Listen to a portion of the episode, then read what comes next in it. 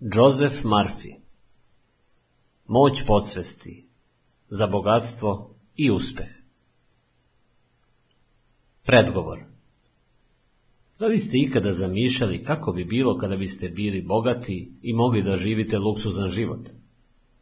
Bogatstvo se čini tako udaljeno većini ljudi, pa opet kroz istoriju Postoje bezbrojni primjeri muškaraca i žena koji su se sobstvenim trudom uzdigli iz dubina siromaštva do ogromnog bogatstva.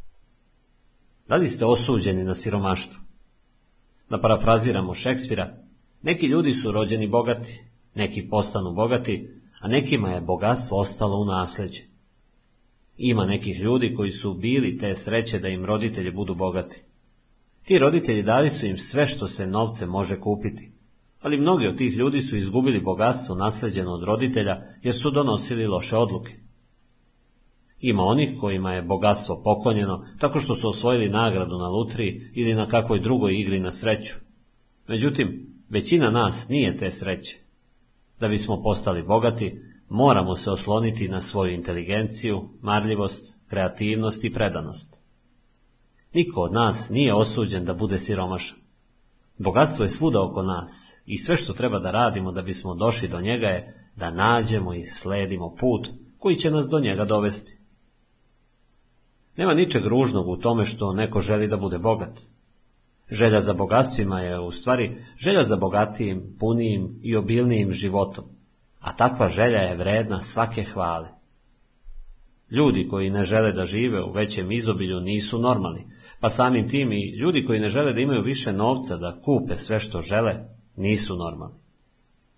Zašto da se zadovoljite onim što je taman dovoljno da preživite kada možete uživati u bezgraničnim bogatstvima? U ovoj knjizi ćete naučiti kako da se sprijateljite sa novcem i uvek ćete imati viška. Vaša želja da budete bogati je želja za punijim, srećnijim i lepšim životom. To je kosmički nagon koji je dobar, zapravo izuzetno dobar. Počnite da vidite novac u njegovom pravom značenju. On je simbol razmene. On za vas predstavlja oslobođenje od potrebe, lepotu, luksuz, izobilje i prefinjenost. Jedan od razloga zašto mnogo ljudi nema novac je taj što ga oni otvoreno ili prikriveno osuđuju. Oni novac nazivaju prljavom dobiti ili veruju da je ljubav prema novcu koren svakog zla, ili veruju u bilo koje od sličnih zabluda. Još jedan razlog zašto ti ljudi ne napreduje je zato što imaju pritajen, podsvestan osjećaj da ima neke vrline u siromaštvu. Ovo osjećanje može poticati od ranog vaspitanja u detinjstvu, sueverja, a može biti i bazirano na pogrešnom tumačenju svetih spisa. Nema vrline u siromaštvu. To je bolest kao i svaka druga mentalna bolest. Kada biste bili fizički bolesni, prihvatili biste da sa vama nešto nije u redu i potražili biste pomoć ili biste odmah nešto učinili povodom toga. Isto tako, ako nemate konstantan i dovoljan priliv novca, nešto radikalno nije u redu sa vama. Morate preduzeti nešto povodom toga. Odmah. Bog ne želi da živite u straćari ili da budete gladni. Bog želi da budete srećni, prosperitetni i uspešni. Bog je uvek uspešan u svojim poduhvatima, bilo da pravi jednu zvezdu ili čitav kosmos. Odmah pobegnite od svih sujeverja vezanih za novac. Nikada ne mislite o novcu kao o nečemu prljavom ili zlom. Ako budete tako činili, samo mu dajte krila kojima će od vas odleteti. Zapamtite da gubite sve ono što osuđujete. Sasvim je u redu da želite da budete bogati. Ako ste normalan muškarac ili žena, ne možete odoleti tom nagonu. Sasvim je u redu da usmerite moć svoje podsvesti ka poboljšanju vašeg financijskog i ekonomskog stanja. To je vaša dužnost prema sebi, Bogu i čovečanstvu, jer ne možete učiniti veću uslugu Bogu i čovečanstvu nego da što bolje ispunite svoje potencijale. Sada postoje i uvijek će postojati ljudi koji prihvataju siromaštvo kao svoje prirodno stanje. Međutim, oni nisu osuđeni na to stanje jer postoje sredstva koja su tu da im pomognu da se izdignu iz takvog stanja, terajući ih da se razvijaju i da bolje razumeju svet. Oni koji poznaju život shvataju prvi uzrok siromaštva. Kada zastanemo i malo više obratimo pažnju, shvatit ćemo da će siromaštvo postojati dokle god bar jedna od ovih osoba živi među nama, jer duboko u svojim dušama i umovima oni o sebi i dalje misle kao prosjacima. Drugi razlog siromaštva je lažno obrazovanje o prošlosti koje, umjesto da pospešuje evoluciju ljudskog roda, služi da je ograniči. Deo dogme mnogih religija sadrži istinu da je siromaštvo neizbežno stanje za većinu ljudi. One propovedaju sljedeće. Siromasi će uvek biti sa nama. Neke sekte čak tvrde da je mnogima predodređeno da budu siromašni i da oni to treba da prihvate kao način života. Pojedini tumači duhovnosti propovedaju da je siromaštvo jednako duhovnosti, da je lakše kamili kroz iglene uši proći, nego bogatome u nebesko carstvo ući. I tako, živeći u lažnoj nadi o budućem, oni nastavljaju da obitavaju patnji i bedi, nadajući se i verujući da će im u nekom dalekom, budućem danu, ako budu zaslužili u svom vernom siromaštvu, raj biti dat u zamenu za njihov bol. Po nekim religijama, kao što su istočnjačke, osobe koje su rođene u siromaštvu zauvek ostaju siromašne, nadajući se da će, ako budu skromni i poslušni, biti ponovo rođeni u nekoj višoj kasti i imati bolji život. Ove stare obsesije držale su mase u svojoj gvozdenoj šaci vekovima. Koliko god da to nevjerojatno zvuči, čak i sada u sred ovog veka prosvećenosti, još uvijek mnogi ljudi svim srcem prihvataju ove stare zavlude i tavore u bedi i očeju, odupirući se snažnoj sili većih otkrovenja. Postoji na hiljade siromašnih ljudi koji se i dalje drže ovih tradicija zbog lažnih religijskih uverenja i slabog poznavanja sebe samih. U ovoj knjizi ponovo ispitujemo pomenute koncepte i dokazujemo slušalcima da siromaštvo nije prirodno stanje za čoveka. I naravno da to svakako nije želja Božja. Pokazat će vam kako da dođete do prosperiteta i bogatstva pozitivnim razmišljanjem, meditacijom, molitvom i verom u sebe kao Božju kreaciju. Prvo poglavlje. Ključ koji otvara vrata ka bogatstvu.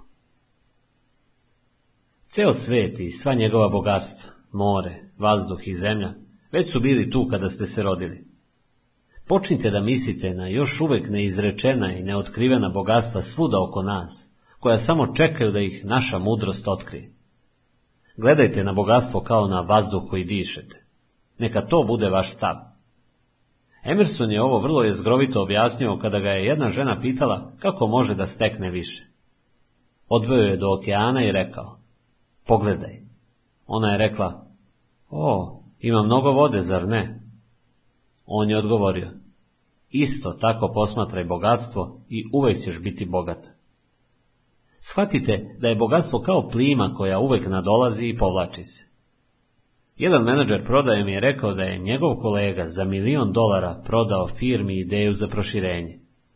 I vi možete imati ideju koja vredi čitavo bogatstvo. Bogatstvo je misaona slika u vašem umu. Bogatstvo je ideja u vašem umu. Bogatstvo je mentalni stav. Također, isti taj čovjek mi je rekao da u ovom trenutku u Sjedinim američkim državama ima više milionera nego i u jednom drugom istorijskom razdoblju ove zemlje. Možete imati ideju koja vredi čitavo bogatstvo. Da, vi to možete. Šta više, vi ste ovdje da biste oslobodili sjaj koji je u vama i okružili sebe luksuzom, životom i životnim bogatstvima. Naučite da je neophodno da imate pravilan stav prema novcu, bogatstvu, hrani, odeći, svim ovim stvarima. Kada se zaista sprijateljite sa bogatstvom, uvijek ćete imati i više nego što vam je potrebno. Normalno i prirodno da želite ispunjeniji, bogatiji, srećniji i lepši život. Gledajte na novac kao na Božju ideju da održava ekonomsko zdravlje svih nacija sveta. Kada novac slobodno cirkuliše u vašem životu, vi ste ekonomski zdravi. Isto, kada vaša krv slobodno cirkuliše vašim telom, ne postoje začepljenja. Počnite sada da sagledavate novac u njegovom pravom značenju i ulozi u životu. Dakle, kao simbol razmene. I to je sve. Ovakav stav je postojao u mnogim oblicima tokom vekova. Novac za vas treba da znači oslobođenje od potrebe, Treba da znači lepotu, luksuz, obilje, osjećaj bezbednosti i prefinjenosti. Vi na to imate pravo. Da li su neki ljudi izabrani da iskuse bogatstvo ovoga sveta i da li je drugima suđeno da pate u nevolji i nemaštini? U istinu ne. To je jasna tvrdnja kreativne moći i prisustva u nama. Iz trenutka u trenutak dolaze nam odgovori od kojih se sastoje uslovi i okolnosti našeg svakodnevnog života. Reakcija, stvaranje prema našim mislima, meditacijama u srcu, naše duboke podsvesti. Oni koji uživaju u istinskom obilju i prosperitetu su oni koji su svesni kreativne moći uma i misli. Pravo obilje je pošten dobitak. Oni su svesni vrednosti i efekta koje to ima i što više utiskuju u svoju podsvest ideje o spiritualnom, mentalnom i materijalnom obilju, prosperitetu i bogatstvu, um automatski čini da obilje postane opipljivi deo njihovog iskustva. Ovo je veliki istinski zakon života, operativan i efektivan u svakome od nas. Ovo je oduvek istina i uvijek će biti. Naša duboko usađena i spontana uverenja i opcije, naša svest i sposobnost da razumemo, shvaćene su kao iskustva, događaje i okolnosti. One postaju materializovane u iskustvu, u skladu sa prirodom naših ideja. Ako smo svesni i uvereni da živimo u velikodušnom, inteligentnom i beskonačno produktivnom univerzumu, kojim upravlja Bog ili božanstvo puno ljubavi, naše uverenje će biti preneseno na okolnosti u kojima živimo i na stvari koje radimo. Isto tako, ako je moje dominantno uverenje, ja nisam dostojan univerzalnog bogatstva, ja sam proklet i suđeno mi je da ostanem uskraćen, bogatstvo je za druge, to uverenje će biti prenešeno na okolnosti u kojima živim i na stvari koje radim. Ova dva suprotna koncepta ili uverenja su primarne odrednice da li ćemo biti bogati i živeti u materijalnom izobilju ili ćemo biti siromašni. Upravo zbog ovoga bogatiji postaju bogatiji, a siromašni još siromašniji. Misli o obilju proizvode obilje. Misli o nemaštini proizvode nemaštinu. Svestan sam da je potreba napor da se razmišlja o obilju ako ste u nemaštini. Također, svestan sam da je to moguće uraditi sa integritetom i poštenjem. To zahteva kontinuirano i čvrsto uverenje da će se zamišljena stvar desiti. Osoba koja disciplinovano praktikuje ovako razmišljanje će neizbežno biti bogata. Ključna fraza je disciplinovano razmišljanje. Disciplina uma počinje tamo gdje je volja i čežnja za istinu. Ne zahteva ni više ni manje, nego da ispitamo i razumemo misli i uverenja koje osjećamo u svom srcu, ideali i težnje. I ovo je u opsegu naših mogućnosti. Moramo obnoviti naš um da bismo mogli da mislimo na nov način. Siromaštvo je bolest. To je mentalni stav. Jedna mlada žena, veoma dobar pisac, čiji su par članaka bili objavljeni, jedno mi je rekla. Ja ne pišem za novac. Ja sam joj odgovorio. A šta fali novcu? Istina je da ne pišeš za novac, ali rad ima svoju vrednost. Ono što ti pišeš inspiriše, podiže i ohrabruje ljude. Kada usvojite pravi stav, financijska kompenzacija će vam automatski doći, slobodno i u izobilju. Ona zapravo nije voljela novac. Jednom je govorila o novcu kao prljavom luksuzu, što je, pretpostavljamo, ostalo još iz detinjstva kada je čula svoju majku ili nekog drugog, kako govori da je novac zao ili da je ljubav prema novcu koren svakog zla. A sve su to pričali bez trunke razumevanja o čemu govore. Vrhunsko je sujeverje reći da je novac zao ili da je prljavi luksus. Ova žena je imala podsvesni obrazac prema kome je siromaštvo vrlina a nije. To je bolest, zaraza. Objasnio sam joj da ne postoji zlo u univerzumu, da su dobro ili zlo u ljudskim mislima i motivima. Svako zlo dolazi od nerazumevanja života i pogrešne primene zakona uma. Drugim rečima, jedino zlo je neznanje. Jedina posljedica toga je patnja. Bilo bi glupo proglasiti uranijum, srebro, olovo, bakar, gvožđe, kobalt, nikl, kalcijum ili neku novčanicu zlom stvari. Koliko je to samo absurdno, groteskno i glupo. Jedina razlika između dva metala je u broju i učestalosti pokreta elektrona koji se okreće oko jezgre. Parče papira, na primjer novčanica od 100 dolara, je potpuno bezopasno. Jedina razlika između te novčanice i bakra ili olova je to što kod ovih metala atomi i molekuli sa svojim elektronima i protonima stoje u drugačijem rasporedu nego oni koji se nalaze u novcu. Evo jedne jednostavne tehnike koju je praktikovala i koja je njoj donela bogatstvo. Moje pisanje blagoslovi, leči, inspiriše, podiže i donosi dostojanstvo u umove i srca ljudi i žena. Meni je božanski nadoknađeno na jedan divan način. Ja na novac gledam kao na božansku substancu, jer sve je nastalo od jednog duha. Ja znam da su duh i materija jedno. Novac stalno cirkuliše u mom životu i ja ga koristim na mudar i konstruktivan način. Novac mi dolazi slobodno, radosno i beskrajno. Novac je ideja u Božijem umu. Dobar je. Veoma je dobar. Ovo je predivna molitva. Ona iskorenjuje ono besmisleno sujeverje prema kome je novac, kao i druge stvari iste prirode, zao. Ili da ima bilo kakve vrline u siromaštvu, ili da Bog voli siromašne. Sve ovo je vrhunsko sujeverje. To je neznanje koje dolazi od straha i to je sve. To što je ova mlada dama promenila svoj stav prema novcu, učinilo je čuda za njen život. Učinit će čuda i u vašem životu. Ona je u potpunosti iskorenila to bizarno sujeverje da je novac prljavi luksus. Ona je shvatila da njeno prećutno osuđivanje novca tera novac od nje, a ne ka njoj. Njeni prihodi su se utrostručili u roku od tri meseca, što je bio samo početak njenog finansijskog prosperiteta. Pre nekoliko godina pričao sam sa sveštenikom koji je imao dosta pristalica. Odlično je poznavao zakone ljudskog uma i umeo je da svoje znanje prenese drugima, ali nikako nije uspevao da sastavi kraj sa krajem. Imao je, ili je bar mislio da ima, odlično opravdanje za svoje neprilike u jednom citatu iz Novog Zaveta. Jer je koren svih zala srebroljublje. Kasnije u tom istom poglavlju piše da Bog daje ljudima bogatstva da bi mogli da pomognu drugima. Drugim rečima, on je tvrdnju izvadio iz njenog originalnog konteksta. Ljudi moraju verovati u živog Boga koji nam daje bogatstva da bismo u njima uživali. Ljubav u biblijskom smislu znači dati svoju lojalnost i imati vere u izvor svih stvari, a to je Bog ili živi duh ili životni princip u vama samima.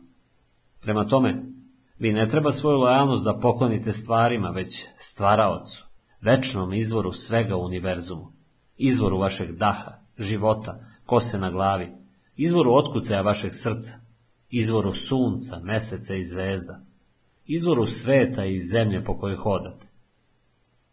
Ako kažete, sve što želim je novac, ništa drugo, to je moj Bog. Ništa osim novca za vas neće biti bitno. Naravno da to možete i dobiti, ali vi ste ovdje da vodite jedan uravnoteženi život. Vi također morate želeti mir, harmoniju, lepotu, ljubav, radost, celovitost u svim fazama svog života. Kako ćete živjeti bez hrabrosti, vere, ljubavi, dobre volje i radosti u svetu kakav je danas? Nema ničega lošeg u novcu, ama baš ništa u vezi sa novcem nije loše, ali on nije jedini cilj u životu.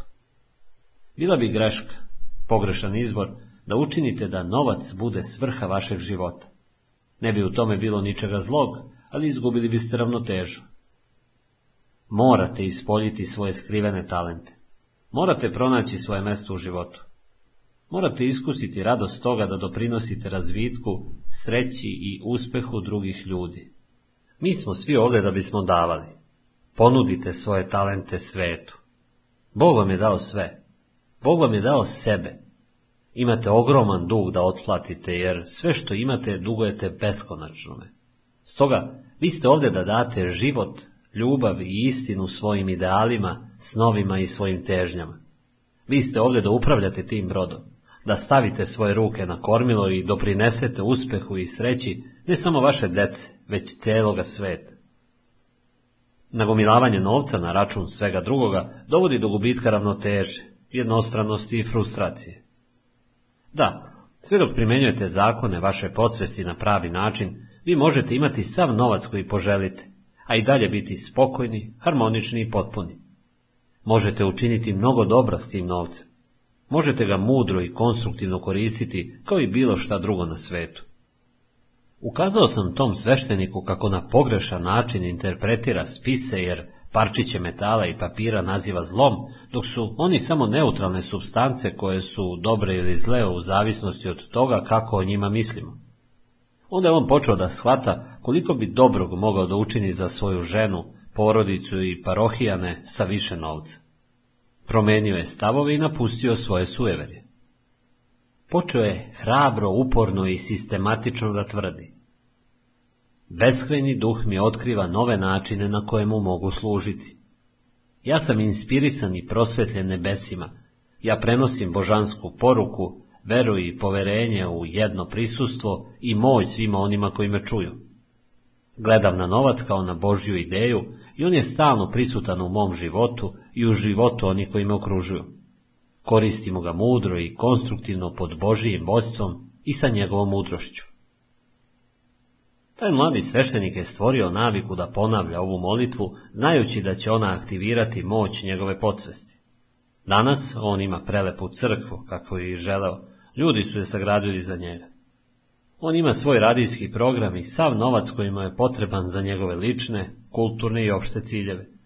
Verujte mi da on više ne kritikuje novac. Ako kritikujete novac, on će otići od vas, jer osuđujete upravo ono za što se molite. Sledite tehniku koju ću vam pokazati i koja će vam otvoriti vrata ka bogatstvu, pa nikada više nećete provoditi dane i dane čeznući za novce. Prvi korak je da racionalno shvatite da Bog, ili životni princip, ili živi duh, jeste izvor univerzuma, galaksija i svega što oko sebe vidite, bilo da gledate u nebo, planine, jezera, prirodne resurse, more, životinje ili biljke. Životni princip je stvorio vas i sve moći, kvalitete i atribute Boga koje u sebi nosite. Dođite do jednostavnog zaključka da sve što vidite i čega ste svesni potiče iz nevidljivog uma beskonačnosti, životnog principa i da sve što je ikada izmišljeno, stvoreno ili napravljeno potiče od nevidljivog ljudskog uma.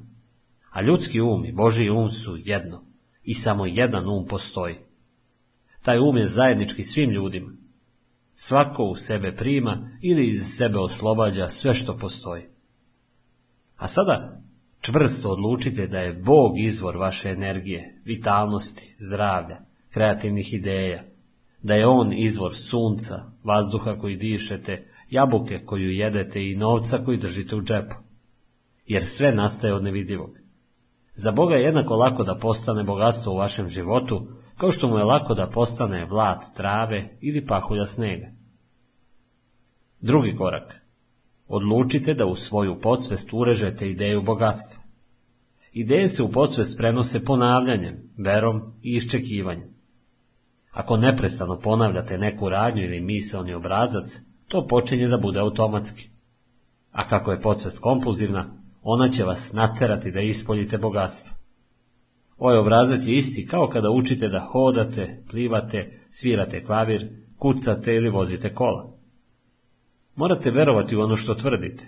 To nije neka bajalica, niti olaka tvrdnja. Morate verovati u to što vidite, kao što verujete kada posadite semenje da će iz njega izrasti određena vrsta biljke.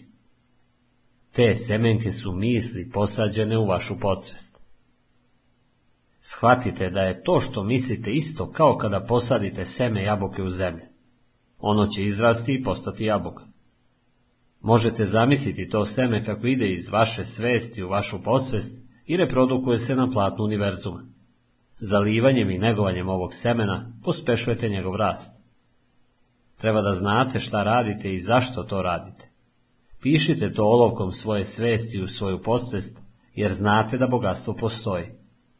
Idite ulicom i ugledat ćete ga.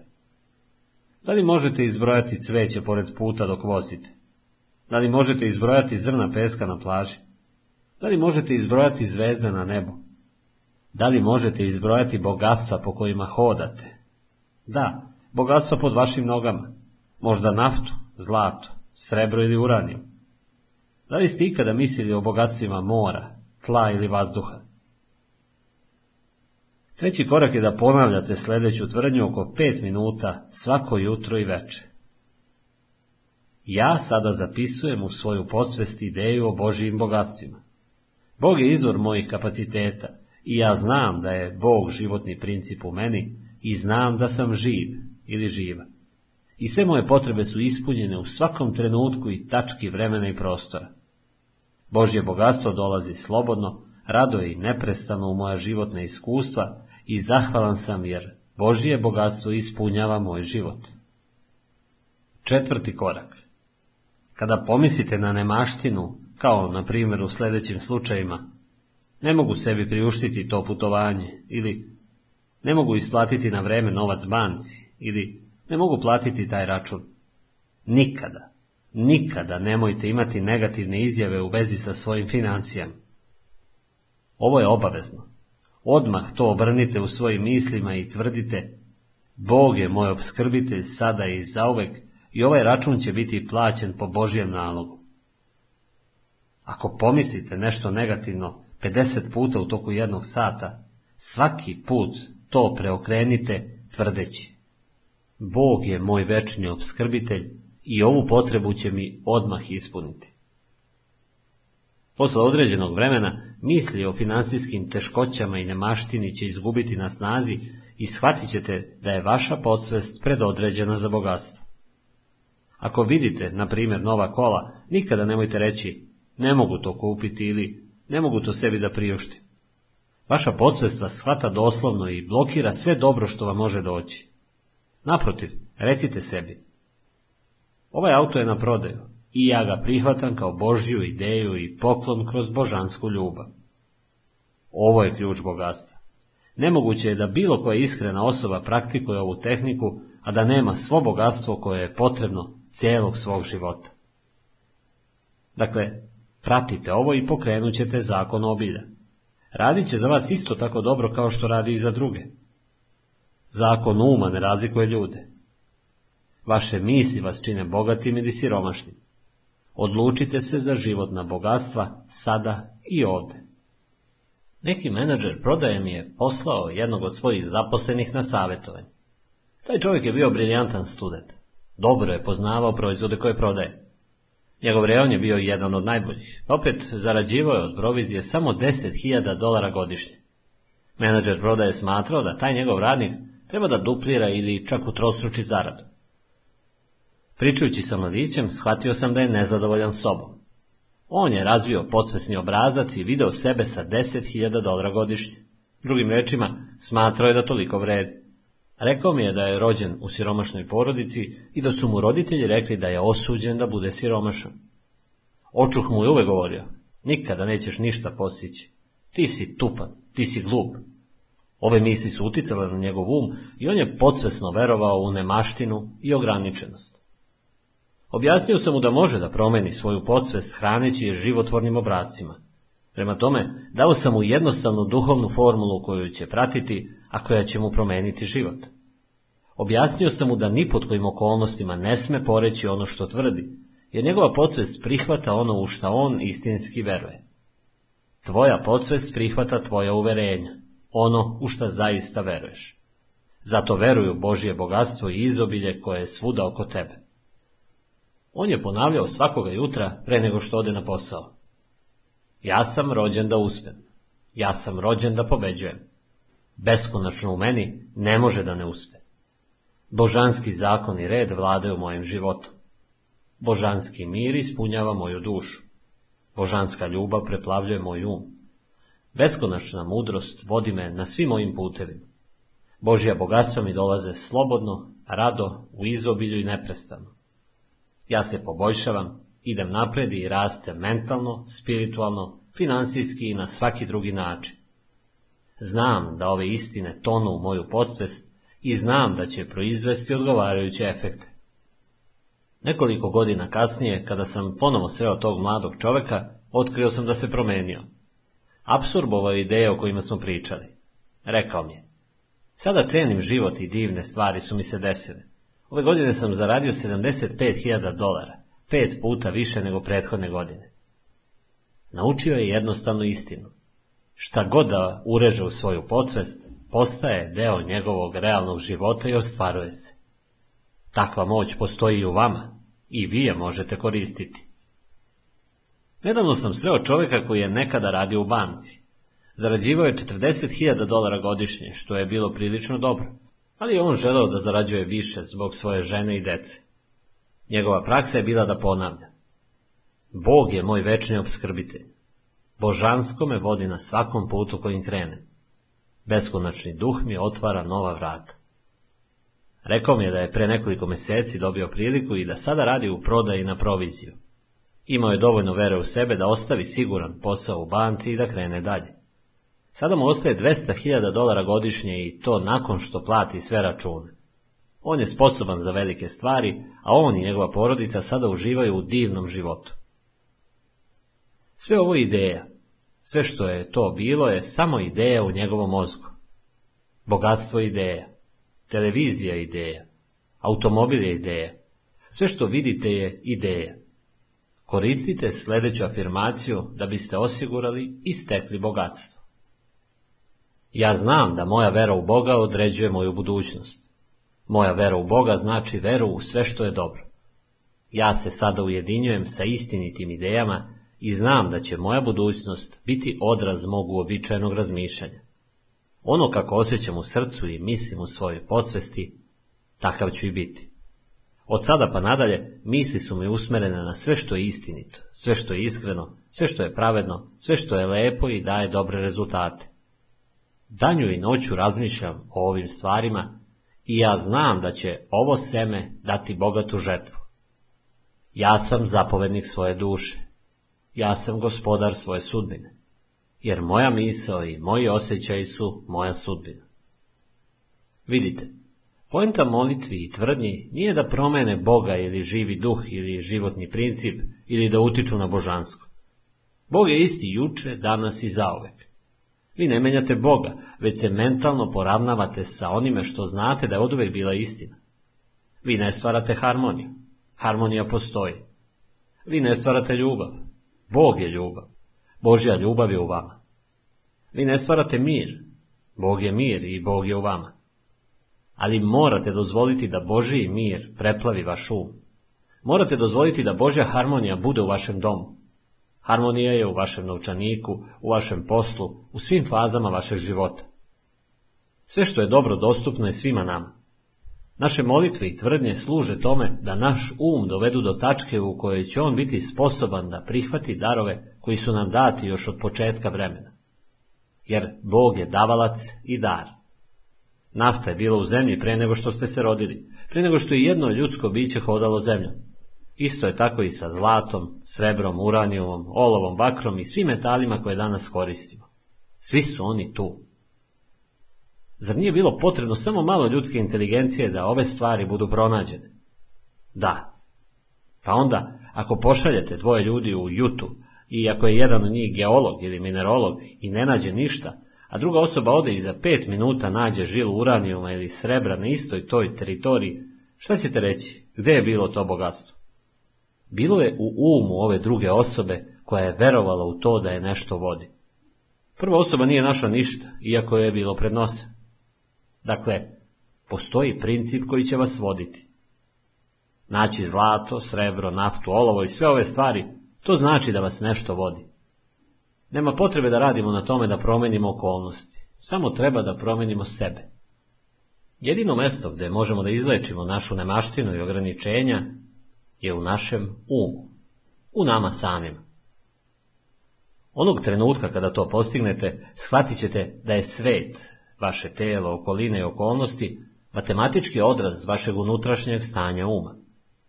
Morate verovati da ste dobili i da ćete imati bilo koju stvar koju tražite kada se molite. To je osnova svake uspešne molitve, bilo da se ona odnosi na izlečenje vašeg tela, prosperitet, uspeh, dostignuća ili materijalnu korist.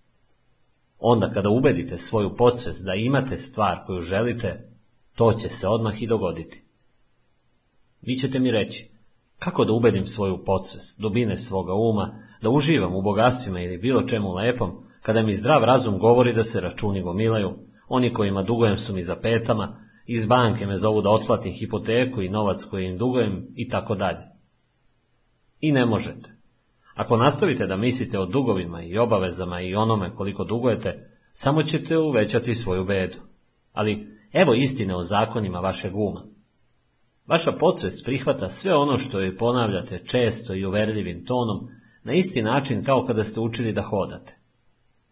Postojao je misalni obrazac, aktivnost, bilo da je u pitanju plivanje, hodanje, igranje tenisa ili golfa, koji ste ponavljali i ponavljali. Znate šta radite i zašto to radite. Želeli ste da naučite da hodate, želeli ste da naučite da igrate, želeli ste da naučite da plivate. I tako na posledku vaša podsvest je prihvatila obrazac, zar ne? A posle toga vi ste hodali i plivali automatski. Isti postupak važi kada se molite za bogatstvo ili za bilo šta drugo. Onoga trenutka kada vaša podsvest prihvati vašu izjavu kao činjenicu, ona stremi samo ka tome da vam donese bogatstvo. Ovo je čitava poenta i svrha potvrđivanja. Ona treba da vas ubedi da je ono što tvrdite istina. Onda će vam vaša podsvest doneti sve što želite. Jedna žena je došla u moju kancelariju i rekla mi, Neko mi je dao jednu od vaših molitvi i u njoj stoji da sam sada bogata i napredna, da sam uspešna i veoma bogata. Ta tvrdnja je učinila da postanem svesnija svojih potreba. Jer vidite, ona je više verovala u nemaštinu i potrebu nego u bogatstva koje su bila oko nje. Objasnio se mi. Morate se okrenuti od tih obrazaca, promeniti svoje uverenje. Vaša podsvest prihvata ono u šta verujete. Pogledajte oko sebe. Shvatite da je Bog stvorio vas i ceo svet. Postoji nevidljivi duh u vama. Sve je napravljeno od njega i u njemu. Počeo je da postoji sa vašim prvim otkucajem srca, vazduhom koji ste udahnuli, vodom koju ste popili, hranom koju ste pojeli. Stoga okrenite se ka sebi i promenite to. Recite, ja prepoznajem večni izvor svojih kapaciteta. Bog je taj izvor. Sve moje potrebe, duhovne, mentalne i materijalne, su ispunjene u svakom trenutku i tački prostora i vremena i Božja bogatstva su prisutna u mom životu i imam i više no što mi je potrebno. Danima i noćima ja napredujem, krećem se napred i rastem mentalno, materijalno, finansijski, intelektualno i u svakom mogućem smislu. Sve je za vas spremno ako je vaš um spreman. Poverim, ove će mi biti i pre nego što poviču, ja ću se odazvati. Još će govoriti, a ja ću uslišiti. O, kako volim tvoj zakon. Neka on bude moja meditacija noćima i danima. Zakon je da sam ja ono o čemu razmišljam. Ja sam ono što verujem da jesam. Događa mi se ono što verujem. Bog vam je dao u izobilju sva bogatstva da u njima uživate. Bog vas je načinio bogatima. Pa zašto ste onda siromašni?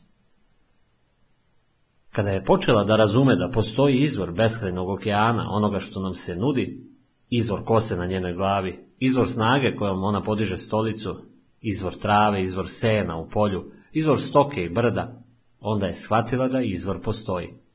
Poravnala se sa njim i onda je on za nju imao smisla. Shvatila je da zapisuje ideju bogatstva, rasta, prosperiteta u svoju podsvest.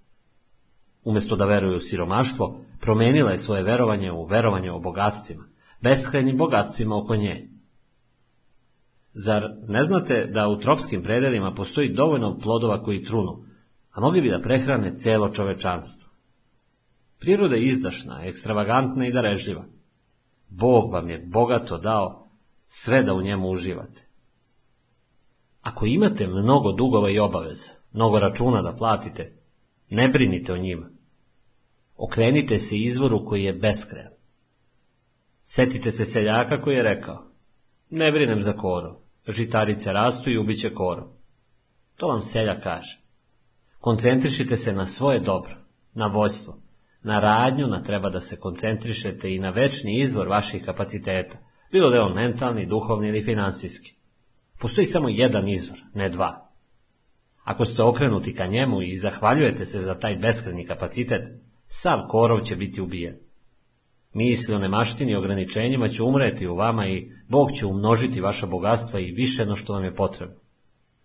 Donesite radost u svoj život. Molite se za radost i zahtevajte da bude vaša. Radost gospodnja je moja sila, kaže nam Biblija. Ponavljajte to u sebi i posle određenog vremena bit ćete začuđeni koliko će to dobra doneti vašem krvotoku i cirkulaciji uopšte. Nemojte to analizirati niti razbijati glavu. Samo znajte da je radost duh života, izraz života.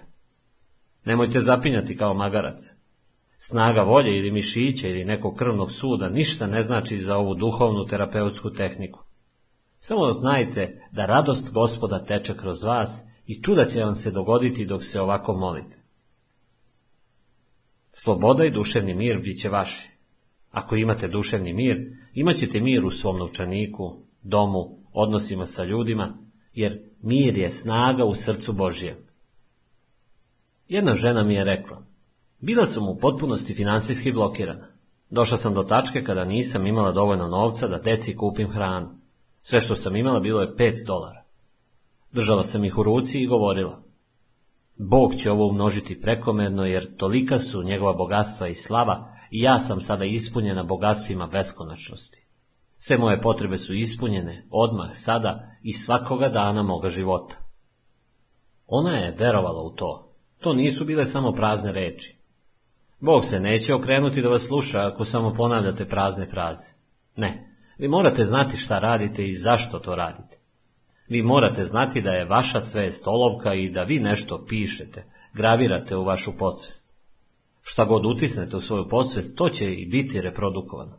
Izaći će kao oblik, funkcija, iskustvo ili događaj, dobar ili loš. Dakle, potrudite se da zapišete ono što je lepo i dobro. Ona je rekla, jedno pola sata sam tvrdila da su sve moje potrebe ispunjene sada i svakoga dana mog života u obilju. I odjedno me obuzelo osjećanje potpunog mira. Opuštena, potrošila sam tih pet dolara na hranu. Vlasnik prodavnice me je pitao da li želim tamo da radim kao kasirka, jer im je radnik koji je to do sada radio upravo otišao. Prihvatila sam ponudu i ubrzo poslije toga sam se udala za vlasnika mog šefa. Uživali smo i nastavljamo da uživamo u svim blagodetima života. Ova žena je pogledala ka izvoru. Ona nije znala kako će na njene molitve biti odgovoreno, jer nikada ne možete znati na koji način funkcioniše podsvest. Ona je verovala u svoje srce i u blagoslov beskonačnog. Verovati znači živeti u tom stanju. To također znači biti živ za večne istine. Njena dobra su bila uvećana i prekomerno umnožena, jer podsvest uvek uvećava ono čemu poklanjate pažnju. Postoji prisustvo i moć u vama i vi ih možete iskoristiti. Možete probuditi Božji dar u sebi, jer Bog je davalac i dar, a sve vam je dato. Stoga možete doći, preuzeti vodstvo vama namenjeno, prave poteze, lepotu, ljubav, mir, obilje, bezbednost. Možete reći sebi, Božje ideje se otvaraju u meni i donose mi harmoniju, zdravlje, mir i radost. Ako se bavite nekim poslom, ako ste pripadnik neke profesije, ako ste umetnik, ako ste izumitelj, mirno sedite i recite, Bog mi otkriva nove kreativne ideje, originalne, divne ideje koje blagoslove čovečanstvo na bezbrojne načine. A onda posmatrajte kako vam te divne ideje i dolaze. A doći će jer kada vi zovete, ono odgovara. Sjetite se šta piše u Bibliji. Zazvaćeš me i uslišit ću te. S tobom ću biti u nevolji, zaklonit ću te kada si poznao ime moje. Ime znači prirodu. Priroda beskrajne mudrosti je da odgovara. Zovite i odgovor će doći. Konstantno potvrđujte, osjećajte i verujte da Bog mnogostruko uvećava vaša dobra i svakoga trenutka ćete biti obogaćeni duhovno, mentalno, intelektualno, finansijski i socijalno. Jer nema kraja lepotama svakodnevnog života. Gledajte čuda koje će se dogoditi dok utiskujete ove istine u svoju posvest. Dok slušate ove reči, dopustite da vam ove istine budu utisnute u posvest. Tako će i biti, tako i jeste. Vi ih utiskujete. Što češće ovo radite, brže ćete uticati na svoju podsvest i pred vama će biti sjajna budućnost u financijskom i svakom drugom smislu. Pazite na šta mislite. Nikada ne govorite finansijskim teškoćama i ograničenjima. Nikada ne govorite da ste siromašni ili ženi. Potpuno je besmisleno da govorite svojim komšijama ili rođacima o teškim vremenima, finansijskim problemima i sličnim stvarima. Pobrojite ono čime ste blagosloveni. Počnite da mislite o prosperitetu. Govorite o Božjem bogatstvu koje je svuda oko nas. Shvatite da osjećaj bogatstva dovodi do bogatstva. Kada pričate kako nemate dovoljno novca i kako imate malo i kako stalno morate da presipate iz šupljeg u prazno i kako jedete najjeftinije meso, ove misli imaju uticaj. One čine da budete još siromašniji. Koristite novac slobodno. Trošite ga radosno i shvatite da vam Božja bogatstva dolaze u lavinama izobilja. Skoro mi je jedna doktorka rekla da molitva koju stalno izgovara ide ovako. Živim u radosnom iščekivanju svega najlepšeg i samo mi se takve stvari i događaju. Moj omiljeni stih iz Biblije On nam daje svima život i disanje i sve. Ovaj stih mi je sve vreme na umu. Naučila je da njena sreća, zdravlje, uspeh, radost ili mir ne zavise od drugih ljudi. Ona se ugleda na živi svemoćni duh u sebi ne bili napredovala, postigla više, uspela u svojim poduhvatima i bila bogata i srećna. Mislite na uspeh, napredak, dostignuća, prosvetljenje inspiraciju i duh svemoćni će raditi u vašu korist, terajući vas da u potpunosti ispoljite ono o čemu mislite. Opustite se i dozvolite da vam beskonačna bogatstva beskrajnoga otvore nova vrata i dozvolite da se čuda dogode u vašem životu. U terapiji molitvom izbegavajte borbu i napor. Nemojte ići na silu. Kako možete dodati još snage onome što je već svemoćno? Možete li naterati seme da raste? Ne možete. Posadite ga u zemlju i izrašće. Bor se nalazi u šišarki. Drvo jabuke se nalazi u semenu jabuke. Arhetip obrazca je tu, samo ga morate posaditi u tlo gde će umreti, dezintegrisati se, a onda naći energiju da formira sebe u drugom obliku. Kada duhovan čovek vidi šišarku, on vidi čitavu šumu borova. Da, to je način na koji funkcioniše vaša podsvest. Dakle, izbegavajte napor, jer ovakav stav ukazuje na vaše uverenje. Ako ste zabrinuti, uplašeni ili anksiozni, to inhibira ono što je u vama dobro. To donosi prepreke, obstrukcije i odlaganje u vašem životu. Šta strah radi? Dogodilo mi se upravo ono od čega sam se strašno bojao ili bojala. Obrnite to. Ono što najviše volim postaje deo mog života. Ljubav je emocionalna veza. U vašoj posvesti su sva mudrost i moć potrebne da rešimo bilo koji problem. Vaša svest ima tendenciju da gleda u ono što je okružuje i da se bori i opire, ali setite se da spokojan um postiže mnogo. Periodično umirujte svoje telo, recite mu da bude tiho i opušteno. Ono vas mora poslušati. Vaše telo radi ono što mu se naredi. Ono nije svesno, nema moć odlučivanja, nema volju. Možete svom telu pustiti melodiju Božju. Kada je vaša svest mirna i spremna da u sebe primi uticaj, mudrost vaše podsvesti prelazi u svest i rešenje vam dolazi. Jedna žena koja je držala izvesni salon za nego lepote mi je rekla da je tajna njenog uspeha u tome što je svako jutro, pre nego što otvori salon, provodila neko vreme u miru i govorila. Božji mir ispunjava moju dušu. Božja ljubav preplavljuje čitavo moje biće. Bog me vodi ka napretku i inspiriše me. Moje prosvetljenje dolazi sa nebesa. Njegova isceljujuća ljubav teče kroz mene i prelazi na sve moje mušterije. Božanska ljubav dolazi na moja vrata. Svi oni koji uđu u moj salon su blagosloveni, isceljeni i inspirisani. Beskonačno isceliteljsko prisustvo preplavljuje celo ovo mesto. Ovo je dan stvoren od gospoda i ja se radujem i zahvalna sam na beskonačnim blagoslovima koji dolaze meni i mojim klijentima. Ona je ovu molitvu napisala na jednom pačetu papira i ponavlja ove tvrdnje svakoga jutra. Noću se zahvaljuje zbog svih svojih klijenata, tvrdeći da su oni vođeni, uspešni, srećni i žive u harmoniji i da Bog i njegova ljubav teku kroz sve njih ispunjavajući svaku poru njihovog života. Rekla mi je da je nakon tri meseca od kada je počela da redovno izgovara ovu molitvu, imala daleko više klijenata nego što je mogla da postigne. Morala je da zaposli tri dodatne radnice. Otkrila je vrednost molitve i sada napreduje više nego u svojim najluđim snovima. Menadžer prodaje rekao mi je da je bio otpušten jer je previše pio na poslu i jer je bio u vezi s jednom od sekretarice iz kancelarije. Bio je pod stresom, potišten i zabrinut zbog svoje žene, prihoda i budućnosti. Kasnije, razgovarajući sa njegovom ženom, otkrio sam da me ona stalno zvocala i da je bezuspešno pokušavala da dominira nad svojim mužem i da ga kontroliše. Ona je bila nenormalno ljubomorna i izuzetno posesivna.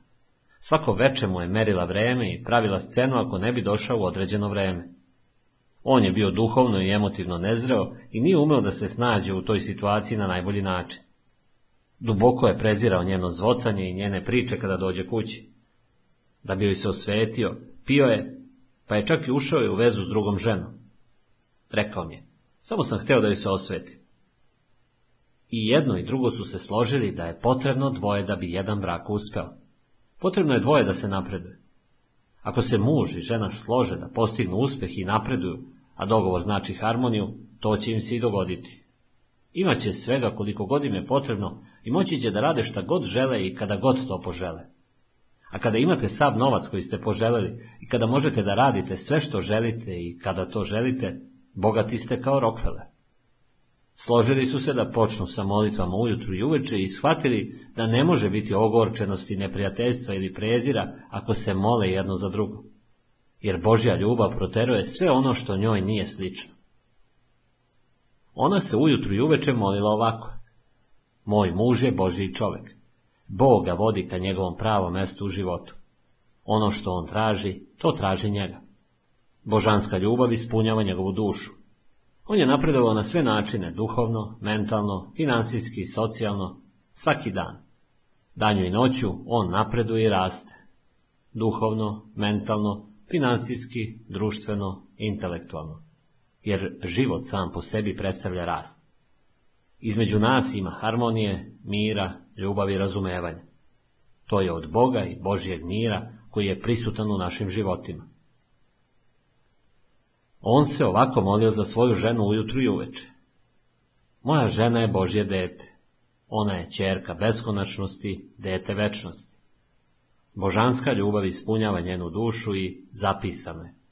On se o njoj brine. Božanska ljubav, mir, harmonija i radosti ispunjavaju uvek. Nju Bog vodi i ona napreduje na sve načine. Napredovati znači rasti u svakom smislu. Među nama postoje harmonija, ljubav, mir i razumevanje. Ja se obraćam božanstvu u njoj, a ona se obraća božanstvu u meni. Kako su oboje postajali opušteni miroljubivi, shvatili su da samo nešto dobro od svega toga može da ispadne. Ubrzo posle toga, njega je pozvao predsjednik kompanije za koju je ranije radio i pitao ga da se vrati govoreći da je čuo da se pomirio sa svojom ženom. Istovremeno hvalio ga je zbog svega što je u prošlosti uradio za kompaniju. U stvari, njegova žena je posjetila predsjednika kompanija da on to nije ni znao. Ona je predsjedniku ispričala sve, kako su sada srećni i kako je ta druga žena nestala iz njegovog života. Rekla mu je kako se sada zajedno mole. On je bio impresioniran, a on i njen muž su ubrzo otkrili vrednosti molitve. Jer bogatstva beskonačnoga su u vama. Možete znati da li je vaša molitva uspešna prema onome kako se osjećate. Ako ste i dalje zabrinuti i anksiozni, ako se pitate kada i kako i u kom obliku će vaš odgovor doći, znači da ne uspevate. To znači da ne verujete u mudrost svoje podsvesti. Nemojte sebi prebacivati po ceo dan, pa čak ni ponekad. Podsjetite se da se beskonačna mudrost brine o svemu mnogo bolje nego što vi možete naporom svoje svesti. Na primjer, ako kažete, meni treba 5000 dolara do 15. sljedećeg meseca, ili sudija mora doneti presudu u moju korist do prvog ovog meseca, ili ću izgubiti svoju kuću, hipoteku i tako dalje. To je strah, napetost i tenzija. Do čega će to dovesti? Dovešće do blokiranja, odlaganja, prepreka i teškoća u vašem životu. Uvek idite izvoru. Zapamtite, u miru i pouzdanosti je vaša snaga. Kada ste nervozni, napeti i zabrinuti, to vam neće doneti prosperitet, mir, zdravlje, niti bilo šta drugo. Vratite se izvoru, Idite ka mestu apsolutnog mira u svom umu i recite sebi, ili bolje rečeno, ponavljajte ove istine. Biće mi poveri moje. Sve su stvari tu i spremne ako je um spreman. Što znači da sve što je potrebno da uradite jeste da pripremite svoj um da primi blagoslov, vojstvo, bogatstvo, odgovor, rešenje, izlazi situacije. Shvatite da Bog nikada ne dolazi prekasno i da je Bog vaš večni i nepresušni izvor, da vas vodi i usmerava, da vam otkriva sve što treba da znate, da vam otvara vrata, otkriva rešenje. I Božja bogatstva su prisutna u vašem životu i uvek ih je previše. Zatim kada steknete takav stav, put će se otvoriti, svanuće i senke će pobeći. Ali odgovor vam neće doći ako brinete ili se plašite, ako ste napeti i nervozni.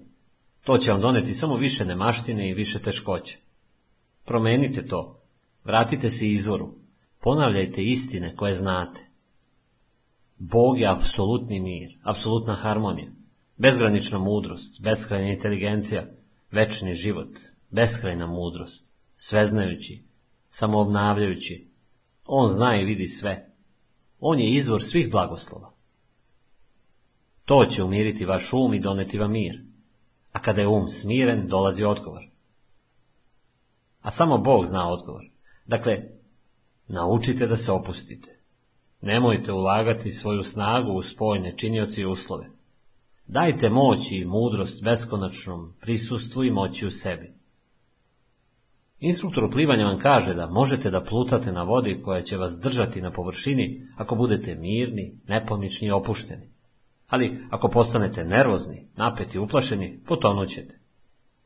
Kada tragate za bogatstvom, prosperitetom, uspehom, duhovnim isjeljenjem ili bilo čim drugim, osetite da ste utonuli u sveto prisustvo, kao kada ste u okeanu ili bazenu i shvatite da zlatna reka života, ljubavi, istine i lepote teče sada kroz vas, transformišući cijelo vaše biće u obrazac harmonije, ljubavi, mira i obilja. Osjetite kako plivate u prostranom okeanu života. Ovo osjećanje jedinstva će vas povratiti. Afirmacija koja sledi će doneti mnoštvo predivnih stvari u vaš život. Slušajte. Recite. Ove istine tonu u moju podsvest. Zamišljam kako iz moje svesti putuju u moju podsvest kao seme koje sadim u zemlji. Ja znam da sam stvaram svoju sudbinu. Ja verujem u beskrajno biće koje je stvorilo sve stvari i moja vera u Boga je moje bogatstvo. To znači da duboko verujem u sve dobro. Ja živim u radosnom iščekivanju najboljeg i samo mi najbolje dolazi. Ja znam kakvu ću žetvu požnjeti u budućnosti, jer su sve moje misli i Božije misli. Božja moć je u mojim mislima u dobrom. Moje misli su seme dobrote, istine, lepote i obilja. Ja sada sadim misli o ljubavi, miru, radosti, uspehu, obilju, sigurnosti i dobroj volji u vrt svog uma. Ovo je Božji vrt. Slava i lepota gospoda će se ispoljiti u mom životu i ja znam da će mi moj vrt doneti obilnu žetvu. Od sada pa nadalje ja ispoljavam život, ljubav i istinu. Iz mene isijava radost i napredak u svakom smislu, a Bog obilno umnožava moja dobra. Napredovati znači uspeti, procvetati, bujati.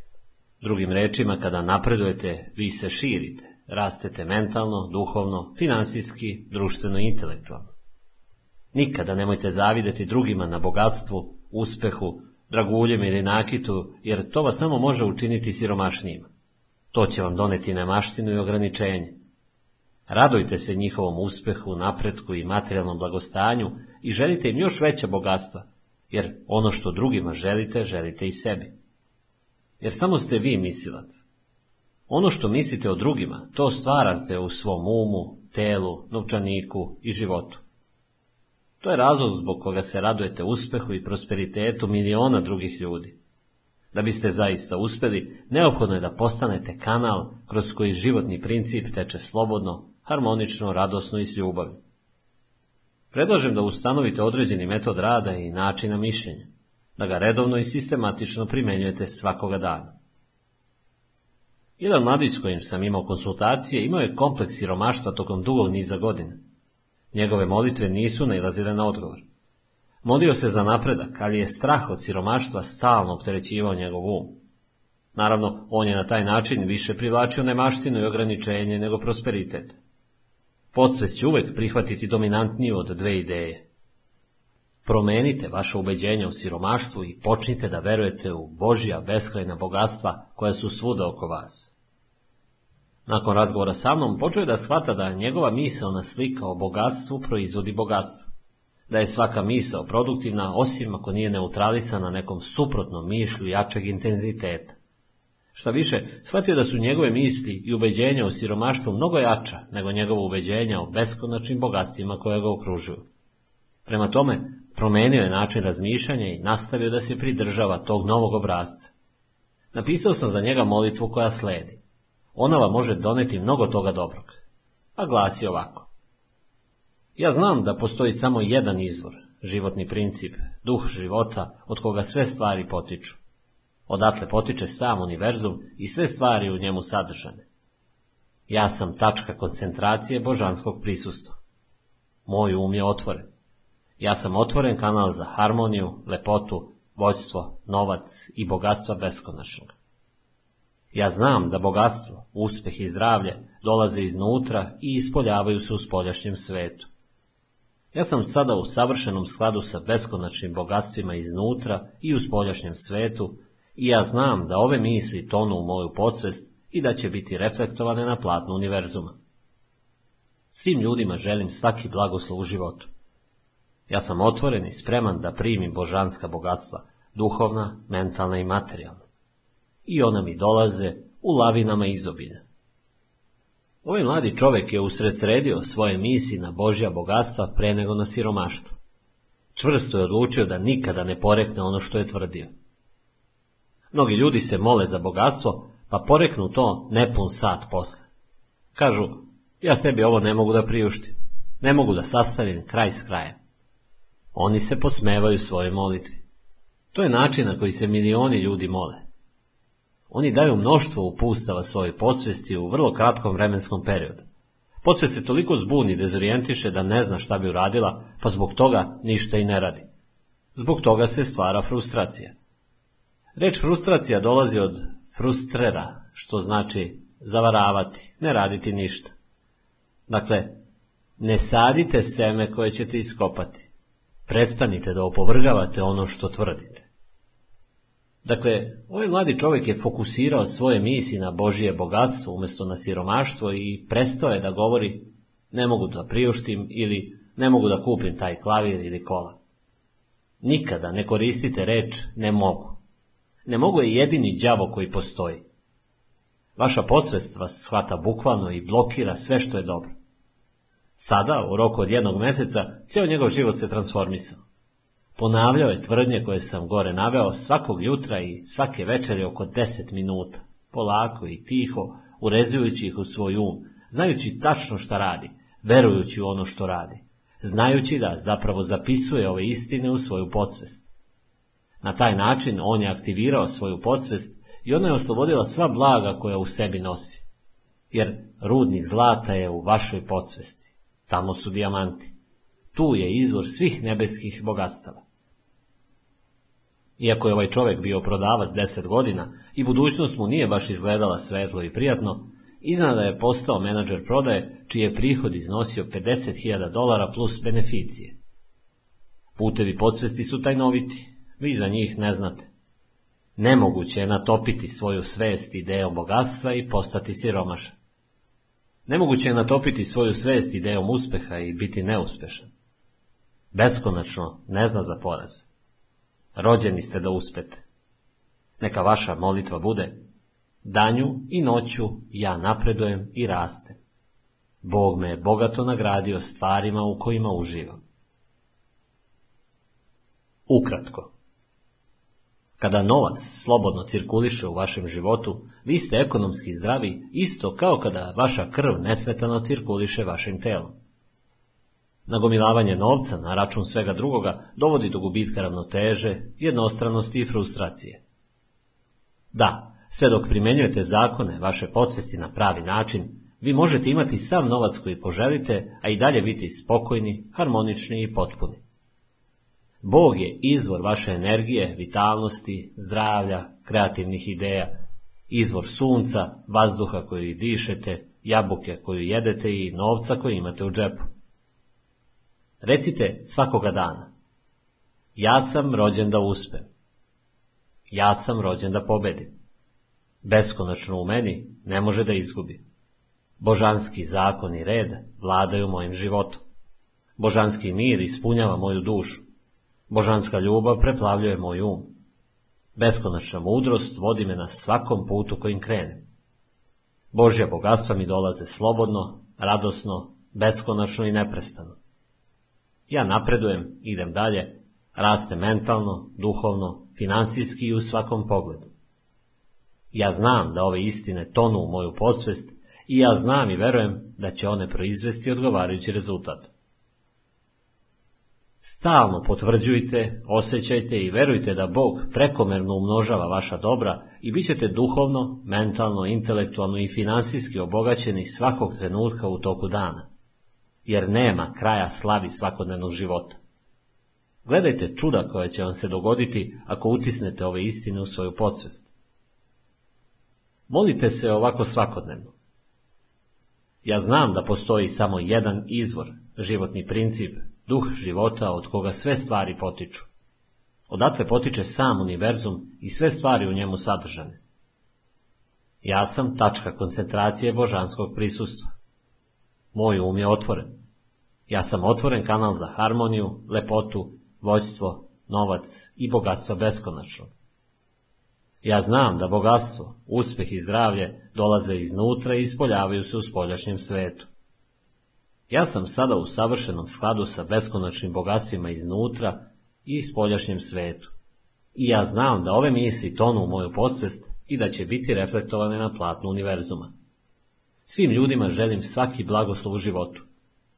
Ja sam otvoren i spreman da primim božanska bogatstva, duhovna, mentalna i materijalna.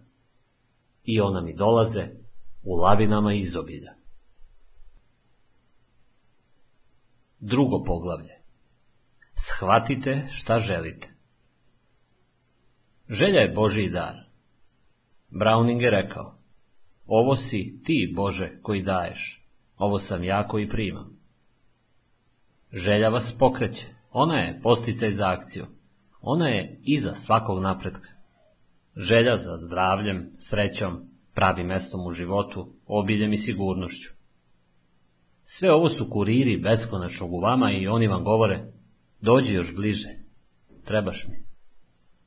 Želja je iza svakog napretka. Ona je posticaj za životni princip u vama. Prirodno je da ćemo poželeti da se sklonimo ako autobus ide ka nama. Mi ovo činimo jer imamo iskonsku želju da sačuvamo vlastiti život. Farmeri sade seme jer imaju želju da prehrane sebe i svoje porodice. Gradimo avione i svemirske brodove jer želimo da pobedimo vreme i prostor i istražimo svet. Želja je posticaj beskonačno koji nam govori nešto što će, ako ga prihvatimo, učiniti naš život potpunijim i srećnijim. Što je veća dobrobit koju očekujemo od naših želja, to su jače naše želje. Tamo gde nema očekivane dobrobiti, dobitka ili napretka, tu nema ni želje. Samim tim nema ni akcije. Ako dugo vremena ne uspevamo da shvatimo naše želje, da budemo, činimo ili imamo nešto, dovešćemo sebe do frustracije i nesreće. Vi ste ovde da biste izabrali sreću, mir, prosperitet i svaki životni blagoslov. Vaša želja vam omogućava da kažete, ovo je dobro, stoga ja ću to uzeti. S druge strane, ovo je negativno i to ne želim. Svaki izbor u sebi implicitno sadrži nešto što više želimo ili nešto što odbacujemo. Ideja potiskivanja ili poništavanja svake želje koju gaje neke misalne škole ima katastrofalne posljedice. Kada bi ljudi uspjeli to da postignu, za njih bi dobro i zlo bile iste stvari, jer ništa ne bi imalo moć da u njima provodi želju. Oni bi bili mrtvi za sva osjećanja i za svaki motiv koji dovodi do akcije. To što imate želju, znači da ste izabrali nešto što smatrate boljim u odnosu na neku drugu stvar. Tamo gdje je želja iskorenjena, ne postoji mogućnost izbora. Thomas Trovard, autor mnogih mentalnih i duhovnih priručnika sa kraja 19. veka, proveo je dugi niz godina u Indiji. On je naznačio da Indijci koji u pokušaju da iskorene posljednji tračak želje iz sebe, uzevši dobro i loše za isto, postaju izbledele siluete, beznadežne olupine onoga što je nekada bilo ljudsko biće. Primetio je da iskorenjivanje želje dovodi do apatije, bezosećajnosti i prekida svake akcije. Želja je uzrok svakog osjećanja i svake akcije. To je princip koji pokreće čitav univerzum. Želja je kreativna moć. Ona mora biti mudro kanalisana i vođena. Želja i njeno ispunjenje se odigravaju u vašem umu. Ne postoji zla želja u pravom smislu te reči. Vi možete pogrešno usmeriti ili pogrešno protumačiti želju koja u vama raste. Na primjer, ako ste siromašni, vi želite bogatstvo. Ako ste bolesni, vi želite zdravlje. Zdravlje bi bilo vaš spas. Da ste u zatvoru, sloboda bi bila vaš spas. Da umirete od žeđi u pustinji, voda bi bila vaš spas. Ostvarenje vaše želje je vaš spasilac. Vi možete poželjeti ljubav, prijateljstvo ili možda svoje mesto u svetu. Osoba koja želi da bude bogata može u svom neznanju ostvariti tu želju tako što će ubiti bankara ili opljačkati neku radnju. Ovo je loše usmerena želja i ta osoba završava u zatvoru optužena za ubistvo. Vrlo je verovatno da je potiskivanje želje dobro ako shvatimo da bi nas ostvarenje te želje koštalo ličnog integriteta ili bi išlo na štetu drugih ljudi. Jednostavan primjer. Želja za materijalnim bogatstvima je dobra kada su ona stečena pošteno, kada nam dobro služe i kada ih koristimo da obrazujemo decu ili da omogućimo svojoj porodici da dobro živi. Ali ako nam sticanje bogatstva ne ostavlja vremena ni za šta drugo, ako zbog toga zapostavimo porodicu, koristimo druge ljude i samo nam je to bitno u životu, to je već druga stvar. Ne treba kriviti želju za izobilje, treba kriviti iskrivljenu predstavu o tome šta je bogatstvo. Kada prihvatimo da u nama postoji beskonačna mudrost koja je stvorila univerzum i sve stvari koje su u njemu, ona može ispuniti sve naše želje i mi možemo prevazići osjećaj frustracije. Naša želja za hranom je opravdana i normalna, ali ubiti nekoga da biste došli do hleba vodi u nasilje, krivicu i autodestrukciju. U nama postoji moć koja će nas uzdići, postaviti na put ka sreći, zdravlju, miru i razumevanju vlastitih snova, bez potrebe da drugoga lišimo njegovih blagoslova. Vrlo je vjerojatno da svi ljudi traže neku vrstu umnožavanja. To je poriv Boga u njima koji ih čini da žele da sve faze u njihovom životu budu potpune. Kada seljak sadi seme u zemlju i sa ljubavlju ga zaliva i neguje, Bog mu uzvraća uvećavajući njegovu žetvu stotinama ili hiljadama puta. Isto tako, sve ono što posadite u vaš um, misli, osjećaj i mašta, će se još obilnije reprodukovati u stvarnosti. Umnožavanje znači umnožavanje vaših dobara, ostvarenje vaših misli ili plana. Ako nema akcije, logično ne može biti ni umnožavanje. To ne možete postići sami. Bog je taj koji vam uvijek daje više. Mi sadimo ideje i misli, mi negujemo svoje molitve i veru u Boga i rezultat je naša žetva umnoženoga, naša nagrada. Primjenjujući analogiju sađenja, zalivanja i žetve, umnožavanja, koristimo jedno od najosnovnijih, nepromenjivih principa univerzuma, a to su zakoni poljoprivrede koji odolevaju vremenu. Naš svet je divljina ili pustinja koja se može pretvoriti u predivnu baštu, hranljivo polje bilja, bogato plodno tlo koje treba obrađivati, prelepe biljke, hranjiva tvar koja će zameniti grmlje, korov ili puzavicu. Seme je Božje čudo, Bacite ga u oranicu i ono nestaje. Ako ga dovoljno zalivate, ono napušta svoj prvobitni oblik, menja se u tami tla i izranja umnoženo sto ili hiljadu puta. Ako bismo ga iskopali i ispitivali, ne bismo ga prepoznali. Toliko se izmenilo. Ovo je tačno, precizno objašnjenje koje nam otkriva na koji način funkcioniše um. Istorija je dokazala da se naše misli i želje umnožavaju i streme ka veća. To je njihova sudbina. Ideja, misao u svesnom racionalnom umu, ako se o njoj redovno, neprestano brinemo i nema drugih misli koje su joj suprotne i protivrečne, je zasađena, postavljena u plodno tlo dubljeg podsvesnog uma. Ona umire, razvija se, umnožava u podsvesti. Ona je uvećana, umnožena u većem ili manjem stepenu i materializuje se u našem iskustvu. Ovo je savršena analogija. Stepen umnožavanja i uvećavanja je srazmeran učestalosti mentalne aktivnosti i intenzitetu emocija i imaginacije. Ova formula se pojavlja u spisima drevnih filozofa, svetim spisima i delima drugih religija. A ako je sve tako jednostavno, zašto sam ja u takvom haosu? Pitao bi se neko. Ovo je sasvim razumno pitanje i staro koliko i zemlja po kojoj hodam. Ono što dolazi od uma i srca je nevidljivo i ne može se tačno i precizno opisati. Na primjer, svi znaju da je nešto ljubav kada to osete, o bilo kojoj vrsti ljubavi da je reč, iako je ne mogu vidjeti. Inteligencija je nevidljiva. Vidljive su njene funkcije ili produkti. Radost, ljutnja, neprijateljstvo, bez, svi su nevidljivi. Vidljivi su samo njihovi efekti. Dobrota, saosjećanje, saradnja, nevidljivi su. Istina se može predstaviti poređenjima, analogijama, alegorijama i parabolama, najstarijim poznatim tehnikama podučavanja. Kada profesori pokušavaju da objasne šta se događa u atomu, ni oni ni njihovi učenici ne mogu vidjeti ono što profesor objašnjava. Tada se koristi poređenje da se elektroni kreću oko jezgra kao planete oko sunca. Tada studenti mogu vidjeti svetlost tamo gdje je ranije bila tama. Isto tako i sa zakonima uvećanja i umnožavanja.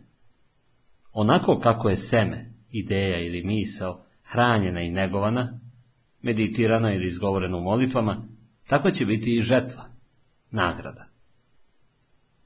Inteligentni, kreativni izvor odgovara na vaša ubeđenja, vaše duboko usađene, dobro posejane ideje i koncepte.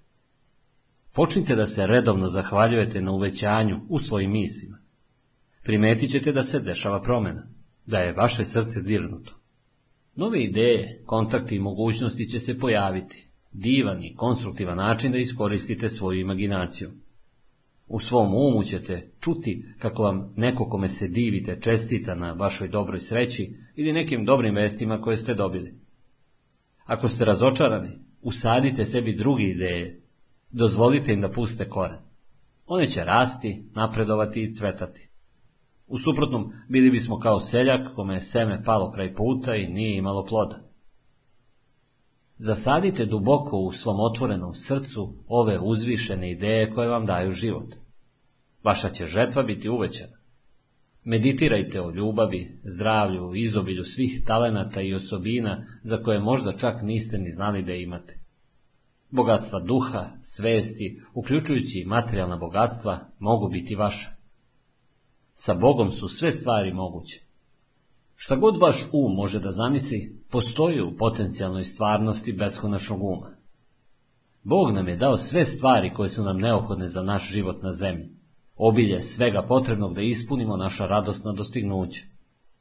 Posadite u baštu vašeg uma seme, koncept velikodušnog, zaštitničkog božanstva koje će vas voditi i to seme će biti hranjeno emocijama, osjećanjima, iščekivanjem onoga što ćete primiti i to seme će rasti u dubini vašeg bića, množit će se i ovaplotiti u stvarnosti uvećano, umnoženo i više nego u vašim najluđim snovima i maštarijama vašeg srca. Pre izvesnog vremena, čovjek koji je bio potpuno švorc, bez posla, u strahu i isfrustriran, došao je na jedno od mojih predavanja i slušao kako pričam o moći podsvesti. Otišao je kući i primenio ono što je čuo. Nikada ranije nije slušao takvo predavanje, ali je u sebi rekao, ovo ima smisla. Napravio je spisak od tri stvari koje je zaista želeo. Može se reći da su ove tri stvari materijalne, ali one su izražavale njegove potrebe i imao je pravo na to. Prva želja mu je bila da nađe posao. Bez prihoda koji bi imao od posla, nije bilo mogućnosti da ostvari svoje tri želje. Sljedeća želja je bio automobil. Zar to nije duhovna ideja koja stoji ispred vaših ulaznih vrata? Šta ako pretpostavimo da svi motori na svetu nestanu zbog nekog čudnog holokausta? Neki inženjer bi napravio nacrte i proizvelo bi se još kola.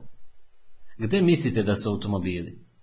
Zar se oni ne nalaze u mozgu inženjera? Svaka stvar koja na ovom svetu postoji nastala je iz mašte nekog inženjera ili je tvorevina beskonačnog uma. Tamo se kriju i zdravlje i bogatstvo i sve što poželim. Dakle, lista ovoga čoveka sastojala se od toga da želi da pronađe svoje mesto na svetu, da pronađe posao i da kupi automobil. Izabrao je ove tri želje da bi sebi dokazao da su njegove misli stvari. Želeo je sebi da dokaže da je ideja o nekoj stvari sama ta stvar. Ja sam na svom predavanju rekao da je ideja realna strana oblika, baš kao ideja o knjizi koju ja pišem. Gde je ona? Ona je u mom umu, zar ne? Ustanovio određeni metod rada i svakoga dana ga je uporno i svesno primjenjivao, držeći se tog metoda dovoljno dugo da mu da fair šansu. Ovaj čovjek znao je da osoba ne nauči da pliva nakon samo dva, tri pokušaja. Za svoje pravo mesto se molio na sljedeći način. Ja znam da mi beskonačna mudrost odgovara. Ona mi sada otkriva moje talente. Ja sam svestan svojih skrivenih talenata. Ja imam odlična primanja. Meni je poznato da ideja pravog mesta i njena manifestacija čine jedno u božanskom umu. Ja pratim trag koji dolazi u moju svest. Nemoguće je da ga ne primetim. On dolazi jasno, očigledno i ja ga prepoznajem. Nakon dve nedelje od kako je počeo sa eksperimentom, potpisao je ugovor za neki posao u San Francisco. Zahvaljivao se i radovao zakonu svog rođenog uma. Zatim je prešao na novi cilj, kola. Nije imao novca da ih kupi. Rekao mi je, ja znam da ja imam ideju kola, to je realno i ja u to verujem. I ja ću ostati veran toj ideji. To se mora ostvariti. Osvojio je auto na lutri. Da je imao novac, siguran sam da bi otišao i kupio kola, ali pobedio je na lutri. Kakve veze ima na koji je način došao do kola? Nije ih ukrao. Upoznao je tajnu svoje podsvesti.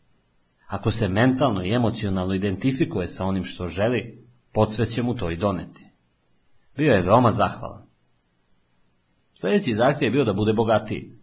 Svakoga jutra i svake večeri kada se molio, zahvaljivao je na Božijim blagoslovima prisutnim u svom životu, tvrdeći da se želja za bogatstvom već ispunila. Zaljubio se u bogatu udovicu u San Francisku i ona je finansirala njegov novi posao. Ovaj čovjek je ustanovio određeni metod rada, tvrdeći da se svaka od njegovih želja već ispunila. Za svako od njih izgovarao je tvrdnje posebno, a za sve njih zajedno tokom svojih jutarnjih i večernjih molitvi. Ako se molite kao čovjek koga sam upravo pomenuo i ako ne bude nikakvog napretka tokom nekoliko nedelja, napustite taj metod i ustanovite novi. Zapamtite, odgovor postoji. To je sigurno isto koliko i to da će sunce izaći sutra ujutru. Jedan mladić koji je bio zaposlen u radiostanici gdje se emituju moje emisije, rekao mi da je čvrsto odlučio da će mu njegova posvest pružiti savršen plan kako da ode na godišnju konvenciju organizacije koje je pripadao. Molio se za ovo je afirmisao i uskoro otvorio se put pred njim pa su ga pozvali da dođe na tu konvenciju i još mu platili sve troškove. Također, prošle godine odlučio da će mu beskonačna mudrost u njegovoj podsvesti otkriti savršen plan za put u Europu gdje bi posjetio mnoge zemlje. To se i dogodilo, a rođaci su mu platili sve troškove. On zna kako da koristi svoju posvest. Pa ipak, on ne radi, nije imao ni dinara u džepu. Ali prilika se ukazala i podsvest je na nju odgovorila. Ne morate ništa da ukradete, imate moć da uzmete sve što vam ta zlatna riznica nudi u vama samima. Tvrdite šta god želite, radujte se tome i dogodit će se. Gajite jednostavnost i spontanost, znajući da ćete dobiti šta god da zatražite u molitvi. Sada, ovoga trenutka odlučite da možete sve što poželite, da možete biti sve što poželite da budete.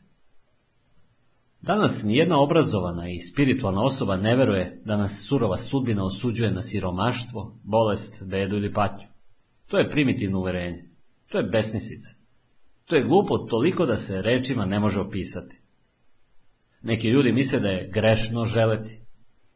Da li je zaista prihvatljivo da priznamo da u nama postoji želja za boljim životom? Da li je u redu da želimo više, da želimo napredak i prosperitet u jednom svetu prepunom bola i patnje? Ovo su sasvim opravdana pitanja na koja se moraju dati odgovori jednom i za svagda ako želimo da zaista napredujemo. U puritanskom, represivnom sistemu verovanja koje praktikuje određene verske grupe, postoji duboko usađeno verovanje, ili možda pritajna sumnja, da je pogrešno želeti. Ako ste vi žrtva ovakvih stavova, vreme je da evoluirate. Sklonite pokrov sa sumnje i duhovne tame, neznanje o postojanju velikodušnog univerzuma. Božje prisustvo je beskonačni životni princip u vama koji je uvek usmeren na vaš boljitak. Njegova tendencija je da se oporavite. Njegova je tendencija da vam osvetli put.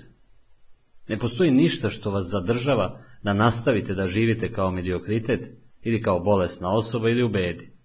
Jedino što vas na to može naterati su vaše misli i lažna uverenja. Izađite iz zatvora straha, usamljenosti i oskudice. Prestanite da mislite da je Bog nekakav bradati starac na nebu. Bog je beskrajno prisustvo, beskonačna moć i beskonačna inteligencija u vama. On vas pazi dok spavate, vari hranu koju ste pojeli i odgovara vam ako kažete želim da se probudim u dva ujutru. Onda se desi da se probudite u dva ujutru, zar ne? Shvatite da je beskonačno isceljujuće prisustvo u vama. Ono vam može doneti oporavak. Bogohuljenje je reći da vas Bog kažnjava. Time samo pokazujete svoje neznanje. Neznanje je jedini greh u ovom univerzumu i svaka kazna i sva beda je izazvana samo neznanje. Vaš um i telo su jedno. U polju psihosomatske medicine naučnici su zaključili da je nemoguće reći gde počinje um i završava se telo. Današnje istraživanja pokazuju da su skriveni razlozi fizičkih poremećaja u mutnim, uznemirenim dubinama uma, u frustracijama, besu, neispunjenim željama, ljubomori i anksioznosti. Potpuno je besmisleno kriviti beskonačno biće za naše muke, kada ih uglavnom sami sebi donosimo, misleći onako kako ne treba ili nepravilno primenjujući zakone svoje podsvesti. Ako koristite struju, a ne znate to da činite pravilno, imat ćete problema, zar ne? Vodom možete udaviti dete, ali voda nije zla. Možete napraviti elektronsku bombu i njom ubiti ljude, ali struja nije zla. Jaja se prže na struji. Kako je vi koristite? Principi života nisu zli sami po sebi, samo zavisi na koji način koristimo. Koja je naša motivacija? Moć svoje podsvesti možete koristiti negativno ili konstruktivno. Jedna mlada žena mi je rekla da je mudrost ono što ona želi. To je želja svih ljudi, ali ne mislimo svi na istu stvar. Kada posjedujete mudrost, izražavate svoje potencijale, ovde i sada. Automobil je duhovna ideja pred vašim vratima. Sendvič sa šunkom, kada ste gladni, predstavlja odgovor na vaše molitve i on tada jeste spiritualan. Ako dobro pevate na bini, to je isto toliko spiritualno kao da pevate u crpenom horu. Radnik koji popravlja krov na vašoj kući obavlja duhovni rad kao i sveštenik, pop, mula ili rabin, koji čitaju tekst iz Biblije, propovedi iz Kurana ili drže propovedi. Shvatite da su duh i telo jedno. Prestanite da sa prezirom gledate na materijalne stvari. Prestanite jednom i za svagda da razdvajate duh božanstva od svetovne krvi i mesa. Oni su jedno te isto. Neko je pitao Einsteina, šta je materija? On je rekao, duh ili energija svedena na vidljiv oblik. Drevni hindusi su pre deset hiljada godina rekli, materija je duh sveden na vidljiv oblik. Oni su rekli, duh i materija su jedno. Materija je najniži stepen duha, a duh je najviši oblik materije. Svaki fizički čin, bez obzira koliko ga primitivnim smatrate, je oblik duha života u vama koji se ovaplotio u materijalan oblik. Vi niste degradirani niti išta manje vredni dok ribate prljave podove ili čistite štalu. Ako osuđujete bilo šta na ovom svetu, vi sebe pocenjujete i ni podaštavate. Dobro i loše su u vašim mislima i vi bojite sve što u univerzumu postoji u boje koje oslikavaju način na koji se osjećate ili mislite. Nemojte kritikovati, osuđivati ili prezirati vaše telo ili svet. Vaše telo je hram živog Boga. Slavite Boga u svom telu. Ceo celcati svet je Božije telo. Svet je Božiji ples. Svet je Božja pesma. Jedan od mojih kolega, dr. J. Kennedy Schultz, predsjednik Religious Science International, je napisao Ideje su dobre ako predstavljaju koncepte koji nam daju život i koji ga isceljuju kao nešto što je univerzalno dostupno, primenljivo i poželjno. One govore o stvarima kao što su individualna sloboda, univerzalni mir, bezuslovna ljubav i sveobuhvatna produktivnost. Takve ideje pružaju obnovu života pojedincu i svima. One su stvar, substanca koja dozvoljava ljudskoj rasi da živi sve bolje i bolje tokom eona našeg postojanja. Ove ideje su ponovo propovedane i iznova usađene svakoj novoj generaciji od strane individua koje su u ovom svetu odražavale život koji večno napreduje, pa makar i polako, uprkos neznanju i surovosti koje su obeležile svako doba. Neki od ovih individua su postale vođe i inspiracija mnogima, ne samo u vremenu u kome su živeli, nego i generacijama koji su došle posle njih, pa čak i u današnje vreme. Među tim individuama su ljudi kao što su Mojsije, Krišna, Buda i Isus. Oni su nam pokazali put. Njihova uzvišena poruka nikada nije bila koncentrisana na njih same, već na jednu višu moć koja odgovara na naše dozivanje. Ja sam uvek sa tobom. Živo prisustvo Boga punog ljubavi. Oni su živjeli u drugim epohama i različitim krajevima sveta. Samo su njihove misli bile ono po čemu su bili slični a misli su medijum kroz koji mi živimo i kroz koji se povezujemo sa svetom i ljudima oko nas. To je naš zajednički stvorite. Kroz medijum svoje misli mi učimo da cenimo život i ljude oko sebe. Hajde sada da meditiramo. U centru vašeg bića je mir. To je mir Božiji. U tom miru vi osjećate snagu, radost i ljubav njegovog svetog prisustva. Shvatite da vas na svakom putu kojim krenete vodi beskonačna mudrost. To je svetiljka koja osvetljava svaki vaš sledeći korak i svetlo na stazi kojom idete. Jašite belo konja koji je duh Boga koji se kreće vodama vašeg uma. Skrenite svoju pažnju sa problema i koncentrišite se na već ispunjenu želju u realnosti. Vidite ispunjenje. Radujte mu se. Uvek idite do kraja a onda kada vidite kraj, vidjet ćete i način kako da do njega dođete. Ukratko.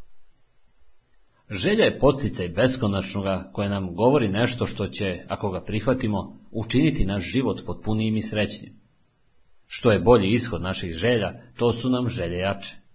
Tamo gde nema boljitka, dobiti ili napretka, nema ni želje. Samim tim nema ni akcije. Želja je kreativna moć, mora biti kanalisana i usmerena na pravi način. Želja i njeno ispunjenje su u našem umu. Identifikujte se mentalno i emocionalno sa onime što želite, a podsvest će se postarati da se ona realizuje. Izađite iz zatvora straha, usamljenosti i oskudice. Prestanite da mislite da je Bog nekakav bradati starac na nebu. Bog je beskreno prisustvo, beskonačna moć i beskonačna inteligencija u vama. Shvatite da je beskonačno prisustvo isceljenja u vama. Ono vas može povratiti.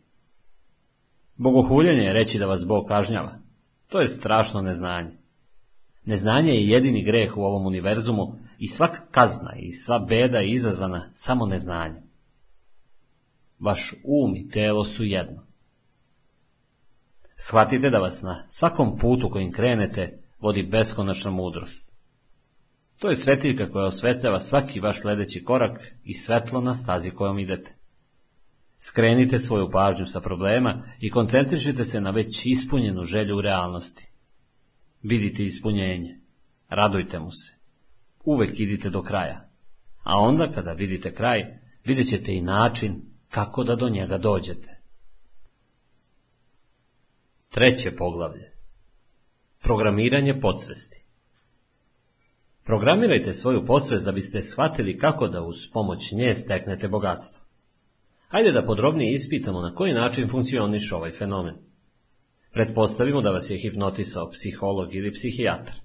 U takvom stanju vaša svest, vaš racionalni um je nemoćan, a podsvest je otvorena za sugestije.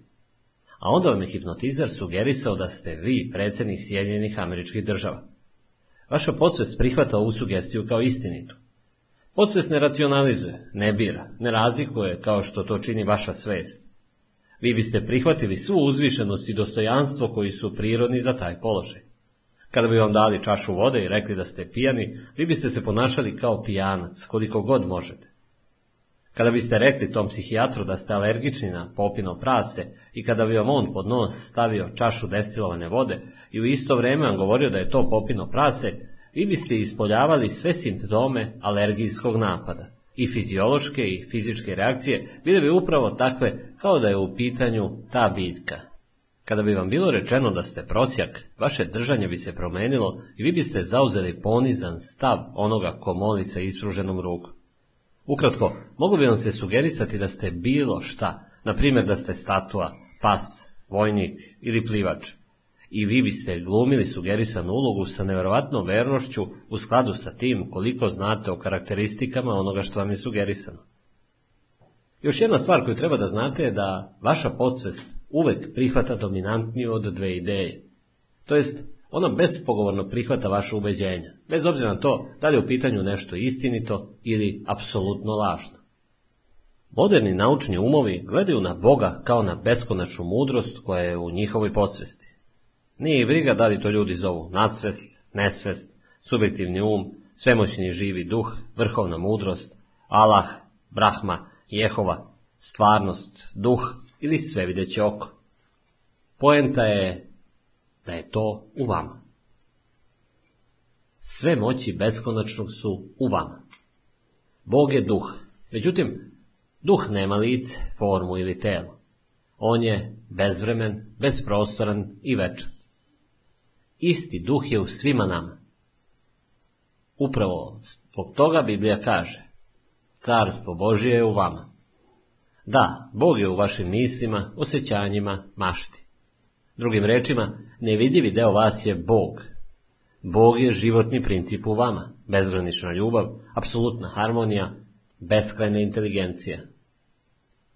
Ako znate da vi možete kontaktirati ovu nevidljivu moć kroz vaše misli, cijel ovaj proces molitve se oslobađa misterije, sueverja, sumnje i čuđenja.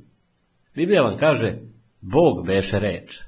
Kao što znate, reč je izražena misao. Na osnovu onoga što ste već čuli, vi znate da je svaka misao kreativna i da teži da se manifestuje u vašem životu u skladu sa načinom na koji razmišljate. Ako malo razmislite, vi u stvari otkrivate Boga svaki put kada otkrijete kreativnu moć. Jer postoji samo jedna kreativna moć. Ne dve, ne tri, ne hiljadu, već jedna. Mnogi od nas su imali loše uslove u mladosti. Svi smo bili podložni sugestijama i utiscima kad smo bili mladi. Na primjer, Hajde da kažemo da je Charles mrzovoljna osoba ili da ima nezgodnu narav ili da se stalno na to žali. Jedan način da se s tim izbori je da svake noći pre spavanja i svakoga jutra i svakoga popodneva potvrđuje sljedeće. Ja ću biti sve bolje naravi, bit ću srećniji i radosniji i imat ću više mira. Svakoga dana postajem sve voljeniji i imam sve više razumevanja. Ja sada postajem centar radosti, srdačnosti i dobre volje za ljude koji su oko mene. Moje dobro raspoloženje je zarazno. Ovo srećno, radosno i veselo raspoloženje sada postaje moje normalno, prirodno stanje uma i ja sam zahvalan. Charles može ovo zapisati u svoju podsvest, reprogramirati svoju podsvest, preusmeriti je, pisati po njoj. A priroda podsvesti je kompulsivna i stoga on će biti primoran da bude druželjubiv, srdačan, čovek dobre volje. On može ponavljati iznova i iznova ove misli, podsjećajući se da ih zapisuje u svoju podsvest, a ono što je zapisano u dubinama našeg uma, otelovljuje se i realizuje kao oblik, funkcija, iskustvo ili događaj. Jer iz srca podsvesti dolazi sve u našem životu. Mnogi ljudi su bili žrtve negativnih sugestija ili negativnih uslova ili programiranja kada su bili mladi. U svim dobima, moć sugestija imala važnu ulogu u ljudskim mislima i životima, u svakom istorijskom periodu i u svakoj zemlji. U mnogim delovima sveta, sugestija je deo religije kojim se kontrolišu vernici. Sugestija nam može služiti da se disciplinujemo i kontrolišemo. Postoje konstruktivne, ali i negativne sugestije. Sugestija nam može poslužiti da preuzmemo kontrolu i komandujemo onima koji ne poznaju zakone uma. Ako je sugestija konstruktivna, ona je divna i veličanstvena. Ako je negativna, ona je jedan od najdestruktivnijih obrazaca i može rezultirati inferiornošću, neuspehom, patnjom, bolešću. Od detinjstva pa nadalje, većina nas je dobijala neke negativne sugestije. Bolje reći, bili smo izloženi negativnom programiranju. Ne znajući kako to da sprečimo ili kako da ih odbijemo, mi smo ih nesvesno prihvatali. Evo nekih negativnih sugestija koje su izvršile negativno programiranje vašeg mozga. Rečeno vam je, jao, pa nećeš moći to da uradiš. Možda vam je neko nekad rekao, nikada od tebe neće biti čovjek. Sada imate kompleks inferiornosti. Govorili su vam, to se ne radi tako, nećeš uspeti, nemaš nikakve šanse. U potpunosti grešiš, ne vredi. Ne radi se onome što znaš, nego onome koga znaš. Vidiš da se ceo svet naopako okrenuo. U čemu je poenta? Nikome nije ni stalo. Nema svrhe toliko se truditi. Drugi su vam govorili. A, pa sada si prestar, zaboravi. I ovako te sećanje izdaje. Sve gore i gore. Život je beskrajna borba. A neki su rekli. Ljubav je za ptice. Nema šanse da pobediš. Uskoro ćeš doći do prosječkog štapa. Čuvaj se, zarazit ćeš se. Nikome se ne može verovati. Ako prihvatite sve ove negativne sugestije, vi negativno programirate svoju podsvest. Razvili ste osjećaj inferiornosti, neprihvaćenosti i straha. Ukoliko, kao odrastao čovek, konstruktivno ne formirate svoju podsvest, što znači podvrći se terapiji ponovnog uslovaljavanja, Uticaji koji su na vas izvršeni u prošlosti mogu izazvati obrazce ponašanja koji će vas voditi ka porazima u ličnom i društvenom životu. Programiranje znači oslobađanje od negativnog verbalnog uslovljavanja koje bi moglo izazvati anomalije u obrazcima vašeg ponašanja, na taj način vam otežati razvijanje pozitivnih navika. U novinama svakoga dana možete naići na desetine stvari koje vam mogu usaditi seme beskorisnosti straha, brige, anksioznosti i nadolazeće propasti. Ako ih prihvatite, ove misli mogu prouzrokovati čak i gubitak želje za životom. Ako shvatite da možete odbaciti sve ove negativne sugestije, dajući svoje posvesti konstruktivne sugestije, vi se suprostavljate destruktivnim idejama koje smo nabrojali. Redovno registrujte negativne sugestije koje vam ljudi oko vas daju. Na vas ne moraju uticati destruktivne negativne sugestije. Svi smo mi od toga propatili u detinjstvu i adolescenciji. Ako probate da se osvrnete na svoju prošlost, lako se možete setiti da su vaši roditelji, prijatelji, rođaci i saradnici stalno doprinosili toj negativnoj kampanji u vašem životu. Proučavajte stvari koje vam ljudi govore i shvatit ćete da je većina toga neka vrsta propagande. Svrha najvećeg broja tih stvari je da vas kontrolišu ili da vam usade strah. Negativne sugestije su prisutne u svakom domu, kancelariji, fabrici ili klubu. Postoji pravi način da programirate svoju podsvest. Svakog novog jutra u svom životu možete sesti mirno u tišini, opustiti se i ponavljati sledeće. Božanski red i mir vladaju mojim životom. To je vrhovna vladavina božanskih dela koja su uvek baš takva kakva treba da budu. Božanska harmonija je moja. Božanski mir ispunjava moju dušu. Božanska ljubav ispunjava cijelo moje biće. Božansko obilje je moje. Božanska ljubav me vodi danas i svakoga dana, čineći moj put pravim, radosnim i veličanstvenim. Ovo je način na koji je jedan kapetan mornarice programirao svoju podsvest tokom drugog svetskog rata. On je često ponavljao ove istine. Postepeno uz ponavljanje, veru i iščekivanje, Ove ideje su ušle u njegovu podsvest. A šta god ostavi traga na podsvesti, ono je primorava da daje rezultate. Stoga, on je bio prisiljen da vodi miran i harmoničan život, pun ljubavi. On je programirao svoj um na sledeći način. Svakoga jutra i svake noći je ponavljao vlastitu verziju 23. psalma. Bog je moj pilot, ja neću zastraniti. On mi osvetljava tamne vode. On me vodi kroz duboke kanale. On vodi moj dnevnik. On me radi imena svoga navodio svetom zvezdom. Da, iako plovim kroz nedaće i nevolje života, ja se ne bojim opasnosti jer si ti sa mnom. Tvoja me ljubav i briga štite. Ti si za mene luku pripremio u večnoj zemlji. Ti si miropomazao talase uljem. Moj je brod mirno plovio. Sigurno će me svetlo sunca i zvezda pratiti na putu koji ću preduzeti i ja ću se odmarati u domu gospodnjem zauvek. I vi to možete uraditi. Svakoga jutra pre nego što uđete u svoj automobil, možete sesti i ponavljati ovo, podsjećajući sebe na izrečene istine. Šta zapravo radite? Zar ne programirate? Zar ne urezujete ideju u svoju podsvest? Zar je ne hranite obrazcima koji će joj doneti životnu energiju? Dok ponavljate ove istine, dok se na njih podsjećate, dok ih izgovarate i ako u njih verujete, one će tonuti u vašu podsvesti i postaće kompulzivne, jer je priroda vaše podsvesti takva. U govoru koji sam držao u hramu ujedinjenja u New Orleansu, jedna žena mi je rekla da je tu nekada dolazio neki čovek i da je često govorio. Ima mnogo hapšenja u mom kraju. Ja ostajem na ulici do kasno i sigurno će me uhapsiti neko od sledećih noći. Verovatno će i pucati na mene. Ljudi su mu govorili, prestani da sebi sugerišeš negativno. Prestani da tako razmišljaš. Ali on je nastavio to da radi. Nije se mnogo obazirao. Nastavio je da negativno programira svoj mozak i jednog dana su ga uhapsili. Takođe su pucali na njega. Ovo je primer pogrešnog puta. Mogao je da uzme 91. psalm i da kaže Ja živim u zaklonu višnjeg, u senu svemogućeg počivam. Govorim gospodu, ti si utočište moje i branič moj, Bog moj u kog se uzdam. Perjem svojim osenićeš me i pod krilima tvojim zakloniću se. Istina je tvoja štit i ograda.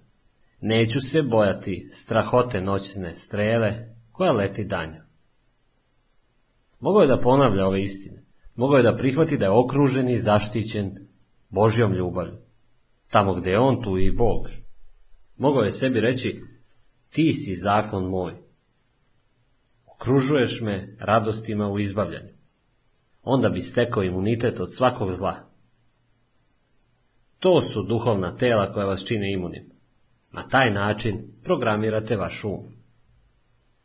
Pre nekoliko godina jedan detektiv mi je ispričao o ženi koja je bila silovana i udavljena. Pretresujući njen stan, našao je isečke iz novina o silovanjima u proteklih 20 godina. Ona je svoju podsvest programirala negativno i, naravno, iskusila je upravo ono čega se plašila. To ne treba raditi. Strah je suprotan veri. Strah je vera u pogrešnu stvar. Jedan političar je rekao novinarima. Živeo sam u konstantnom strahu od atentata, iako ga je blindirano staklo štitilo od onih kojima je govorio. Naravno, on nije poznavao zakone uma. On možda nije znao da može isterati taj strah iz sebe. Neću se bojati zla, jer si ti sa mnom. Štap tvoj i palica tvoja teši me. Štap je simbol moći, a palica je autoritet. Zovite, bit će vam odgovoreno. Jedan sa Bogom, to je već većina. Ako je Bog sa mnom, ko će protiv mene? Političar je mogao da kaže, ja živim u zakonu višnje. Sveti krug Božije večne ljubavi me okružuje. Božiji oklop me okružuje. Gde god da pođem, Božja svetlost me okružuje. Obavija me, obasjava. Postao bi otporan na sve, nepobediv i jači od svakog zla. To je način na koji treba da programirate svoju podsvest. Možete izgraditi imunitet. O da, vi to možete. Onako kako čovek duboko u svojoj posvesti misli, tako mu i jeste. Tako se i ponaša, tako se izražava, takva su mu iskustva. Ovo je zakon. Ne govorimo o procesu razmišljanja u glavi. Govorimo o procesu razmišljanja u srcu, u vašoj vlastitoj podsvesti. Šta god da utisnete, to će se odraziti na vašu stvarnost. Zapamtite, moć vaše podsvesti je moć svemoguće. To je moć koja pomera svet. To je moć koja pomera galaksiju u svemiru. To je svemoguće. Ne postoji ništa što mu se može suprostaviti. Svesnost je Bog. Neuslovljena svesnost je svest. To je ja postojim, živi duh Boga. Vaša svesnost je jedinstvo vašeg svesnog i nesvesnog uma. To je suma vaših svatanja, uverenja, mišljenja, ubeđenja. To je Bog. To je jedini Bog koga ćete ikada znati. Vaše misli i osjećanja kreiraju vašu sudbinu. Ako su vaše misli siromašne, i vi ćete biti siromašni. Mislite na prosperitet i napredovat ćete. Svesnost je Bog, jer je to jedina kreativna moć u vašem životu. I vaše misli i osjećanja su roditelji svakom vašem iskustvu. Ako govorite o ocu u sebi, šta je to što je otac svemu? Vaše misli i osjećanja, vaša svest i podsvest. U čemu god da se vaša svest i podsvest, mozak i srce slože, to će se dogoditi, bez obzira da li je dobro ili loše, istinito ili lažno. Vi ste taj koji bira. Vi ste ta koja bira. Vi oblikujete i formirate svoju sudbinu. Vaša vera u Boga je vaša sudbina. Vi treba da verujete u dobrotu Božju među živima i u vojstvo Božje, i u lepotu i slavu beskonačnog. To je ono u što treba da verujete. Rečeno vam je, sve manifestacije dolaze samo kroz oca. Otac je svaka vaša misao i osjećanje. Dakle, kakva god iskustva da imamo, upravo takav obrazac i postoji u našoj podsvesti. Uvek postoji razlog, a taj razlog je naravno u našem umu. Jedan čovjek mi je rekao da želi da uspe i napreduje u životu. U stvarnosti, on nije bio uspešan i nije napredovao. Imao je podsvesni obrazac neuspeha.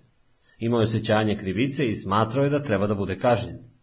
Da, on je mnogo radio na svojoj podsvesti. Sebi je govorio, ja vrlo mnogo radim, ali u dubinama svoje podsvesti on je bio osuđen na neuspeh. Imao je osjećaj da je bezvredan i ubeđenje da je normalno da ne uspe. U svojoj glavi imao je sliku neuspeha. Mislio je da je grešnik i da treba da bude kažnjen. Vaša podsvest je kompulzivna. To je snaga koju sam pomenuo. To je snaga svemogućega. Taj čovjek je naučio da reprogramira svoj mozak tako da shvati da je rođen da pobeđuje, da uspe, da triumfuje, jer beskonačna moć je u njemu. Ta moć ne zna za neuspeh. Svemoguće je. Stvorila je sve što postoji. Ne postoji ništa što joj se može odupreti, izazvati, osujetiti je. Nema ničega što je može uništiti. Jer je to svemoguće. Jer je to jedina moć. Šta više, čovjek je shvatio da je sam sebe kažnjavao. Počeo je da se moli svakog jutra i večeri, ali i tokom dana. On je tekst koji sledi urezao duboko u svoju podsvest. Rođen sam da pobedim. Rođen sam da uspem u životu, da imam odlične odnose sa ljudima oko sebe, da uspem na poslu koji sam izabrao i u svim fazama svog života. Jer beskonačno je u meni, a beskonačno ne može ne uspeti. Moć svemogućeg struji kroz mene. To je moja snaga, moja moć, moja mudrost. Zatim je rekao, uspeh je moj, harmonija je moja, bogatstvo je moje, lepota je moja, božanska ljubav je moja, obilje je moje. On je stalno ponavljao ove istine, razmišljao je o njima, podsjećao se i mislio na ove istine dok je vozio putujući do nekog od svojih klijenata. Izjavljivao je ove istine sistematično i redovno, ali nikada nije poricao ono što je tvrdio. Postepeno postoje veoma uspešan, jer je uspeo da ponavljanjem utisne u svoju podsvest ove istine, stalno ih ponavljajući, podsjećajući se na njih, izgovarajući ih naglas, učeći svoje misli da utonu u velike životne istine. Ako sistematski budete primjenjivali ovu metodu, čuda će se desiti u vašem životu. Kada ste se rodili, niko nije morao da vam objašnjava kako da nađete majčine grudi. Postojala je nekakva subjektivna mudrost koja vas je vodila, koja vas je usmeravala. Da, Biblija kaže, metnuću zavet svoju tebe i na srcu tvome napisat ću ga, i bit ću ti Bog i ti ćeš mi biti narod. Dakle, sve Božje moći su u vama, i zakoni i istine Božje su zapisane u vašem intuitivnom umu.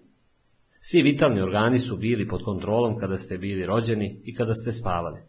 Svake noći u vašem životu ista ta mudrost upravlja svim vašim vitalnim organima, vašim disanjem, udisanjem, cirkulacijom krvi, varenjem, otkucajima srca i tako dalje. To je prisustvo Boga u vama. Prisustvo i moć Božja su sa vama. Sve večne istine su tamo. One su bile urezane u vaše srce pre nego što ste se rodili. Ali svi smo mi programirani još od rođenja. Milioni ljudi su programirani strahovima, lažnim verovanjima, tabuima, zabranama i sueverima. Kako je 1847. godine rekao Phineas Parker Quimby, pionir pokreta Nova misao, svako dete je kao mala bela tablica. Svako ko prođe nešto na nju upiše. Baka, deka, sveštenik, majka, otac, sestre i braća. Mi primamo čitavu lavinu prizora i zvukova, uverenja i mišljenja, zabrana, strahova i sumnji. Znate, kada ste se rodili, vi niste imali nikakvih strahova. Niste rođeni sa predrasudama. Niste rođeni s verskim uverenjima, niti sa jednim neprirodnim konceptom Boga ili života. Pa gde ste ih onda stekli? Neko vam ih je usadio. Neko vas je programirao, možda čak i negativno. Mnogima je rečeno da su grešnici u rukama jednog besnog Boga. Pričao sam sa raznim ženama koje su bile prelepe, privlačne i dobro obrazovane. One nose crne čarape. One misle da je greh da nose ruž, bilo kakvu šminku ili čak zlato. O, pa to je strašan greh. Igrati karte? Pa karte dolaze od đavola. Ili da idu u bioskop. Sve su ovo grehovi. Kada ih pogledate, vi vidite da su one frustrirane, zatvorene, nesrećne, inhibirane. Govorio sam im da se probude, da se obuku da bi bile lepe za Boga. Ne postoji ništa u univerzumu što je zlo. Čitav svet je već postojao kada su se one rodile. Sve ptice pevaju za vas, sve životinje su takođe tu i sve zvezde na nebu su tu da ih obožavate, slavite, da uživate u njihove lepote. Kažem im, vi ste ovde da igrate. Hajde, naučite da igrate, jer je univerzum ples Božiji. Govorim im da uče, da uzimaju časove golfa, sviraju, da rade sve stvari koje sada ne rade. Svirajte, idite na fakultet, prisustujte predavanjima iz retorike, upoznajte muškarce. Izađite iz kuća i uzmite časove španskog ili bilo čega drugog što želite. Naučite zanat, posvetite se nekoj profesiji i zaradite novac. Vi ste ovde da biste vodili jedan lep i ispunjen život. Vi ste ovde da biste živeli u jednom objektivnom svetu, da se razonodite, da se zabavite, da budete srećni, zadovoljni, kreativni, da naučite da se izrazite. Takođe, vi ste ovde i da meditirate i da se molite. Mi živimo u subjektivnom i u objektivnom svetu. Ne postoji ništa u univerzumu što je zlo. Bog je sve proglasio dobrim. Stoga, nema ničega lošeg u igranju, kartanju ili bilo čemu slično. Na primjer, gledanje korisnog i dobrog filma. Ne postoji ništa zlo u svim ovim stvarima. Ništa nije samo po sebi dobro ili loše. Naše misli čine da stvari budu dobre ili loše. Onda sam im objasnio. Rekao sam, vi ste frustrirane, vi ste bolesne, vi ste nesrećne. Učio sam ih kako da privuku muškarce. Govorio sam im, trebalo bi da ste udate, trebalo bi da ste voljeni i da volite. Svaka žena želi da bude voljena i mažena, poštovana. Žene vole pažnju, imaju potrebu da se osjećaju neophodnim i voljenim. Ako neka žena tvrdi da ovo nije istina, ona laže. Svaka žena želi ove stvari. Zatim, svaka žena nauči jedan vrlo jednostavan zakon. One izađu iz svojih kuća i urade sve stvari koje sam im rekao. Naučite da radite sve stvari koji se plašite i sigurno je da će nestati straha. Govorio sam im, vama su isprani mozgovi, vi ste negativno i destruktivno programirani. Ono što je Bog za vas namenio je više radosti, sreće, ljubavi, mira. One se uče zakonu privlačenja. Volio bih da možete da vidite kako neke od njih sada dolaze u pozorište prelepo obučene. Takođe, one su našminkane. Mnogo od njih nose prelepo prstenja, a neke čak i burme. O da, one su se promenile. One su reprogramirale svoj um.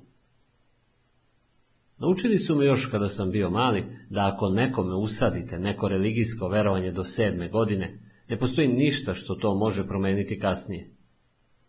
Istina, moguće ga je promeniti, ali to je prilično teško. Naravno, detetu je ispran mozak.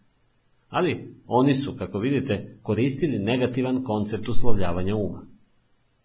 Kada smo mlađi, mi smo podložni uticajima, spremni da prihvatimo, orni da naučimo. Podložni smo svakoj vrsti sugestije.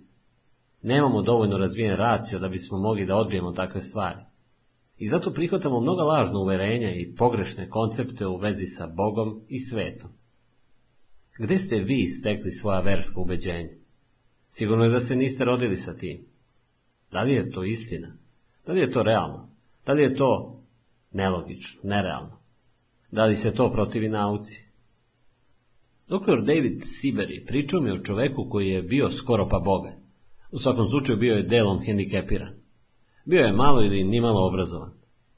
Kao eksperiment i sugestiju pokušavao je da svoje potencijale analizira polazeći od ideje da su njegove mentalne sposobnosti i odlike karaktera zasnivaju na obliku glave i konfiguraciji linija na dlanu. Sibur je rekao ovom čoveku koji je, kako sam rekao, bio delom hendikepiran. Suđeno ti je da budeš veliki propovednik, veliki evanđelista. Bog je za tebe namenio da kreneš napred i da propovedaš predivne, prekrasne stvari. On je prihvatio verovanje da je Bog namenio velike stvari za njega. Postao je aktivan u svojoj vlastitoj crkvi, gde je sada istaknuti propovednik. I onako kako je verovao, tako mu je i bilo. To je toliko jednostavno. Postoji samo jedna moć, jedno prisustvo. Vaše misli i osjećanja su izvor svih vaših iskustava. Kako programirate svoju podsvest? Kreativna moć je samo jedna. Da li znate koja je jedna od velikih istina? Čuj Izraelju, gospod je Bog naš, gospod jedini. Reč Izraelju u ovom kontekstu nije ograničena samo na pripadnike jednog naroda ili veroispovesti. Ona obuhvata sve ljude koji znaju da je on svemoguć, vladar svega i najviši. Odnosi se na one koji su mu odani, predani, pokazuju svoju pripadnost toj jednoj moći i svesni su životnog duha u sebi. On ne daje moć ni jednom stvorenju na zemlji, ni jednoj ženi, ni jednom muškarcu, ni jednom detetu u ovom univerzumu. Vaš Bog i gospodar je vaša dominantna ideja ili verovanje, vaše dominantno uverenje. To je vaš gospod. Pretpostavimo da verujete u Boga ljubavi. Pretpostavimo da je to uverenje duboko ukorenjeno u vašem umu i da vi zaista verujete u njega. To je jedino prisustvo i moć, dominantno i vrhovno, i vi mu dajete svu svoju odanost. Predajete mu se i odani ste mu. To je vaš Bog, vaš gospodar. Ako to postoji, vi ćete imati bajkovit život. U Engleskoj ljudi žive u uverenju da će svakoga novembra dobiti reumu. Oni to pripisuju klimi, atmosferskim promenama i tako dalje. I naravno, oni dobiju reumu. Oni su programirali svoje mozgove. Oni to očekuju. I sve se dogodi baš kako oni veruju i očekuju. Dakle, imate jednog člana porodice koji svakoga novembra dobije reumu. Međutim, drugi članovi te iste porodice koji žive u istoj toj kući, jedu istu hranu, deca su istih roditelja, rade na istoj farmi, ipak ne dobiju reumu. Oni veruju u zdravlje i dug život. Neki drugi ljudi veruju da će se prehladiti ako izađu na noćnu svežinu. Ili, na primjer, ako neko kine u kancelariji, svi su u strahu da će se zaraziti. I dogodi im se upravo ono u šta veruje. Drugi ljudi u toj istoj kancelariji se uopšte ne razbole. Neki ljudi kada im se pokvase noge kažu na smrt ću se prehladiti, već me trese groznica. Naravno, voda je samo H2O. Voda nikada nije rekla, od mene ćeš se prehladiti, dobit ćeš kijavicu i slično. To se zove negativno uverenje ili uslovljavanje. Vazduh je bezopasan. Svež noćni vazduh je bezopasan. To je vodonik, azot, kiseonik ili neki drugi gas. To su sve bezopasne stvari. Voda je sastavljena od vodonika i kiseonika. Ljudi se varaju da je voda uzrok njihove bolesti. Vaša uverenja su vaš gospodar i Bog. Može biti mnogo gospodara, ali je samo jedan gospod, otac, vladar svih stvari. Kada neko kine u kancelariji, to ne znači da ćete se zaraziti ili da je neki bacil krenuo baš vas da napadne. Ostali u kancelariji se ne prehlade. Ali ako vi verujete da ćete se prehladiti, vama će se to sigurno i dogoditi. Vi se posle možete pravdati da je to zato što je bilo bacilo u kancelariji. Drugi ljudi će i dalje ostati imuni. Ima ljudi koji po ceo dan sede na nekim mestima gde stalno nešto duva. Oni ne pate od proma ili ukočenog vrata. Ako verujete da ćete se ukočiti, vama će se to i desiti. Povetarac ili promaja je samo vazduh koji se kreće jako brzo. To je sve. Vi ste ustanovili svoj zakonik o kijanju ili o promaji, ili o vazduhu ili o vodi. I onda se pravdate govoreći kako je promaja ili noćna svežina kriva, zato što ste vi sada bolesni, ili zato što vas jako boli vrat i tako dalje. I vi navodite sve ovo govoreći kako to potvrđuje upravo ono što ste vi rekli. Ali drugi ljudi to poriču i smeju vam se. Dakle, napravili ste zakone prema kojima živite.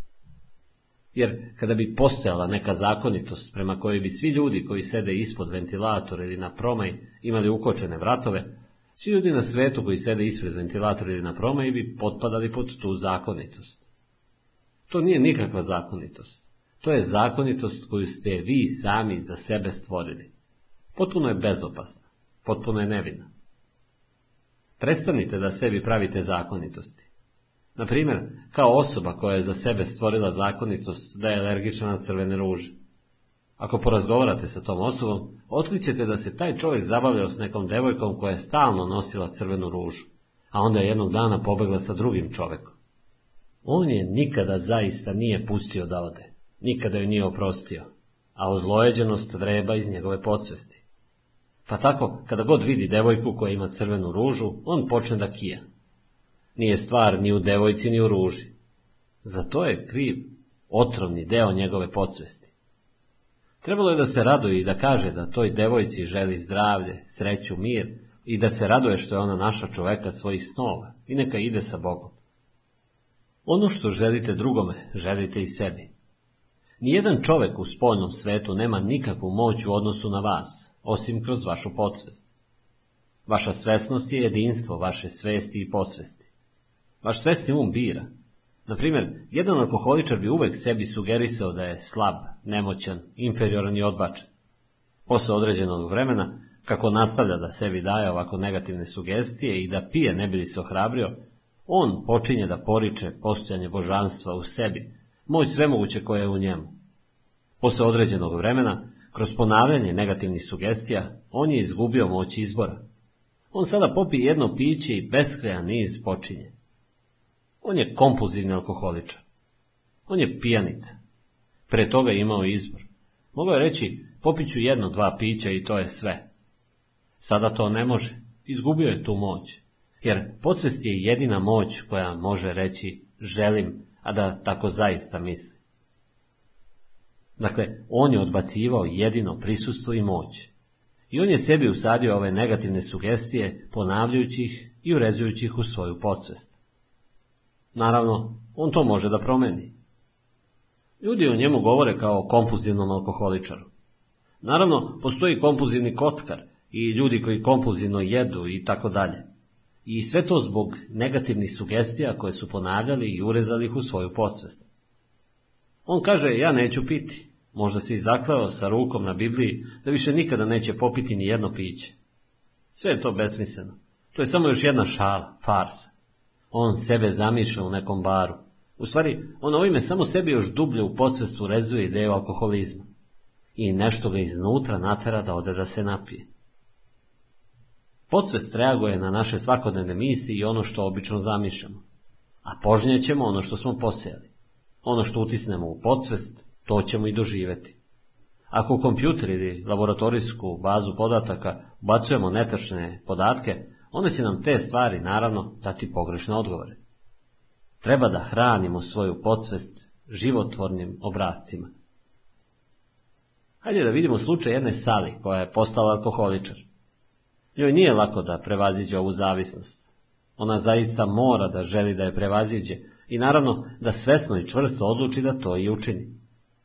Kada je njena želja da s time prekine veća od njene želje da sa time nastavi, ona je već 75% izlečena onda će moć svemogućeg podržati i napredovati u njeno ime. Dakle, ona je nešto odlučila. Ona tvrdi da su trezvenost i duševni mir sada njeni i da će od sada tako i biti. Ja sam to odlučila. Ja to zaista mislim. Ja sam u potpunosti iskren. To je neopozivo. Onda zamišlja sebe kako radi stvari koje voli da radi. Ako je advokat, na primjer, ona zamišlja sebe na sudu kako brani klijenta, ili iza ispoliranog stola od mahagonja kako priča sa klijentom. Ona sada i ovde kroji svoju budućnost. Ona je doterana i dobro obučena. Ona priča sa sudijom. Ona je ponovo sa svojom porodicom i tako dalje. Ona se uživljava u tu ulogu. A kada joj dođe želja da nešto popije, ona zamišlja da je kod kuće sa porodicom ili kako na sudu brani klijenta. Ona sada živi tu ulogu, a moć svemogućeg je podržava. I tako, razmišljajući o slobodi, duševnom miru, trezvenosti, razmišljajući neprestano o svim tim stvarima, ona počinje da osjeća svu radost i čudo izlečenja i zamišlja sebe kod kuće kako radi stvari koje voli da radi. Sve ovo prelazi iz njenih misli, raspoloženja i zamišljenih slika u stvarnost. Kao seme, ono umire u dubinama podsvesti da bi se ponovo rodilo kao plod uslišene molitve. Dakle, ona to može prevazići. To je proces reprogramiranja njene podsvesti na talase harmonije, zdravlja, trezvenosti i duševnog mira.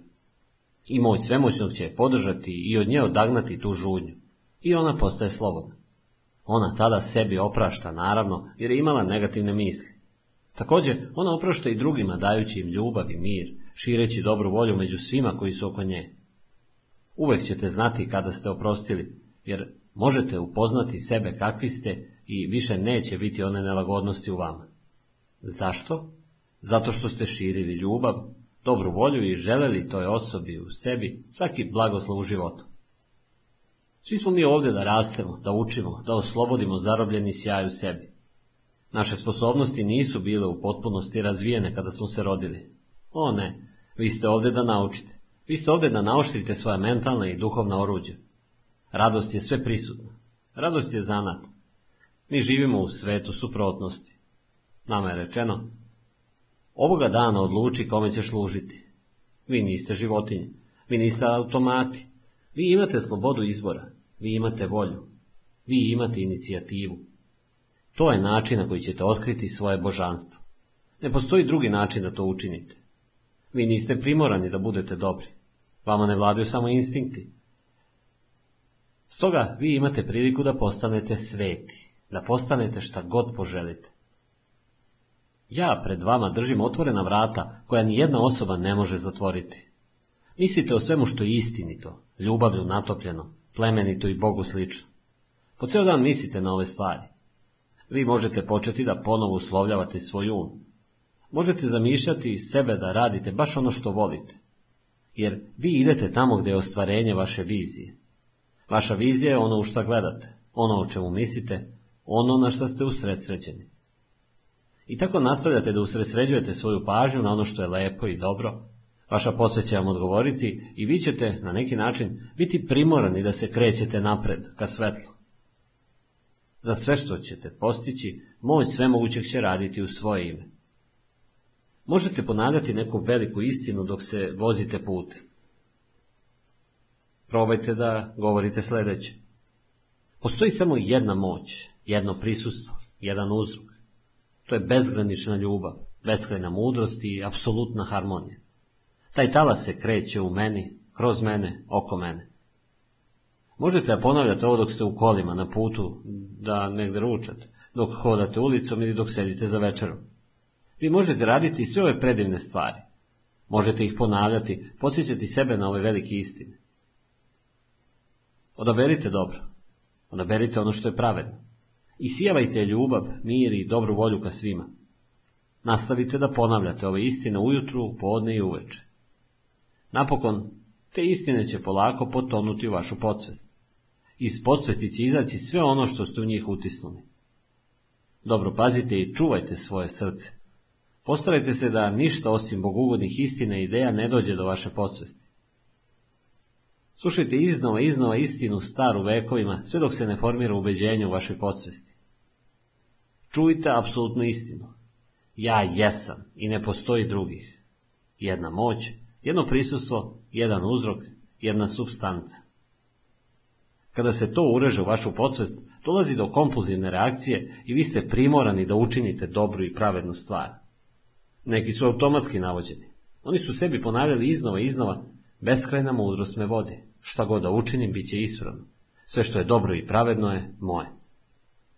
Svako jutro, podne i veče, ljudi ponavljaju ove istine jer postoji princip prave stvari. Čovek radi pravu stvar jer postoji princip koji ga vodi. I on ga aktivira iz univerzalne ili beskrajne tačke. Mnogi ljudi imaju midin dar i sve što dotaknu pretvorit će se u zlato. Blagoslov je automatski odgovor vaše podsvesti na vaša svesna razmišljanja i imaginaciju. Neću se bojati zla jer si ti sa mnom. Štab tvoj i palica tvoja teši me. Gospod je videlo moje i spasenje moje. Koga da se bojim? Gospod je krepost života mog. Koga da se strašim? Predivna istina. Divno je da to ponavljate dok se vozite putem. Pre mnogo godina u avionu, jedan rabin mi je rekao da su svi dečaci i devojčice kada je on bio mlad morali da čitaju i proučavaju petu knjigu Mojsijevu. Trebalo je da zapamte sledeće. Zato ljubi gospoda svoga i sveg srca svog i sve duše svoje i sve snage svoje. I neka ove reči koje ti ja zapovedam danas budu u srcu tvom. I često ih napominji sinovima svojim i govorio o njima kada sediš u kući svojoj i kada ideš putem, kad ležeš i kad ustaješ. I veži ih sebi na ruku za znak i neka budu kao počelnik među očima. I napiši ih na dovratnicima kuće svoje i na vratima svojim. Gospoda svoga boj se, a to znači poštuj, i njegovim se imenom kuni. Ne idite za drugim bogovima, između bogova drugih naroda koji su oko vas, jer je Bog revnite, Gospod, Bog tvoj usred tebe, pa da se ne bi raznevio Gospod, Bog tvoj na te i istrebio te iz zemlje. Revnitelj u Bibliji znači da ne smete poznavati drugu moć, da ne smete biti odani ničemu drugom. Morate priznavati samo jednu moć. Dakle, ideja ovoga što je prethodilo je da je jedno čvrsto verovanje treba da bude usađeno u njihova srca. Zato ljubi gospoda svoga i sveg srca svog. Ljubav je privrženost i odanost. Ne idite za drugim bogovima, znači da je moćno samo jedno prisustvo i moć. I vi odbijate da tu moć date bilo čemu drugome na svetu, bilo kom čoveku, ženi, detetu, suncu, mesecu, zvezdama ili bilo kojoj stvorenoj stvari. Onoga trenutka kada to učinite, vi više nemate Boga. Jer ja, gospod, kako Biblija kaže, sam revnitelj.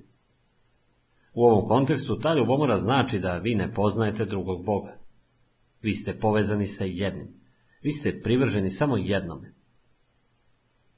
Neki ljudi nose talisman, namajliju ili srećku, kao što je krst, medaljon sa slikom nekog sveca ili figurinu bude, da bi ih to podsjetilo na Boga.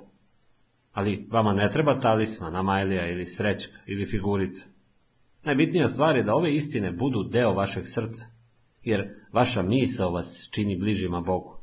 I onda sa njime možete direktno komunicirati i shvatiti da je Bog vaš pastir i nikada vam ništa nedostajati neće. Možete se podsjećati, a Bog moj da ispuni svaku potrebu s moju po bogatstvu svom u slavi. Ako se povratite i budete mirni, izbavit ćete se. U miru i u zdanju bit će sila vaša. Zapamtite da ove istine moraju biti deo vašeg srca, a ne deo vaše glave. Morate pojesti jabuku pre nego što postane deo vaše krvi. Isto tako, vi morate apsorbovati i svariti ove istine. Samo ponavljanje nije ono zbog čega vas Bog sluša. Tome doprinosi upravo ono što apsorbujete, svarite i načinite delom svoje duše. Stoga ove istine, kako ih ponavljate i razvijate u sebi, kako se na njih podsjećate, vi ćete doći do sebe i objaviti ove istine svome umu svakoga dana, postepeno, ponovo, ponovo. Postepeno počinjete da verujete i bivate ubeđeni da postoji samo jedna moć.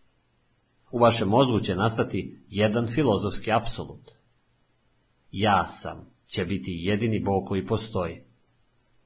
To je sve moguće, sve mudri. To je izgubljena reč, izgubljena je za milione ljudi. Mojsije vam kaže da nema potrebe da prelazite mora i idete u visine kako biste do nje došli. Nego ti je vrlo blizu ova reč, u ustima tvojim i u srcu tvom da bi je tvorio. Evo nekih velikih istina. A Bog moj da ispuni svaku potrebu vašu po bogatstvu svom u slavi. U miru i uzdanju bit će sila vaša. Bog nam obilno daje sve stvari da u njima uživam. S Bogom su sve stvari moguće. I pre nego poviču, ja ću se odazvati. Još će govoriti, a ja ću uslišiti. Po veri vašoj neka vam bude. Ako možete da verujete, shvatit ćete da su sve stvari moguće za onoga ko veruje. Biće vam otvoreno kada pokucate i naći ćete ono što ste tražili. Ovo učenje odražava određenost mentalnih i spiritualnih zakonitosti. Beskonačna mudrost u vašoj posvesti odmah i direktno odgovara na vaša svesna razmišljanja. Stoga, vi svoju posvest možete programirati konstruktivno, u pravcu harmonije i mira. Ako tražite hleb, nećete dobiti kamen. Morate verovati dok tražite da biste dobili ono što želite. Vaš um se pomera od misli kao objektu u realnosti. Ako pre svega ne postoji mentalna slika, um nema tačku od koje bi krenuo, misao koju bi pretočio u realnost. Najlakši i najočigledniji način da formulišete neku ideju je da je zamislite, da je vidite okom svoga uma tako živo kao da se radi o samoj stvarnosti. Vi golim okom možete vidjeti samo ono što već postoji u stvarnom svetu. Na sličan način, ono što vidite okom svoga uma već postoji u nevidljivom carstvu vašega uma. Svaka slika koju vidite u svom umu je substanca stvari kojima se nadate i dokaz postojanja stvari koje se vidjeti ne mogu. Ono što formirate u svojoj mašti realno je kao i bilo koji drugi deo vašega tela. Ideja i misao su realni, jednoga dana će se pojaviti u vašem objektivnom svetu ako ste verni svojoj mentalnoj slici. Proces razmišljanja formira utiske u vašem umu. Ovi utisci se zauzvrat manifestuju kao činjenici i iskustva u vašem životu. Arhitekta zamisli kako će izgledati zgrada koju želi da izgradi. On je vidi i želi da ona bude gotova. Njegova mašta i proces razmišljanja postaju kalup iz koga će nastati zgrada, lepa ili ružna, neboder ili neka sasvim niska. Njegova mentalna slika je prenešena na stvarnost kao da je nacrtana na papiru. Vremenom preduzimači i njegovi radnici skupe sve potrebne materijale i gradnja napreduje sve dok zgrada ne bude sasvim gotova, tako da u potpunosti odgovara mentalnom obrazcu koji je zamislio arhitekt. Možete koristiti tehniku vizualizacije. Ako se neko koga volite razboli, utišajte sve procese u svom umu, zatim tu voljenu osobu zamislite celu i savršenu. Ta voljena osoba vam govori da se dogodilo Božje čudo i da se nikada bolje nije osjećala. Vidite svetlost u očima te osobe. Vidite da se smeje. Ne vidite u bolnici, već je vidite kod kuće kako radi stvari koje voli. Srećna je, slobodna, sija. Na taj način stvarajte sliku u svom umu. To je ono što nazivamo molitvu. Shvatite da slika vredi hiljadu reči. William James, otac američke psihologije, posebno isticao da će podsvest dovesti do realizacije svaku sliku koju imamo u umu, a koja je podržana čvrstom verom. Ponašajte se kao da ja jesam i ja ću i biti. Ponašajte se kao da jeste ono što želite da budete. Igrajte tu ulogu u svom umu. Uradite to ponovo i ponovo. Postepeno to će potonuti duboko u vašu podsvest i čuda će se desiti ako se tako budete molili. Uvek neka vam je na umu sledeći blagoslov iz Biblije. Neka te Bog blagoslovi i čuva, neka lice gospodnje nad tobom zasija, neka ti Bog naklonjen bude, neka te blagoslovi, neka ti da mir. Mir vam ostavljam, mir svoj dajem vam. Ne dajem vam ga kao što svet daje, da se ne plaši srce vaše i da se ne boji. Ne plašite se, verujte u Boga i dobro činite. Onda ćeš po zemlji hoditi i vaistinu ćeš nahranjen biti. Nahranjen čime? Nahranjen mudrošću, istinom i lepotom. Harmonijom, zdravljem, prosperitetom i mirom. Ukratko. Da biste mogli da shvatite na koji način možete zaraditi bogatstvo uz pomoć svoje podsvesti, važno je da razumete na koji način funkcioniše ovaj fenomen. Mnogi od nas su bili negativno uslovljeni u mladosti. Svi smo mi podložni sugestijama kada smo mladi i vrlo smo lako prihvatali mišljenja drugih ljudi. Mi moramo preduzeti korake da pretvorimo ove lažne sugestije u pozitivne misli. Postoji jedan dobar način na koji možete programirati svoj mozak. Svakoga jutra možete mirno sesti, tiho, opustiti se i ponavljati sljedeće. Božanski zakon i red vladaju mojim životom. Božanski postupci imaju vrhovnu moć. Božanski uspjeh je moj. Božanska harmonija je moja. Božanski mir preplavljuje moju dušu. Božanska ljubav ispunjava čitavo moje biće. Božansko izobilje je moje. Božanska ljubav ide predavnom danas i svakoga dana, čineći pravim, radosnim i slave dostojnim put moj. Vaše misli i osjećanja kroje vašu sudbinu. Ako siromašno mislite, uvijek ćete biti siromašni. Mislite na prosperitet i napredovat ćete. Podsvest reaguje na naš uobičajen način razmišljanja i imaginaciju. Kako sejemo, tako ćemo i požnjeti. Ono što utisnemo u našu podsvest postaje deo stvarnosti. Ako u kompjuter ili laboratorijsku bazu podataka ubacujemo netačne podatke, onda će nam te stvari, naravno, dati pogrešne odgovore. Treba da hranimo svoju podsvest životvornim obrazcima. Bog će ispuniti svaku vašu potrebu prema bogatstvu svome u slavi. U miru i uzdanju bit će sila vaša. Zapamtite, istina mora biti deo vašeg srca, a ne deo vaše glave. William James, otac američke psihologije, posebno je isticao da će podsvest dovesti do realizacije svaku sliku koju imamo u umu, a koja je podržana čvrstom verom. Ponašajte se kao da ja jesam i ja ću i biti. Ponašajte se kao da jeste ono što želite da budete. Igrajte tu ulogu u svom umu. Uradite to ponovo i ponovo. Postepeno to će potonuti duboko u vašu posvest i čuda će se desiti ako se tako budete molili. Četvrto poglavlje. Predivna moć odlučivanja.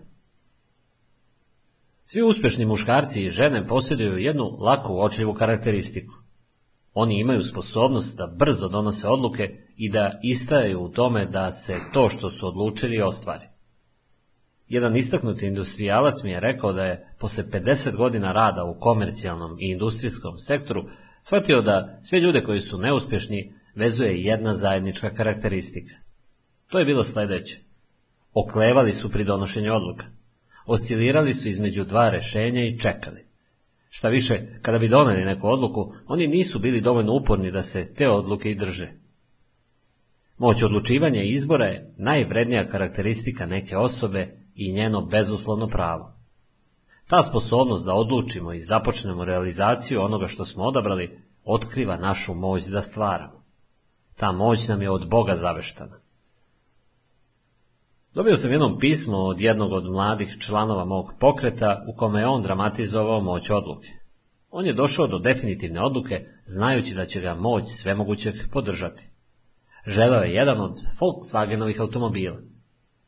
Znao je da će, ako njegova odluka bude zasnovana na njegovim osjećanjima, njegova podsvest odgovoriti na načine koji su njemu nepoznati. Evo šta je on rekao. Odlučio sam da kupim automobil. Nisam imao novac koji mi je za to bio potreban. Odlučio sam da verujem svojoj podsvesti i pustio sam taj problem da ode iz moje svesti, znajući da podsvesti ima odgovor. 8. aprila u petak uveče jedan prijatelj me je pitao da li bih išao na vaš. Odlučio sam da odem u nedelju uveče. Te noći na lutriji su delili kola. Moje šanse za pobjedu bile su 35.000 prema 1. Izvukli su moje ime i ja sam osvojio auto svojih snova, Volkswagen.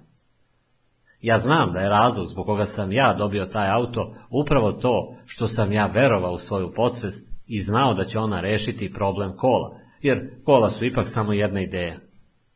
Moj život je postao potpuna harmonija, zato što sam nastavio da praktikujem istine beskonačnog. Želo bih da vam se zahvalim što ste mi otvorili oči za istine vrhovne moći. Kada vas vidim svake nedelje, ja uvek imam snage da prođem kroz ostatak nedelje. Vaše misli i reči pružaju meni i mojoj porodici bolji život. Jedna devojka mi je jednom rekla da se osjeća usamljeno, zbunjeno i isfrustrirano, zato što nije mogla da odluči da li da se uda. Da li možete da zamislite tu situaciju? Njena majka je bila veoma dominantna i imala je uvek nešto protiv svakog momka za koga ova devojka bila zainteresovana. Ta devojka je izgubila svaku moć odlučivanja i inicijativu, što je rezultiralo usamljenošću, frustracijom, nesrećom i ropstvom. Drugim rečima, ušla je u kuću ropstva. Na moj predlog, ona je polako počela da donosi odluke, jer je ranije njena majka donosila sve odluke umjesto nje. Sama je odlučila da kupi odeću koju želi, da nađe sebi stan i da ga sredi i okreći onako kako je ona želela, bez konsultacije sa drugim ljudima. Odlučila je da krene na ples, plivanje i golf. Stekla je naviku da sve odluke donosi sama. Na kraju je odlučila da se uda za jednog predivnog čoveka, pritom ne pitajući za save svoju majku ili bilo koga drugog, već samo prateći zapovesti svoga srca. Otkrila je da nikada nije prekasno da čovek počne da donosi odluke i da počne da živi sobstveni život na jedan predivan način. Zapamtite, nikada nije kasno uvesti red u haotičan um ili stanje donošenjem logičnih odluka i istrajnošću da se te odluke ostvare. Betty L. bila neodlučna šta da uradi. Imala je 26 godina i živela u domu svojih roditelja. Imala je dobar posao i takve prihode da je sasvim fino mogla sama da se izdržava. Rekla mi je, ja sam očajna i nesrećna. Želim da se preselim u svoj stan, ali mi roditelji to ne dopuštaju. Oni mi čak ne daju ni da preuredim svoju sobu. Cela moja porodica govori da nisam u pravu. Tako sam neodlučna. Da li Bog želi da budem srećna? Naravno, ona treba da živi svoj život. Neodlučnost zapravo ne postoji. Ona je već donela svoju odluku. Odlučila je da ne odluči. Oni koji se boje da donose odluke ili se plaše da naprave izbor su ljudi koji odbijaju da priznaju božansku stranu svoga bića. Ukazao sam joj na to da je blagoslovena time što ima svoj sobstveni um i da je na njoj samoj, a ne na nekom drugom, da donese odluku da bude nezavisna, srećna i uspešna. Ona mora ovo prihvatiti svojim svesnim umom, a njena posveć će reagovati tako što će motivisati da nešto preduzme. Nije gubila vreme da donese odluku. Pokrenula se i otvorila za sebe jedan sasvim novi svet. Nekoliko meseci nakon toga mi je pisala da je njena porodica u početku bila protiv svega toga, ali da su se sada pomirili s tim da je ona nezavisna. Po prvi put u životu ja se osjećam srećno i uzbuđeno, jedva da mogu da poverujem u sve ovo. Pismo koje sledi prikazuje veru jedne žene, njene mentalne procese i njenu sposobnost da neku odluku donese i da je se drži, znajući da je njen um jedno sa beskonačnim umom, jer postoji samo jedan um zajednički svim ljudima. Napisala je. Pre nekoliko godina imala sam ozbiljnu saobraćenu nesreću. Doktor mi je rekao da nikada nije video toliko preloma na vratu i kičmi i da sumnjam da ću preživeti.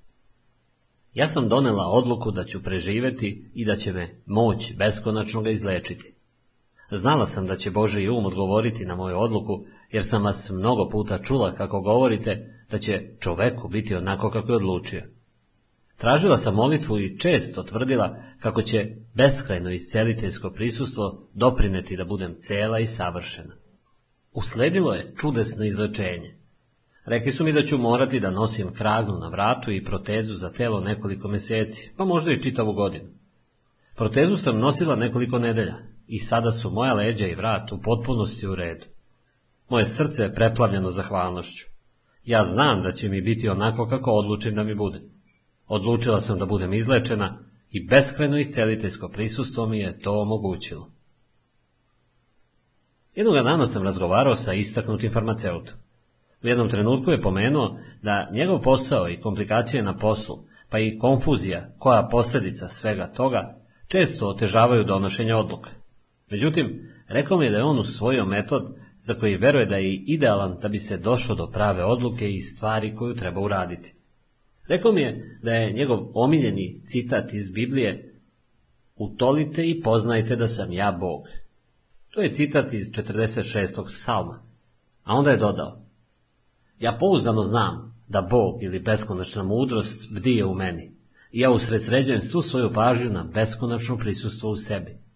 Zamišljam da mi beskonačnost odgovara.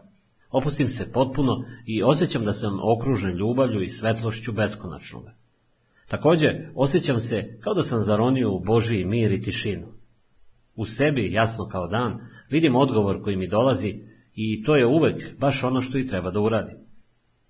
Ovaj farmaceut je razvio odličnu tehniku dolaženja do pravih odluka i primanja odgovora koji rešavaju njegove probleme i dolaženja do pravih odluka uz pomoć beskonačne moći u sebi.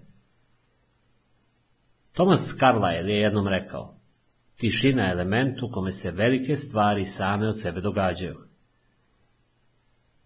Ovo je molitva koju sam podelio sa hiljadama ljudi i žena da bi imali vodstvo pri donošenju svojih odluka. Njima su se dogodile predivne stvari i bili su blagosloveni za svaku odluku koju su doneli. Molitva glasi Šta god treba da znam, dolazi mi od beskrajnog prisustva u meni. Beskrajna mudrost je u meni, otkriva mi sve što treba da znam. Ja isijavam ljubav, mir i dobru volju svima oko mene kroz svoje misli, reči i dela. Ja znam da mi se ono što drugima dajem vraća hiljadostruko. Bog u meni zna odgovor. Savršen je odgovor mi je podaren jer je Bog večan. Evo, sada je milosno vreme. Evo, sada je dan spasenja. Beskrajna mudrost u Božjoj mudrosti donosi sve odluke kroz mene i u mom životu samo postoje dobri potezi i dobre odluke. Ja se uvijam u taj beskonačni okean ljubavi i ja znam da je božanska prava odluka sada moja. Ja sam miran. Ja hodam po svetlu vere, uznam se u to u šta verujem i verujem u jedinu moć koja postoji. Ja prepoznajem tragove koji dolaze u moju svest, moj razum. Nemoguće da ih promašim. Bog mi govori u miru, bez konfuzije. Hvala ti, oče, za odgovor koji si mi sada dao. Ovo je predivna molitva. Koristi je na hiljade ljudi. Kada god se pitate šta da kažete ili uradite ili koju odluku da donesete, sedite u tišini i ponavljajte istine koje sam upravo objavio. Radite ovo polako, tiho, mirno, pokorno i iz srca. Radite ovo otprilike tri puta dnevno u jednom opštem miru, opušteni, i osjetit ćete božanski impuls kako vam je došao. Iskusit ćete unutrašnju tišinu duševne mudrosti, a to je trenutak kada znate da znate. Ponekad odgovor dolazi kao neko unutrašnje, veoma jasno osjećanje sigurnosti, spontana ideja koja se jasno pojavljuje u vašem umu, baš kao što toster izbacuje parčiće hleba. Intuitivno vi ćete prepoznati pravi odgovor, koju odluku tačno treba da donesete. Donesite prave odluke uz pomoć kreativne, mudre molitve. A molitva je tačka u kojoj smo shvatili da postoji beskonačna mudrost koja odgovara kada joj se obratite. Kada je dozivate, ona vam se javlja. Zatraži i bit će ti dato. Traži i naći ćeš. Pokucaj i vrata će ti se otvoriti. Ako tražiš hleba, nećeš dobiti kamenja, što znači da ćete dobiti otelotvorenje ideje koju ste želeli. Jedna prodavačica koja je radila u nekoj od robnih kuća u Los Angelesu se dugo godina interesovala za berzu i postala uspešan investitor. Ova mlada žena je išla na jedan večernji kurs gdje je dobila diplomu sa kojom je mogla da se zaposli u brokerskoj kući. Bila je nam brojnim intervjuima za posao, ali nikako nije mogla da se zaposli kako je tvrdila zbog svog pola. Rekla mi je, oni jednostavno ne žele da zaposle ženu. Predložio sam mi da čvrsto odluči i tvrdi ja sam sada zaposlena u brokerskoj kući. Zarađujem odlično, u skladu sa integritetom i osjećajem za pravednost koje posjeduje. Objasnio sam joj da će od onoga trenutka kada zaista donese odluku i kada počne istrajno na njoj da insistira, njena posvest odgovoriti na to i otvoriti joj put, otkrivajući joj savršeni plan koji će odvesti do ispunjenja njene želje. Također, Rekao sam joj da prati trag koji će doći u njenu svest, njen razum. Nemoguće ga je promašiti. Nastavak je naravno vrlo interesantan. Ona je jednostavno nagonski osjetila da treba da se oglasi u lokalnim novinama i da ponudi da radi dva meseca besplatno. Uz to je u oglas stavila da ima širok krug prijatelja koji bi bili potencijalni klijenti. Odmah je dobila ponudu od tri firme, a jednu od njih je i prihvatila. Ovo dokazuje da morate imati vere u svoju sposobnost odlučivanja. Kada čvrsto odlučite nešto i kada je ta odluka podržana verom u moć vaše podsvesti, čuda će se dogoditi u vašem životu i zauvek će nestati svake frustracije. Ljudi koji se plaše da donose odluke ili koji se boje izbora, zapravo odbijaju da priznaju božansko u sebi, jer beskonačno boravi u svima nama. Vaše je kosmičko i božansko pravo da birate i odlučujete. Možete odlučiti da budete zdravi, srećni, uspešni i napredni, jer vi ste vladar svoga sveta. Vaša posvest će uvijek poslušati odluke koje vaša svest donese, šta god da odlučite, to će i da se dogodi. Biblija kaže, jer šta čovek poseje u svoju podsvest, ono će i požnjeti. Požnjeće to na platnu univerzuma kao formu, funkciju, iskustvo ili događaj. Zakon vaše podsvesti nije pristrasan, baš kao ni bilo koji drugi zakon prirode. Nelogično je da stavite ruku na vrelu ringlu. Ako to učinite, snosit ćete posljedice. Nelogično je skočiti sa krova neke zgrade zato što je zakon gravitacije nepristrasan, a ne zato što je osvetoljubiv.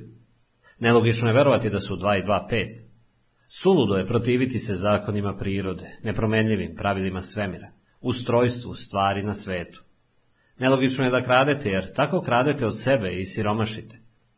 Privlačite nedostatak i ograničenja i na taj način vi samo navlačite bedu na svoj život. Jednom je jedan čovjek rekao, ne znam šta da radim, ne znam šta je razumno i logično i odbijam da donesem odluku. Ja sam mu objasnio da je već doneo odluku. Odlučio je da ne odluči. Pa zar to nije jedna besmislena odluka? Zar to nije nelogično, nerazumno, protiv nauke? Naravno da jeste.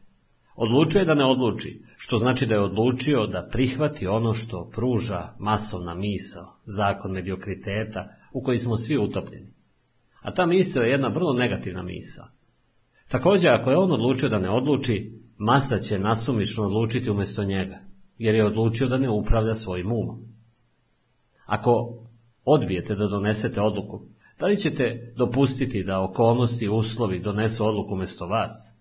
Ili će to možda biti vaša tašta, svekrva, vaš svekar ili tast? Ili će pak neki drugi outsider doneti odluku umjesto vas?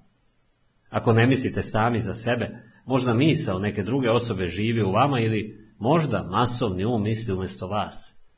Jer ako ne izaberete sami svoje misli, masovni mozak zakona mediokriteta će izabrati misli za vas. Ako postoji bilo kakav strah, briga ili napetost u vašem razmišljanju, vi uopšte i ne mislite. To što nastanjuje vaše misaone procese je um masa, zakon mediokriteta ili um vaše rase. Pravi proces razmišljanja je oslobođen straha i napetosti. Vi ste kao inženjer. Vaše misli polaze od principa, večnih istina i činjenica koje zauvek važe. Vaše misli su konstruktivne. Vaš proces razmišljanja je pravolinijski. Dakle, ovaj čovjek je zaključio da je glupo da on sam ne bude gospodar svojih misli, razmišljanja i odlučivanja. Da pusti da zakon mediokriteta, um, masa ili rase donosi odluke umjesto njega. To je veoma negativno. Um mase je pun straha, mržnje, ljubomore i zavisti. U njemu postoji dobrota, ali je on većinom veoma negativan. Ljudi veruju u tragedije i razne vrste nesreće. Jedno je sigurno, ako vi sami ne mislite i niste gospodar svojih misli, neko će drugi to činiti za vas i to vam neće baš mnogo prijati. Ako vi sami ne birate svoje emocije, ko će to učiniti za vas? Ovaj čovjek je iz korena promijenio svoje stavove i potvrđivao sljedeće. Ja verujem u svoju moć, svoju sposobnost i u integritet sobstvenih mentalnih i duhovnih procesa. Pitam se, kada bih bio Bog, kakve bih odluke ja donosio? Ja znam da su moji motivi ispravni i ja želim da uradim ispravnu stvar. Sve moje odluke se baziraju na činjenici da beskonačna mudrost donosi sve odluke kroz mene. Stoga, to mora da su ispravne odluke. Nakon donošenja ovakve odluke, taj čovjek je sve svoje poslovne, profesionalne i porodične odluke donosio sam.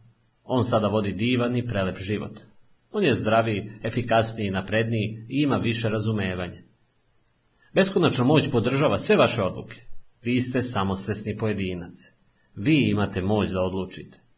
Pogrešno je da dozvolite da drugi umjesto vas odlučuju ili da kažete neka Bog odluči umjesto mene. Kada to kažete, vi mislite na Boga koji je izvan vas, nekoga koji je gore, u nebesima. Jedini način na koji će Bog ili beskonačna mudrost raditi za vas je kroz vas. kroz vašu vlastitu misao, imaginaciju, odluku. Prisustvo Boga je za vas već sve uradilo. Ono je stvorilo vas i čitav univerzum. Dalo vam je podsvest i svest. Dalo vam je sebe. Beskonačnost ili vrhovna mudrost koja je prisustvo Božje nalazi se u dubinama vaše podsvesti. Vi ste ovdje da ga koristite i vi ga kontaktirate kroz svoje misli. Dakle, beskonačna mudrost će raditi za vas. Radit će kroz vas, kroz vaše misli. Da bi univerzalno funkcionisalo na individualnom planu, ono mora postati individualno.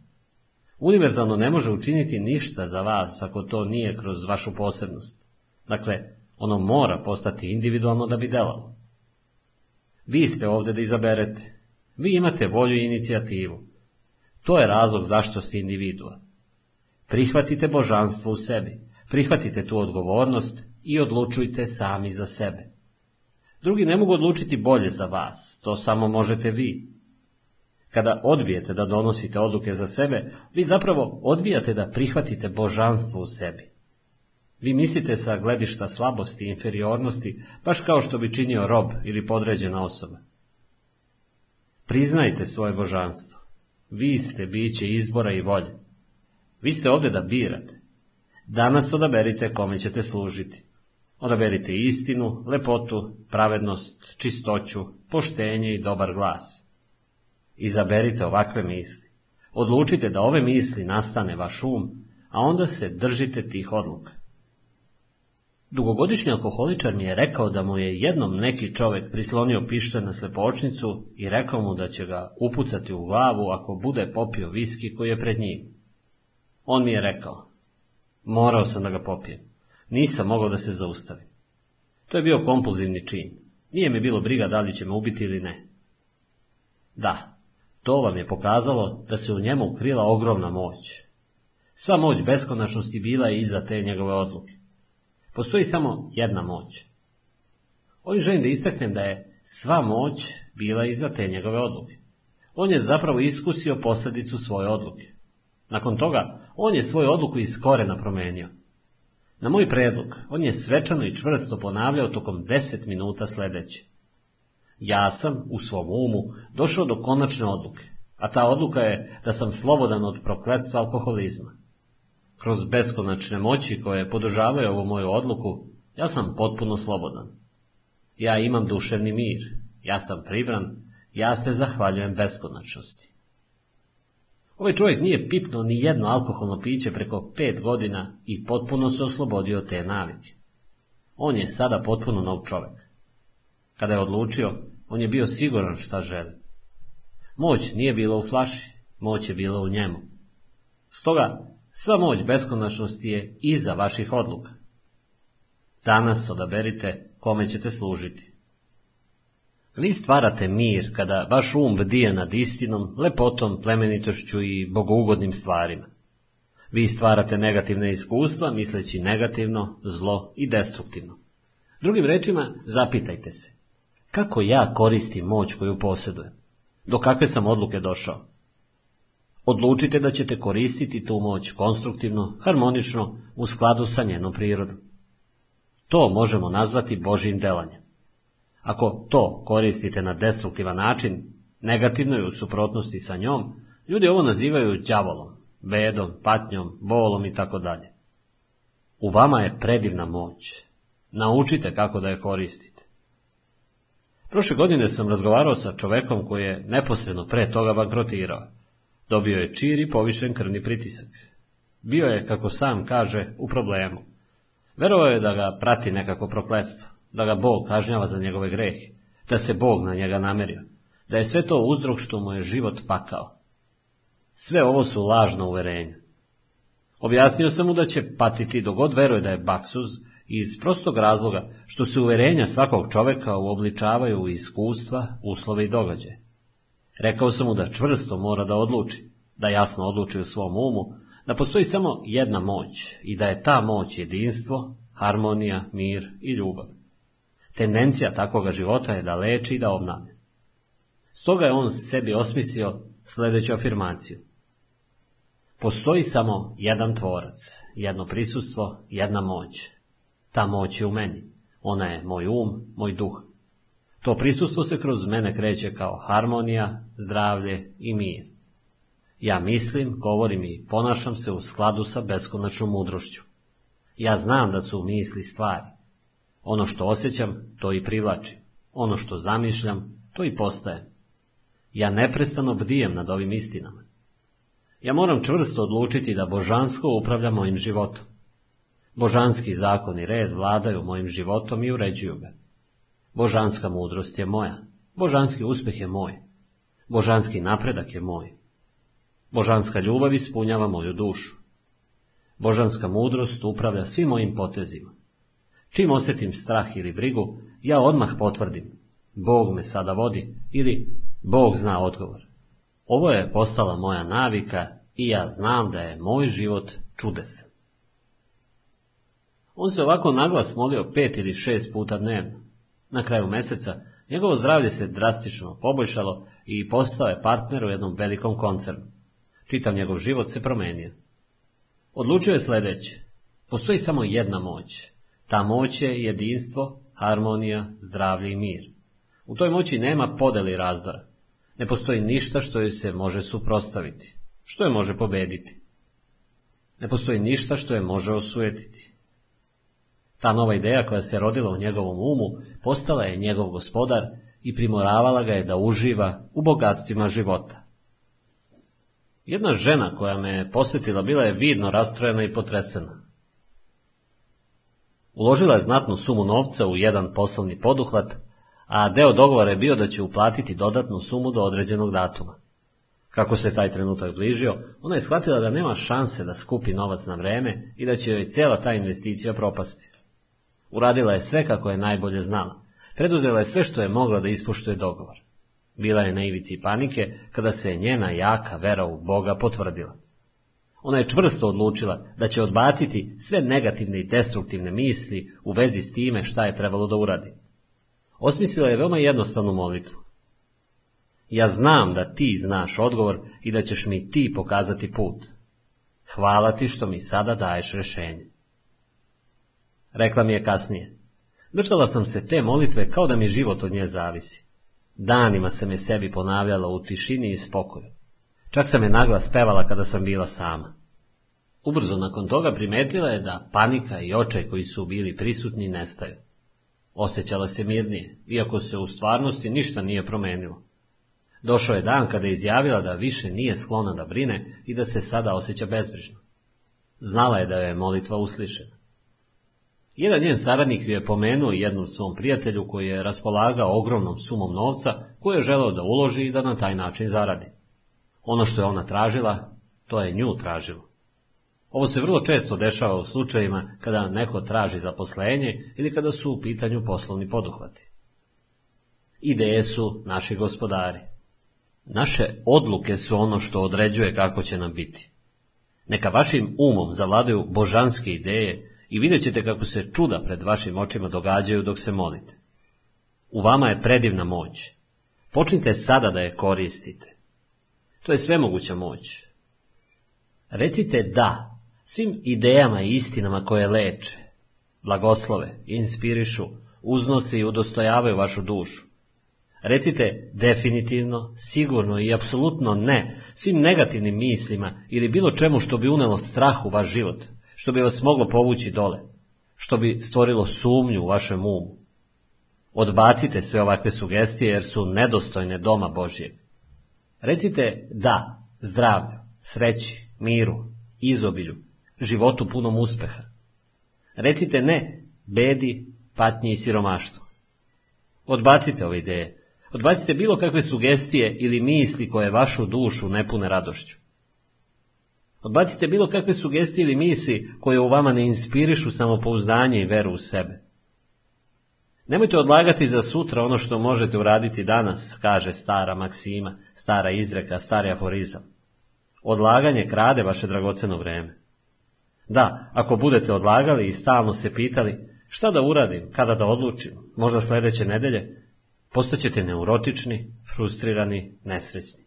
Sami ćete sebe baciti u tamnicu. Ako je vaš motiv pozitivan, ako vama izgleda da je u redu, onda donesite odluku. Mnogo je bolje da uradite nešto dobro sada, nego da ne uradite ništa. Jer kako čovek sebe u duši svojoj ceni, tako će mu biti. Srce je vaša podsvest, sedište vaših emocija i osjećaja. Stoga, kako god sliku ili misao imate u svom umu sada, vaša osjećajna priroda, duh u vama, počinje da teče kroz taj kalup, taj obrazac. Vaše misli i vaše osjećanja oblikuju vašu sudbinu. Vaše misli vaše osjećanja stvaraju sve u vašem životu. Šta god mislite ili osjećate da je istina, to će se i desiti. Donesite odluku sada. Jedan čovjek mi je rekao da su mu ponudili dva posla. Oba su mu izgledala kao dobra prilika. Neki čovjek je trebalo da ga pozove u dva sata i želeo je da čuje odgovor. Rekao mi je, nemam neka posebna osjećanja ni prema jednom od ta dva posla. Oba mi izgledaju dobro, otprilike su isti. Rekao sam mu, kada te taj čovjek bude pozvao u dva, ako osjećaš da su tvoji motivi u redu, da nisu pokvareni, i ako ti sve to izgleda kao dobro, onda dobro i učini. Pa prvu stvar koja ti padne na um kada ga čuješ, bez obzira da li ćeš mu reći da ili ne, bit će upravo najbolja odluka koju si mogao da doneseš. On je odgovorio da. Rekao sam mu, ako je tvoja motivacija ispravna, ako ti izgleda da je sve u redu, čega se plašiš? Postoji princip prema kome uvek uradite pravu stvar. Ne postoji princip prema kome ćete pogrešiti. Stoga proglasite nešto za dobro i to će i ispasti dobro. Vi ste ga takvim napravili. Tom Monaghan je čovjek koji nikada nije bežao od odluka. On je napravio i razvio domino pice od jednog malog lokala do lanca od nekoliko hiljada pizza servisa za kućnu dostavu. Za to mu je trebalo 30 godina. 1989. godine odlučio je da proda svoju veoma uspešnu kompaniju da bi se posvetio humanitarnom radu. Međutim, njegov plan nije uspeo. Nakon dve i po godine, kompanija koja je kupila lanac pizzerija je zamalo bankrotirala, pa je Monaghan morao da donese jednu tešku odluku, da ostavi ono čemu je želeo da se posveti i da spasi domino. Bilo mu je potrebno mnogo napori i upornosti da prvo obnovi, a onda i proširi organizaciju. Monaghan je veoma rano u svom životu razvio jednu bitnu osobinu – odlučnost. On je prevazišao siromaštvo, nemaštinu i zlostavljanje koje ga je pratilo kroz detinstvo i postao izuzetno uspešan preduzetnik. Sada je još jednom aktivirao svoje sposobnosti i uspeo ne samo da povrati posao koji je bio na korak do bankrota, nego je čak uspeo i da ga proširi na 6000 pizza servisa, od kojih je 1100 bilo van SAD-a. Kada je posao ponovo stao na noge, Monaghan se suočio sa još većim izazovom. Domino je izgradio svoj vrtoglavi uspeh na garanciji brze isporuke. Garantovali su da će svaka mušterija dobiti picu za 30 minuta. Ovo je dovelo do serije tužbi podnesenih od strane ljudi koji su tvrdili da su povređeni u nesrećama izazvanim nepažnjom domino razvozača pica, jer su ovi uvek žurili da bi se uklopili u rok od 30 minuta. Porodica žene koja je navodno poginula u saobraćenoj nesreći, izazvanoj od strane jednog od dominovih raznosača, je dobila 3 miliona dolara na ime oštete. Kap u prepunoj čaši je bio trenutak kada je jedna žena dobila 78 miliona dolara na sudu. Nakon toga, Domino nije više garantovao da će pice stići za 30 minuta. Uprkos ovoj finansijskoj katastrofi, Monaghan je odbijao da odustane. On je uložio još više novca, vremena i energije u kompaniju i opet je povratio iz dugova. Svojom upornošću i strajnošću on je inspirisao svoj tim, usadio u njih pobednički duh zbog koga je Domino postao broj jedan u svom sektoru. Pre par godina sam pričao s jednim čovekom u nekom hotelu. Imao je 90 godina, hodao je na štakama. Dugo smo pričali kada mi je rekao. Znate, kada sam imao 60 godina, ja sam hteo da proputujem svet. Želeo sam da svoju suprugu povedem na put oko sveta. Odložio sam putovanje. Rekao sam sebi da ću sačekati da mi čerka odraste ili da se uda. A sada je moja žena već mrtva, a ja hodam ovako na ovim štakama zbog artritisa i nikada neću moći da ostvarim taj san. On je odložio odluku. Nije sebi i svojoj ženi priredio radost tog putovanja. Odbio je da donese odluku. Odložio je to za kasnije, sve dok njegova čerka ne odraste i ne uda se, što je potpuna besmislica. Vaša sreća je upravo ovde i sada. Ne čekajte ništa. Uzmite sada sve što želite. Jer jedan put oko sveta nema veze sa tim da li će vaša ćerka ostati. To zaista nema veze jedno s drugim. To ima veze samo sa vama. Odlučite se. Donesite odluku. Ako je vaš motiv dobar, i vaša odluka je dobra. To sada Bog deluje kroz vas. Odlučite se sada, ili biste želi da se vaši rođaci odluče za vas. Da li će vas na to naterati određeni uslovi ili okolnosti? Molite se i tvrdite da vas beskonačno mudrost vodi. Prihvatite princip koji vas vodi. Uradite pravu stvar. Princip koji vas vodi je u vama. Potpuno isto da li je on tu ili ga vi jednostavno ne koristite. Prvi intuitivni impuls koji osjetite je u najvećem broju slučajeva pravi odgovor. Sve ideje su nastanjene u vašoj podsvesti. Odatle naučnici, arheolozi, paleontolozi i fizičari dobijaju odgovore za kojima tragaju. Odgovori dolaze iz dubina. Tako plaćate cenu, zar ne? Inženjer plaća cenu za svoje strpljenje. On plaća cenu za svoje znanje. Hemičar također plaća cenu. I doktor. Ako šest sati operiše, on plaća cenu svojom ingenioznošću, veštinom, znanjem, verom, samopouzdanjem. Ponekad čak plaćate i cenu za ljubav, zar ne? Stoga, vi morate odlučiti. Vi ste oporezovani, a kada donesete odluku, vi ste platili svoj porez.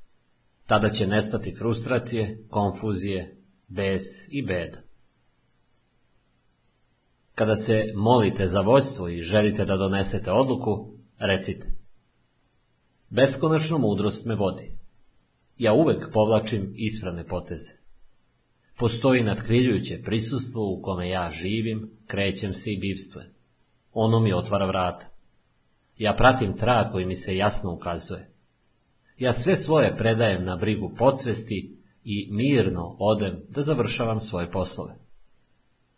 Dakle, ono prvo na što pomislite, prva ideja, prvi znak inspiracije, to je vaš odgovor. On dolazi iz dubina vašeg bića. To je prva misao koja ispliva. Ne raspravljajte se ni sa kim u vezi s time i nemojte to poveravati svojim rođacima. Ako to budete učinili, odjednom ćete imati 20 različitih misli u svojoj glavi. To treba da bude neki unutrašnji osjećaj. To tiho znanje pohranjeno u vašoj duši. Ponekad kada legnete uveče da spavate, probajte sljedeće. Recite. Beskonačna mudrost mi otkriva odgovor. Otkriva mi put do najbolje odluke. Kada se ujutru probudim, prva misao koju budem imao u glavi bit će ono što treba da uradim. A onda vodite računa koja će vam misao ujutru biti prva, ali nemojte ustati pa hodati po sobi pitajući se šta bi to moglo biti. Odgovor će vam doći. Vi tražite da vam život bude uređen po božanskom redu i zakonu. Prava odluka, božanska odluka je vaša. Božanski red i zakon znači da su u vašoj podsvesti nastanjeni harmonija, lepota, ljubav, mir i obilje. Tamo nema ljudskih zakona, praznih verovanja, dogmi i tradicija. To također znači da vi izražavate najkvalitetnije strane svoga bića.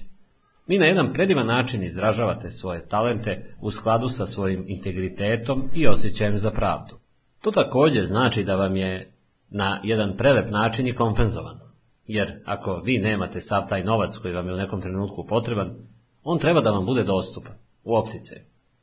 Kada možete da uradite ono što želite, baš onda kada to želite, vi ste postali zaista bogati. To je Božji red i zakon. Naravno, ako ne možete kupiti kola koja želite, to nije u skladu sa Božijim zakonom i redom. Onda nešto zaista nije u redu.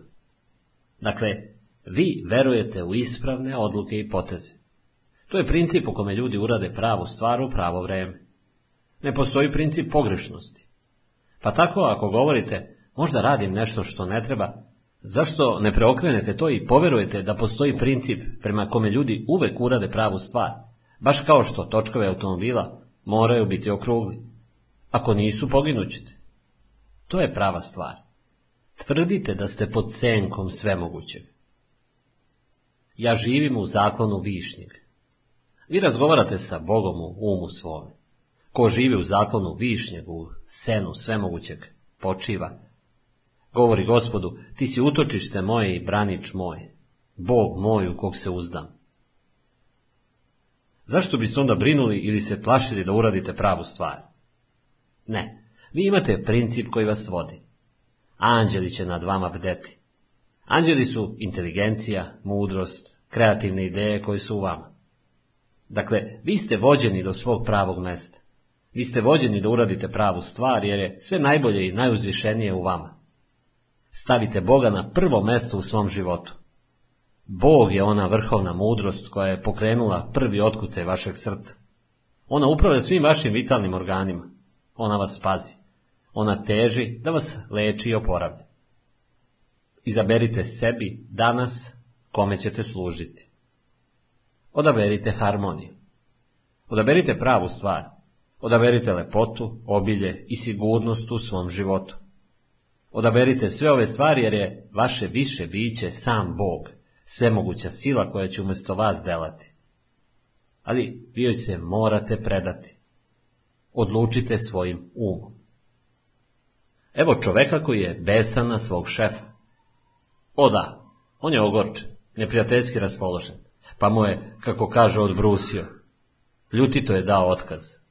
Zaposlio se na drugom mjestu i rekao mi, imam više problema na ovom poslu nego na prethodnom. Dakle, on je svoju odluku zasnovao na besu, preziru i neprijateljstvu, svojim emocijama. Ponela su ga osjećanje.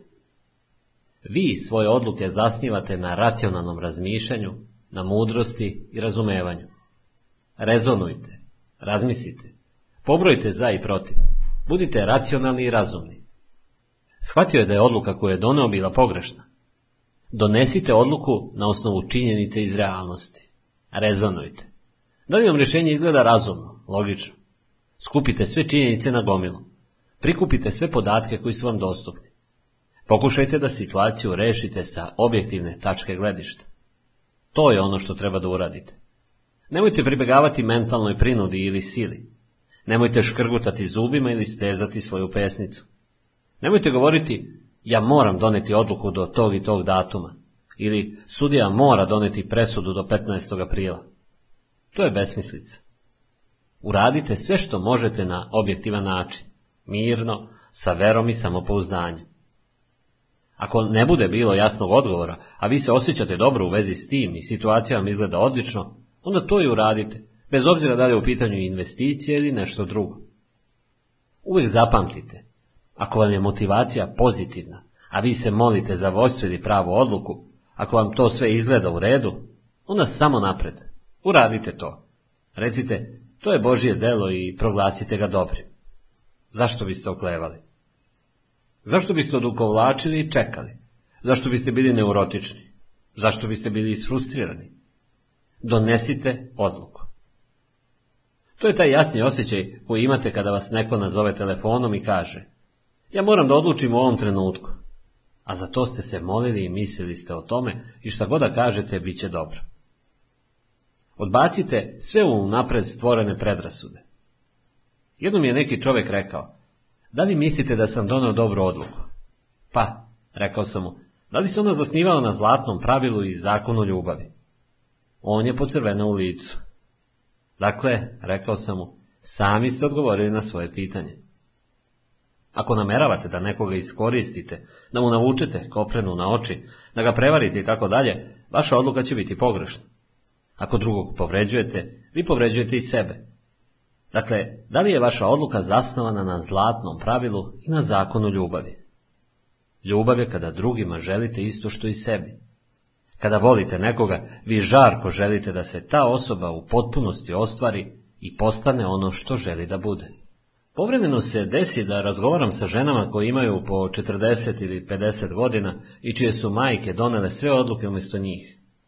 Strašno je kada sami sebi oduzimate inicijativu, dragoceno iskustvo, kada ukinete božanstvo u sebi. Jer Božje prisustvo je u vama. Vi ste bogovi i svi ste vi deca svevišnjega. Dakle, vi ste ovdje da birate, da odlučite, da krojite i oblikujete svoju sudbinu. Naučite da donosite odluke. Počnite to da radite sada. Već kada napunite sedam ili osam godina, trebalo bi da budete sposobni da donosite odluke do određene granice pod nadzorom roditelja, naravno. Ali kada napunite 18, svakako bi trebalo da donosite sami svoje odluke, da se odselite od kuće, da iznajmite svoj stan, da zavrnete rukave i da dobro prionete na posao. Naučite da donosite odluke. Vežbajte svoju inicijativu. Ljudi kažu, da li je u redu da se molim za bogatstvo? Kakav absurd. Potpuno smešno. Da li je u redu da se molim za uspeh? Da li Bog želi da budem uspešan ili uspešna? Ovo je čista glupost. To je primitivna filozofija. Previše je glupo da bi se uopšte izgovaralo. Da li Bog želi da zapevam? Pa, ako vam je Bog dao glas, On želi da pevate. Vi imate moć da zapevate. Nećete valjda čekati da Bog počne da peva. Bog će pevati kroz vas. Bog je jedino prisustvo i moć. Ako želite da slikate, počnite da slikate. Ako volite životinje, ako želite da budete hemičar ili muzičar, pratite trag u svom srcu. Ljudi kažu, da li je u redu da se molim za kola? Šta su kola? Kola su samo još jedna ideja o Božjem umu. Ona su manifestacija Božjeg duha. To je Bog koji se pred vratima vaše kuće pretvara u kola. To ne može ništa biti drugo nego Bog. Bog je i duh, Bog je i trava. Odeća koju nosite je Bog. Bog i dobra su sinonimi. Kada uđete u radnju, vi tražite robu. O čemu pričamo? Bog i roba su isto. Stvar je duh koji se otelovio. Jabuka na drvetu je duh koji se otelovio. Samo duh postoji. Sve je unutar njega i od njega napravljeno. Sve što možete dodirnuti je ispoljenje duha. Da vidimo pitanja tipa da li je nešto u redu da radite ili ne. Možete reći, da li je u redu da stupim u brak? Koliko je to samo absurdno? Bazira se na sueverju, neznanju i strahu. Ovakva pitanja oduzimaju umu odlučnost i moć. Ako se molite za vođstvo, što je viši oblik molitve, prevazići ćete teološki koncept, jer će vas vaše više biće usmeravati. Duh istine će vas voditi ka istini. Ako se molite za prosperitet, uspeh, dostignuća i pobedu, odlučite i recite, napredak je moj, bit ću bogat, imaću sav novac koji mi treba da uradim ono što želim, baš onda kada želim. Vaša podsvest će vam odgovoriti. Također, odgovor će biti filtriran kroz trenutno stanje vašeg uma. Podignite pogled. Pratite svoju viziju. U mnogim krajevima sveta trgovci postavljaju veoma visoke cene za svoje proizvode. Turista dođe i od njega se očekuje da se cenka. Tako se i dogodi, cena se spusti za određenu sumu, a trgovci ipak zarade. Ako se molite za prosperitet i uspeh, a ljubomorni ste na druge, na njihovo napređenje, na stvari koje imaju ili na milion dolara koji posjeduju, onda će vas ta negativnost, taj prezir, ta zavist i ljubomora blokirati, sprečiti vašu dobrotu i razvitak da se ispolje. I naravno, to će inhibirati vaš napredak. Negativne strane uma, kajanje, žaljenje, mržnja, zlovolja, prekor, stalno osvrtanje na druge, davanje moći drugim ljudima, uslovima ili okolnostima, sve je to smanjivanje nepresušnog bogatstva beskraja. Podarite svoju odanost i posvećenost. Očekujte samo od onoga koji nam daje život, dah, sve. Saberite se, odlučite, pogledajte ka izvoru. Onda kada ste to učinili, donesite odluku. Iz dubine svoga srca, svakoj osobi na svetu želim sva bogatstva beskonačnosti zdravlje, sreću, mir i blagoslov u životu.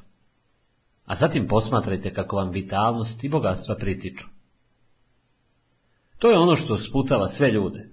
Oni loše misle sami o sebi. Puni su kajanja, žaljenja, mržnje, zlovolje, prekora i slično. Oni se ne mogu zalečiti ako imaju takav stav. Oni ne napreduju. Pravi uspeh je duhovni razvitak. Zato Prestanite sa stalnim kritikama, jer to smanjuje kvalitet dobra koji vam stalno pritiče. Boga u visine uzdignite moćnog koji vas leči. Kada god donesete odluku, zapamtite da je moć svemogućeg podržava, bez obzira da li je dobra ili loša. To je teološka odluka. U vama postoji moć rezonovanja. To je princip života. On zna kako da se zaštiti. To je u vama. On nas budi ako kažete, ja želim da se probudim u tri ujutru, bez obzira da li je sad stao i da li ga uopšte ima u sobi. U vama postoji mudrost koja upravlja svim vašim vitalnim organima, vašim disanjem i omogućava vam da se zalečite i oporavite. Veskonačno vas nikada ne može kazniti. Život ne kažnjava. Apsolutno ne kažnjava. Zakon ne kažnjava. Mi sami sebe kažnjavamo našim negativnim, destruktivnim razmišljanjem, našom zloupotrebom zakona. Dobar sudija ne kažnjava, on samo primjenjuje zakon. Prestanite da donosite nelogične odluke. Naučite jednostavnu istinu. Mi koristimo moć beskonačnoga protiv sebe. Vi ste hram živog Boga i kraljevstvo Božje je u vama. Stoga u vama su beskonačna mudrost i beskonačna moć. Kada biste bili Bog, šta biste odlučili? Vi biste svoju odluku zasnovali na ispravnosti, harmoniji, ljubavi, miru, zar ne? Počeli biste da mislite, pričate i govorite sa stanovišta centra beskonačnosti, beskonačne moći. Ne biste svoje odluke zasnivali na rečima nekog starog teologa ili na učenjima vaše bake ili na nečemu te vrste. Rekli biste, u meni postoji princip koji me vodi i ja ću donositi odluke prema tom principu, jer on je apsolutna harmonija i apsolutni mir. Prestanite da poričete božansko u sebi. Vaša baka nije uvek u pravu. Kada želite da stupite u brak, odlučite i recite. Beskonačna mudrost me privlači ka osobi koja će mi doneti harmoniju u svakom smislu. Talasi moje podsvesti nas privlače jedno drugome. Verujte beskonačnoj mudrosti. Nemojte pitati majku ili baku da li treba da se venčate sa tim čovekom ili ženom. Vi tako negirate božanstvo u sebi. Vi govorite, ja ne mogu da odlučim, što naravno nije istina. To je vaše isključivo pravo. Postoji tip osoba koje govore da Bog želi da mi bude dobro, on bi me izlečio. Ovo je naravno jedna vrsta bogohuljenja, jer život uvek naginje ka tome da vas leči i oporavlja. Kada se opečete, on se trudi da zaceli ranu i daje vam novo tkivo i meso. Kada se posečete, on nagomilava trombin, stvarajući tako most preko rane da bi je zacelio. On također ubija bacile koji napadaju vaše telo. Kako je Emerson rekao, postoji jedan um koji je zajednički za sve ljude. Vi ste ovdje da birate. Vi ste Božji organ i Bogu trebate upravo tamo gde ste. Da nije tako, ne biste bili ovdje. Dakle, vi ste ovdje da potvrdite istine beskonačnoga. Možete donositi odluke koje su normalne, racionalne, logične i razumne. Priroda života je takva da se uvek usklađujete i stremite ka višim istinama, ljubavi i lepoti. Bog vam je to namenio. Dakle, kada kažete da Bog želi da mi bude dobro, on bi me izlečio, vi otkrivate svoju glupost, svoje sujevelje. To je također i bogohuljenje jer vi govorite laži o beskonačnom. Vi izgovarate laži o beskonačnom biću. Mnogo puta sam viđao da ljudi godinama radije žive u braku punom mržnje i kajanja umjesto da se razvedu. Rekli su mi da to rade zbog dece. Međutim, deca odrastaju po slici i prilici dominantne mentalne i emotivne klime svog doma. Deca su postala delikventi ili su stalno bolešljiva jer su odrastala u atmosferi mržnje, prezira, neprijateljstva i besa. Takav život je strašan. Odlučite. Shvatite da je mnogo bolje, mnogo bogugodnije da prekinete krug laži nego da živite u laži. Strašno je živjeti u laži i time nanositi štetu ljudima oko sebe. Na kraju krajeva, poštovat ćete ženu koja se razvela, a ne onu koja je živjela u laži 20-25 godina. Postoje ljudi koji se boje da donesu odluku, nekada iz religijskih, a nekada iz političkih ili financijskih razloga. Neki od njih bi radije dobili rak, tuberkulozu ili artritis, samo da ne unište laž u kojoj žive. Mnogi ljudi svakoga dana donose odluku da će nešto povodom toga učiniti, a ne čine nikad ništa. Sva vaša životna moć je u vama. Ona vam omogućava da baš sada donesete odluku. Prosto nije logično živjeti u laži. Vidio sam ljude koji su doneli logičnu odluku. Govorili su, ustaću i otići ću kod svog oca, ili neću više ovako da živi. Potrebno je dvoje da bi jedan brak ili posao uspeo. Ako dvoje ljudi sarađuju i ako je jedan stalno pijan i vređa mušterije, dolazi do razdora i naravno oni bankrotiraju. Ono što treba da urade je da raskinu partnerstvo, da blagoslove jedan drugog, da svako krene svojim putem i da odluče da vode jedan ispunjen i srećan život. Radite ono što treba da radite. Vi ste za to apsolutno sposobni. U vama postoji princip koji vas vodi. Bog želi da budete srećni. Vi ste ovdje da biste potvrdili i ispoljili Božje istine. Vi ste ovdje da slavite Boga i da u njemu zauvek uživate. To bi trebalo da bude vaša odluka. Vaša odluka treba da bude da vodite ispunjen i srećan život. Bog vas je obilato nagradio svime da u tome uživate. Bog je od vas napravio bogataša, pa zašto ste onda siromašni? Bog nas je stvorio da živimo u izobilju i potpuno. Do sada niste tražili ništa, a sada tražite da vaša radost bude potpuna. U Bogu je radost, u njemu nema tame. Životna snaga je u njemu. Kako sam ranije rekao, ne postoji neodlučnost, postoji samo odlučnost. Dakle, osoba koja odluči da ne odlučuje će imati haotičan život, jer će umjesto nje odlučivati um masa. Jer um masa veruje u tragedije, haos i nesreće svake vrste. Većinom je veoma negativan. Svakako ne želite da nešto tako bude u vašem umu. Ako svakoga jutra ne odlučite da napunite svoje mentalne baterije bogolikim istinama, ko će onda misliti umjesto vas? Ko će upravljati vašim osjećanjima? Ko će kontrolisati vaše raspoloženje? Ko će odabrati vaše emocije?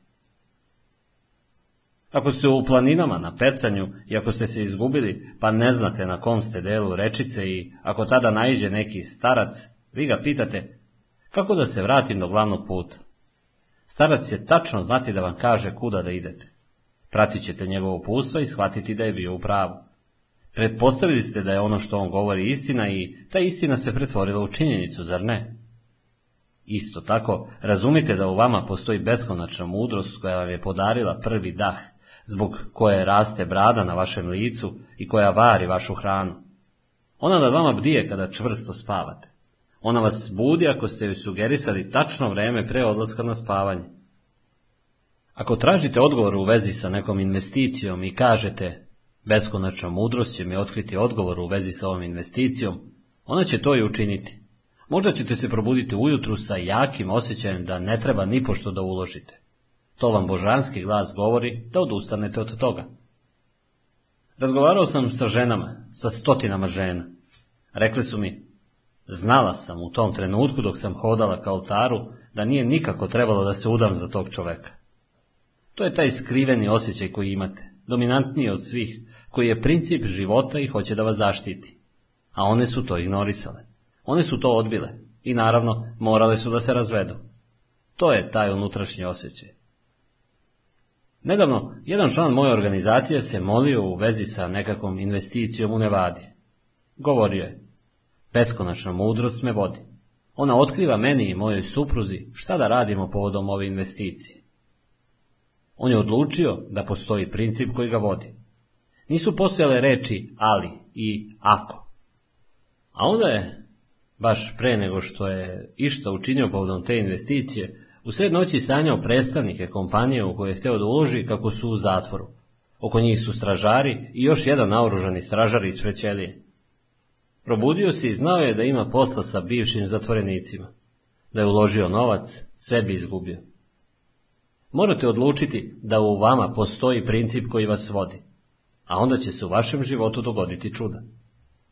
Kada dođete do odluke koju smatrate teškom ili kada nikako ne možete da vidite izlaz iz problema u kome ste, odmah počnite konstruktivno da razmišljate o tome. Ako ste uplašeni ili zabrinuti, vi u stvari i ne razmišljate.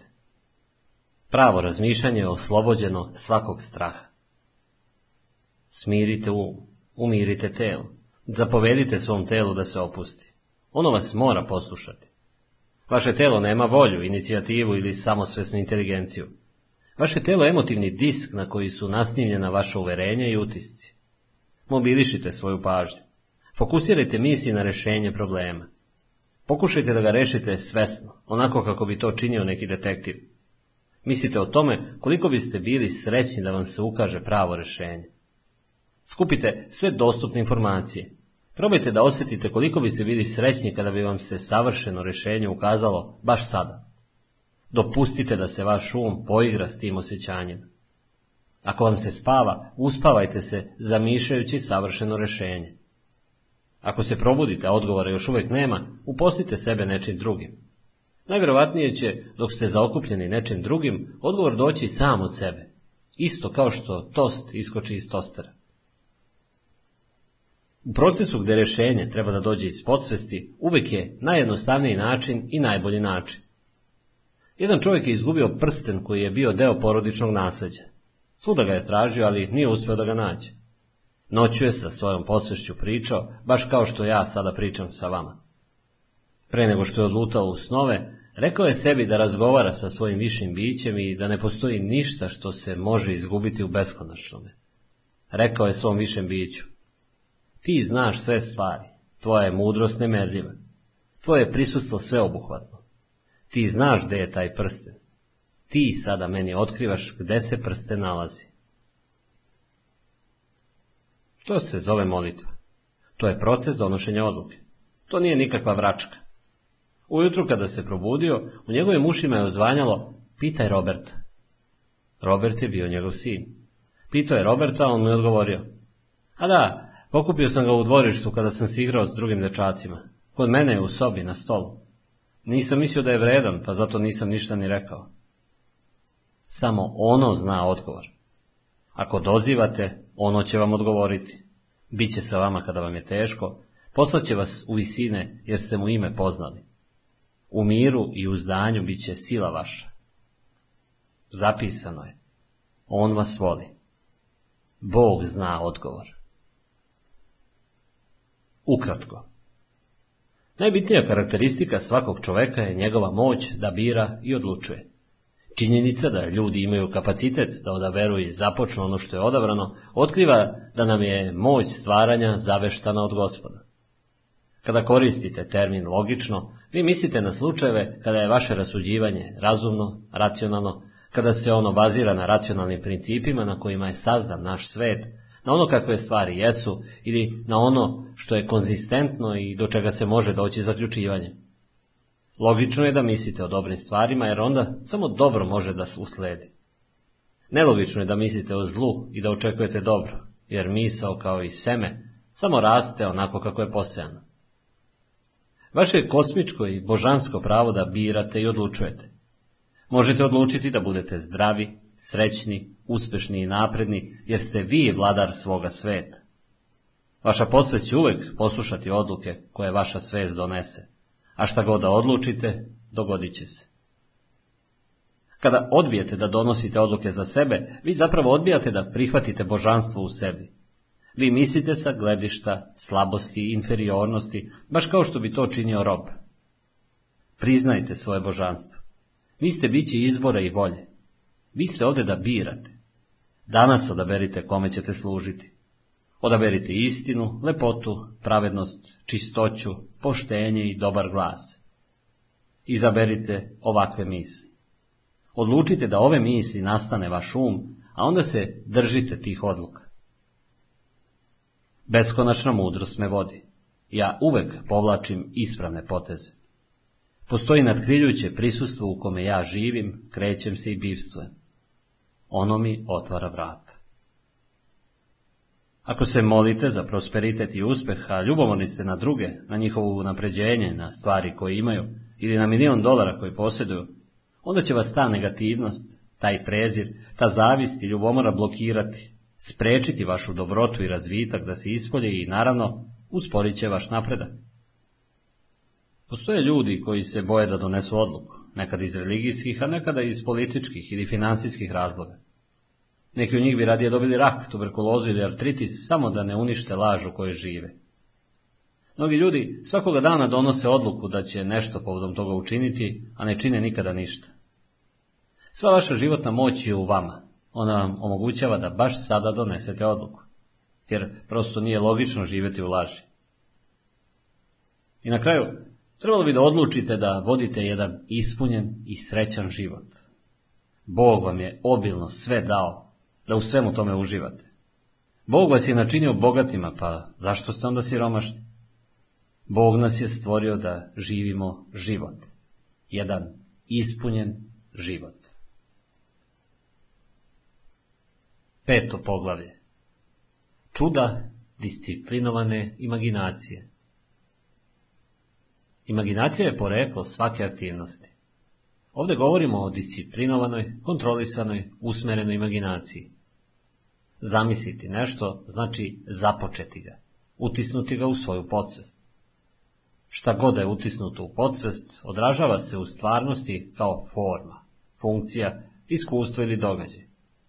Ako želite da budete uspješni, vi prvo sebe morate zamisliti kao uspješnog čoveka ili ženu. Ako želite da budete bogati, vi sebe morate zamisliti kao bogatu osobu. Kontrola imaginacije je jedna od primarnih osobina datih čovečanstvu. Ona ima moć da vaše ideje zaodene ruhom stvarnosti, da ih projektuje na platno svemira, dajući im tako vizualnu karakteristiku. Ljudsko biće je biće probuđenog duha koje poznaje moć kontrolisane imaginacije. Kako starimo, mi ističemo znanje i mudrost koja nam otkrivaju zakone uma. Starenje nije proticanje godina, to je zora mudrosti. Imaginacija je moćan instrument koji koriste naučnici, fizičari, izumitelji, arhitekte i mistici. Kada narod kaže da je nešto nemoguće i da se to jednostavno ne može izvesti, osoba sa razvijenom imaginacijom kaže to je već urađeno. Imaginacija može prodreti u dubine stvarnosti i otkriti nam tajne prirode.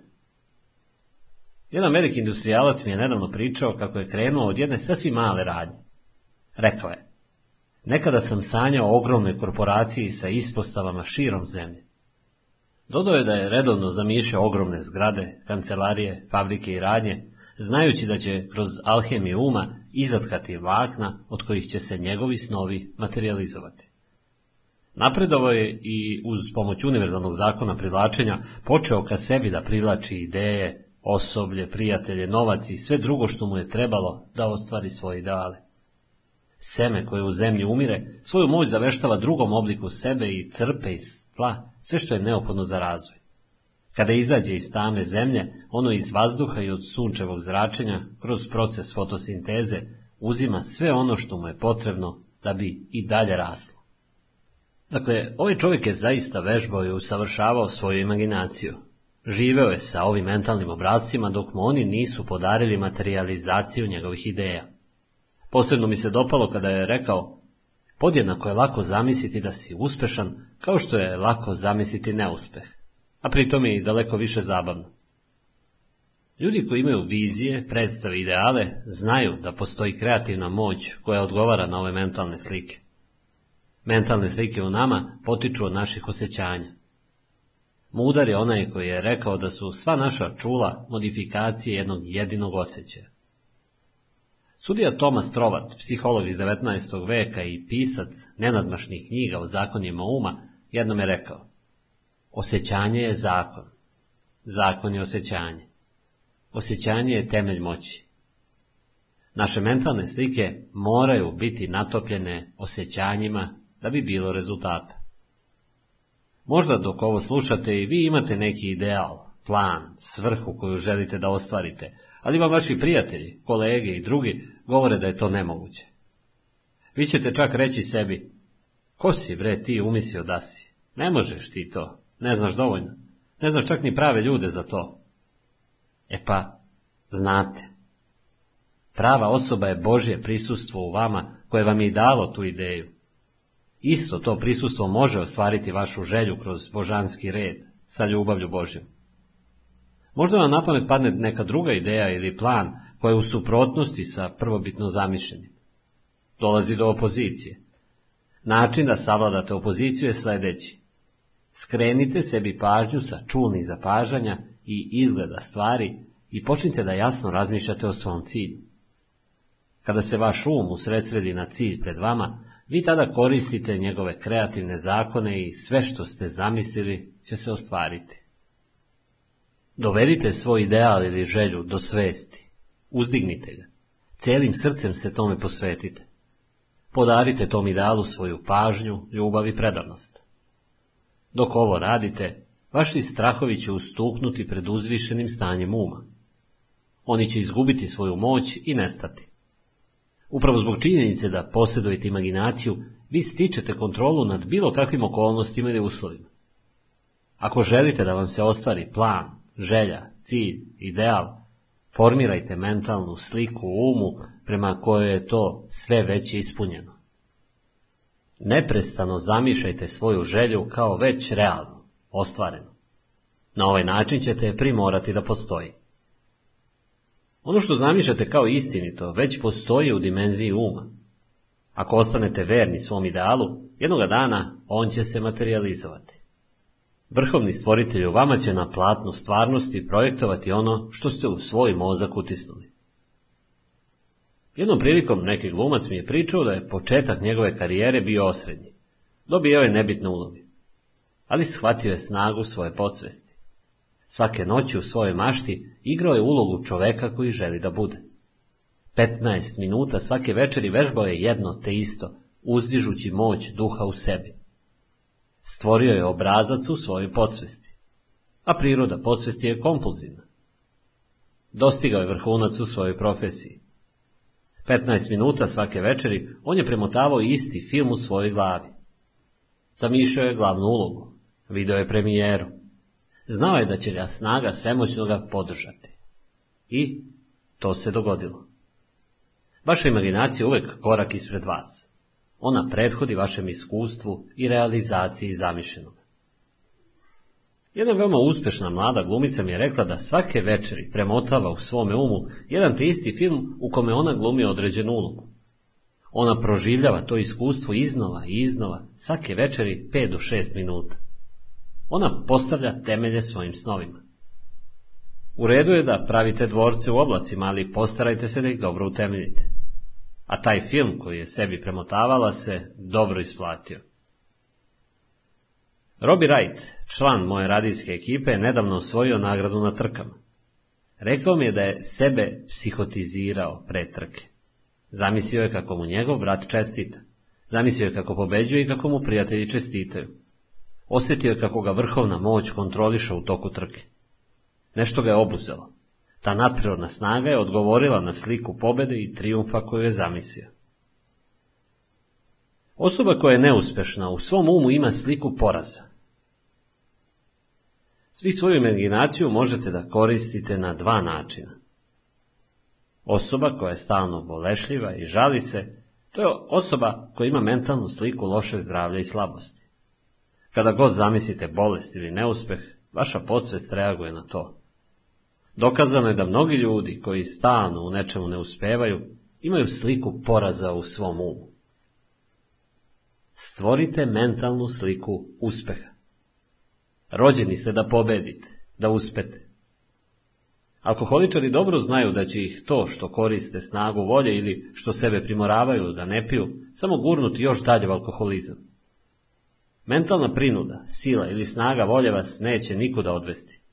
Ali kada zamišljaju da su trezni, slobodni i na poslu, da rade ono što vole, znajući da ih snaga svemoćno ga podržava, oni se oslobađaju ove navike i izlečeni su. Walt Whitman je imao predivnu maštu. Rekao je, kada je izmaglica preplavila doline, on je pogledao ka vrhovima planina. A kada je planina nestala u tami, on je pogledao u zvezde uperio. Imaginacija vas može vinuti do neslućenih visina ili baciti u najdublje ponore. Izađite iz izmaglice sumnje, straha i anksioznosti i zagledajte se u duhovnu realnost. Vizija je ono što posmatrate, ono što gledate, ono na što ste usred sređeni, ono na što obraćate pažnju. To je ono što određuje pravac u vašem životu. Ako pogledate u vrh neke planine i kažete, popeću se tamo, tako će i biti.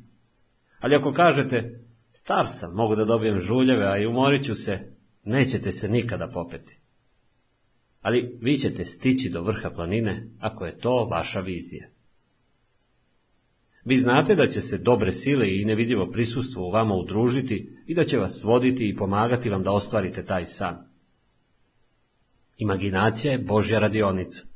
Radionica u kojoj se transformišu sirovine, gdje se od njih proizvode korisni predmeti i instrumenti.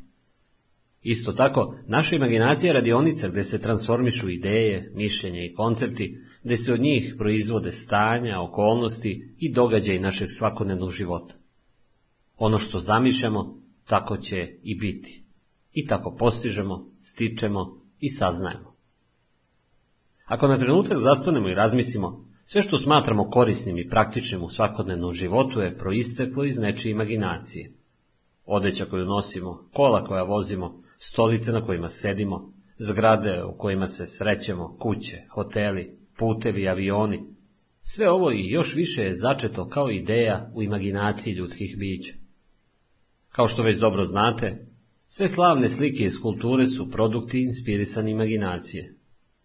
Vaša imaginacija stvori određeni ideal, a to je ideal koji vodi čovečanstvo, napred, gore, ka Bogu. Gde je prelepa Madonna naslikana? Na platnu univerzuma ili na slikarskom platnu? Zar ona ne postoji u umu disciplinovanog umetnika? U zlato doba Grčke, to je bilo pre otprilike 2600 godine ili više, Grci su koristili zakon uma i imaginacije. Da, oni su poznavali moć disciplinovane, kontrolisane imaginacije, radionice beskonačnoga. Šta su radile trudne žene? One su se okruživale prelepim slikama i statuama da bi njihova nerođena deca mogla da u majčinim mentalnim slikama vide zdravlje, lepotu simetrije, red i proporciju. Baš zato što su majke gledale u ove prelepe statue, deca su se rađala kao ideali lepote, reda, simetrije i proporcije. Jednostavno, zar ne? Naravno da je jednostavno. Sve velike životne istine su jednostavne. Postoji jedna stara legenda o jednom persijskom princu koji je imao kriva leđa i zbog toga nije mogao da stoji pravo. Angažovao jednog od najboljih vajara da mu napravi statu koja bi predstavljala njega, princa, i bila u potpunosti verna. Ali rekao mu je, želim da napraviš takvu statu da moja leđa izgledaju prava kao strela. Želim da vidim kako bi bilo da sam kakav treba da budem i kakav Bog želi da budem. Vajar je upravo to i uradio. Princ reče, a sada postavite statu na skrovitom mestu u bašti. Vajar ga je poslušao. I svakoga dana, dva ili tri puta, redovno i sistematično, princ je dolazio da kontemplira o statuji. Gledao bi je sa čežnjom, verom i poverenjem da će jednoga dana i njegova leđa biti prava kao statue. Posebno je obraćao pažnju na prava leđa, podignutu glavu i prelepo čelo. Prolazile su nedelje, meseci, dve godine. Ljudi su počeli da govore. Prinčeva leđa nisu više kriva. Sada stoji pravo kao pravi plemić. Da, princ je izašao u baštu i, gle čuda, legenda kaže, to je bila istina. Njegova leđa su bila prava kao i kod statue. Predivno. On je gleda, posmatra svoju viziju pravih leđa. Čuda počinju da se dešavaju ako samo zamislite da ste već postali ono što želite da budete. Igrajte istu ulogu iznova i iznova. Postaćete to što zamišljate. Da bi došlo do ostvarenja, vi prethodno morate da zamislite sliku onoga što želite, da zamislite realnost toga. Pre nekoliko godina upoznao sam mladića koji je bio regrutovan u vojsku i kukao kako je propao njegov plan da postane doktor. Rekao sam, zamisli sebe kao doktore. Vidi kraj priče. Imaš diplomu dobrog medicinskog fakulteta na kojoj piše da si doktor opšte prakse i hirurg. Pogledaj, vidi kraj. Probudi se, koristi zakone svoga uma. Za pet minuta sam mu objasnio zakone njegovog uma. Samim tim što je bio student medicine, lako je shvatio. Imao je um. I počeo je da radi kako sam mu rekao. Nakon nekog vremena, vojska ga je poslala na medicinski fakultet. On je danas doktor. Video je kraj. Ako vidite kraj, vi već imate sredstvo koje će vas odvesti do realizacije vašeg cilja. Arheolozi, paleontolozi i drugi koji se bave starinama nam kažu da su preistorijski ljudi koji su živjeli u pećinama urezivali slike plena, živine, ribe, slona ili kakve druge životinje koji su priželjkivali u zidove. A zašto su oni to radili? Oni su znali da će neka moć dovesti te ribe ili životinje do njih, da bi mogli da jedu ono što su priželjkivali i zamišljali. Primitivno, da, ali vidite, oni su intuitivno osjećali zakone uma i njima se ono što su zamišljali ostvarivalo. Životinje bi došle i oni bi ih pojeli. Ovo su moći imaginacije. One su u vama. I volio bih sa vama da podelim nešto što je napisao dr. Carl Simonton. On je doktor medicine, specijalista za rak. On kaže da su se uz pomoć relaksacije, meditacije, čak i pacijenti za koje se smatralo da neće preživjeti, oporavljali ako su zaista želeli da ozdrave. On je raspravljao o ulozi uma u lečenju raka. On je rekao sljedeće o imaginaciji. Dajem vam samo najvažnije delove. Započeo sam proces, misli se na otkrivanje moći uma, sa svojim prvim pacijentom. Uz terapiju koju sam mu prepisao, objasnio sam mu svoju filozofiju. Rekao sam mu da ćemo zajedno uz moć imaginacije pokušati da utičemo na bolest, rak. Imao je 61 godinu i veoma rasprostranjen rak grla. Izgubio je dosta kilograma, jedva je gutao svoju rođenu pljuvačku i uopšte nije mogao da jede. Nakon što sam mu objasnio šta ima i na koji način funkcioniše radiološka terapija, naredio sam mu da se tri puta dnevno opusti i da zamisli svoju bolest. To jest, rekao sam mu da ću mu pokazati sliku savršeno zdravog grla gdje su sve ćelije u redu, a on će to zamišljati iznova i iznova i iznova uz veru da u njemu postoji odbrameni mehanizam koji grlo oporavlja do obrazca potpunog zdravlja. Dalje kaže, nakon što sam mu objasnio šta ima i na koji način funkcioniše radiološka terapija, naredio sam mu da se tri puta dnevno opusti i da stvori mentalnu sliku svog zdravstvenog stanja, svoju terapiju, načina koji bolest reaguje na zračenja, da bi bolje mogao da razume tu bolest i da sarađuje u procesu. Rezultati su bili zapanjujući. On govori o zajedničkoj imaginaciji, Doktor vidi savršeno grlo i uči njega da vidi savršeno grlo i da shvati da moć odgovara na to. Kada sam objasnio kolegama šta radim, pitali su me, šaleći se, da li uopšte ima potrebe da koristi mašinu za zračenje. Ja sam im odgovorio da ja još uvijek ne znam dovoljno. U ovom trenutku, prošle godine i po dana od prestanka terapije, i ne postoji ni jedan jedini znak da bi pacijent mogao imati rak grla. On je također imao artritis i koristio je istu jednostavnu mentalnu tehniku da pobedi tu bolest. Drugim rečima, zamišljao je sebe zdravog kako radi stvari koje uobičajeno radi. Šta biste radili kada biste bili zdravi? Vi biste rekli da biste jahali, plivali i tako dalje. Isti taj čovjek imao problema i sa impotencijom. Bio je impotentan preko 20 godina. Nije mogao da ima odnose sa svojom ženom.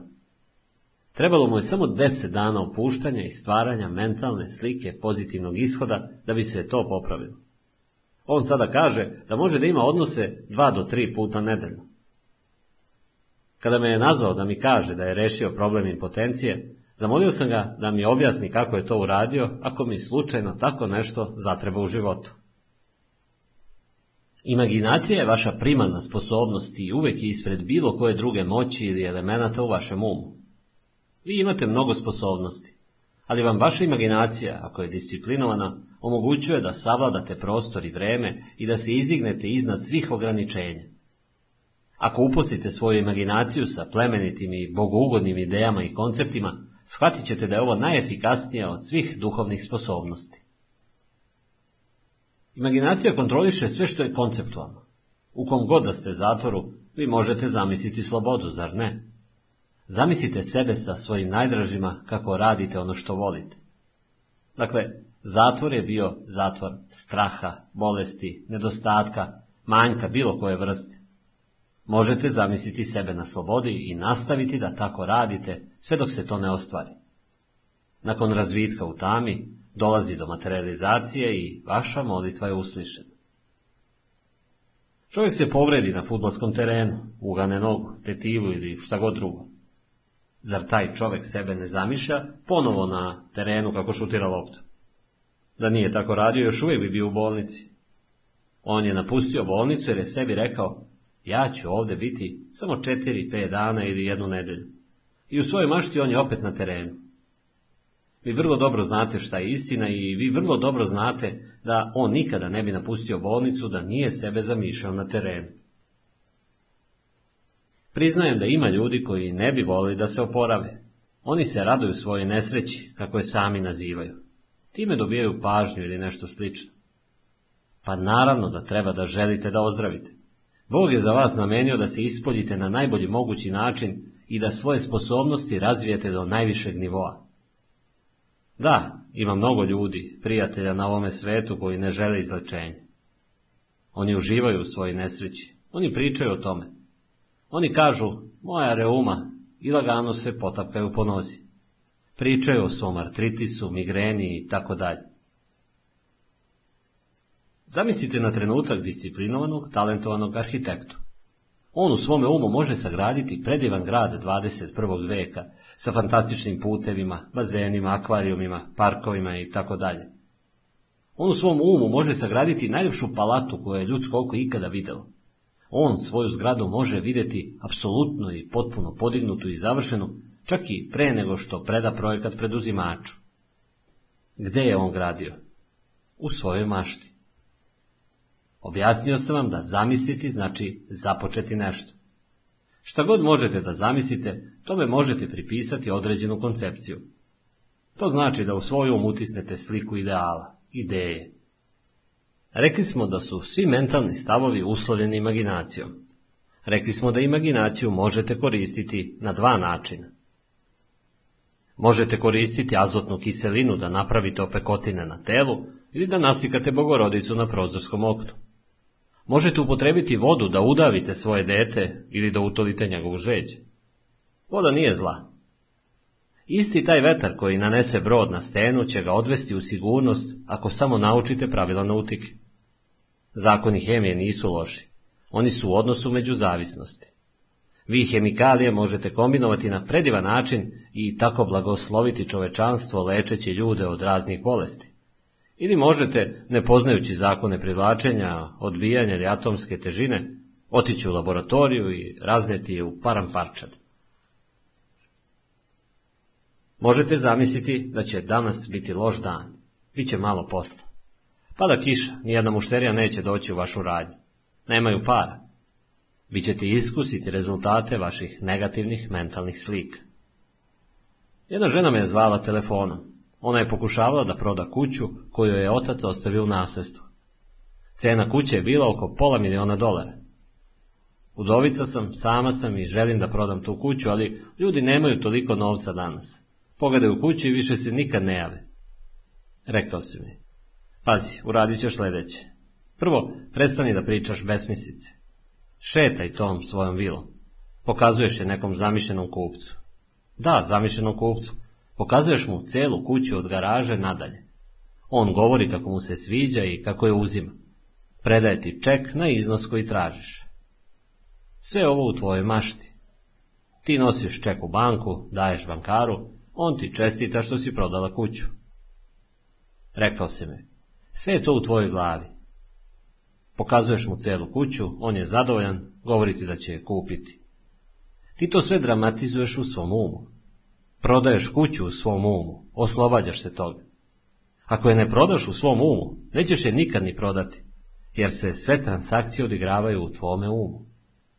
Ne možeš ništa izgubiti ni dobiti je ako se to ne dogodi u tvojoj glavi.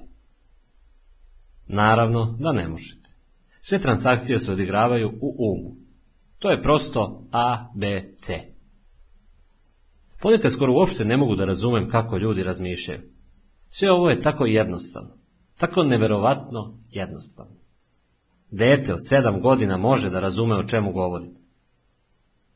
Ako ne možete da prenesete znanje na dete od sedam godina, vi to znanje u stvari i nemate, jer da ga imate, mogli biste da dete nečemu naučite.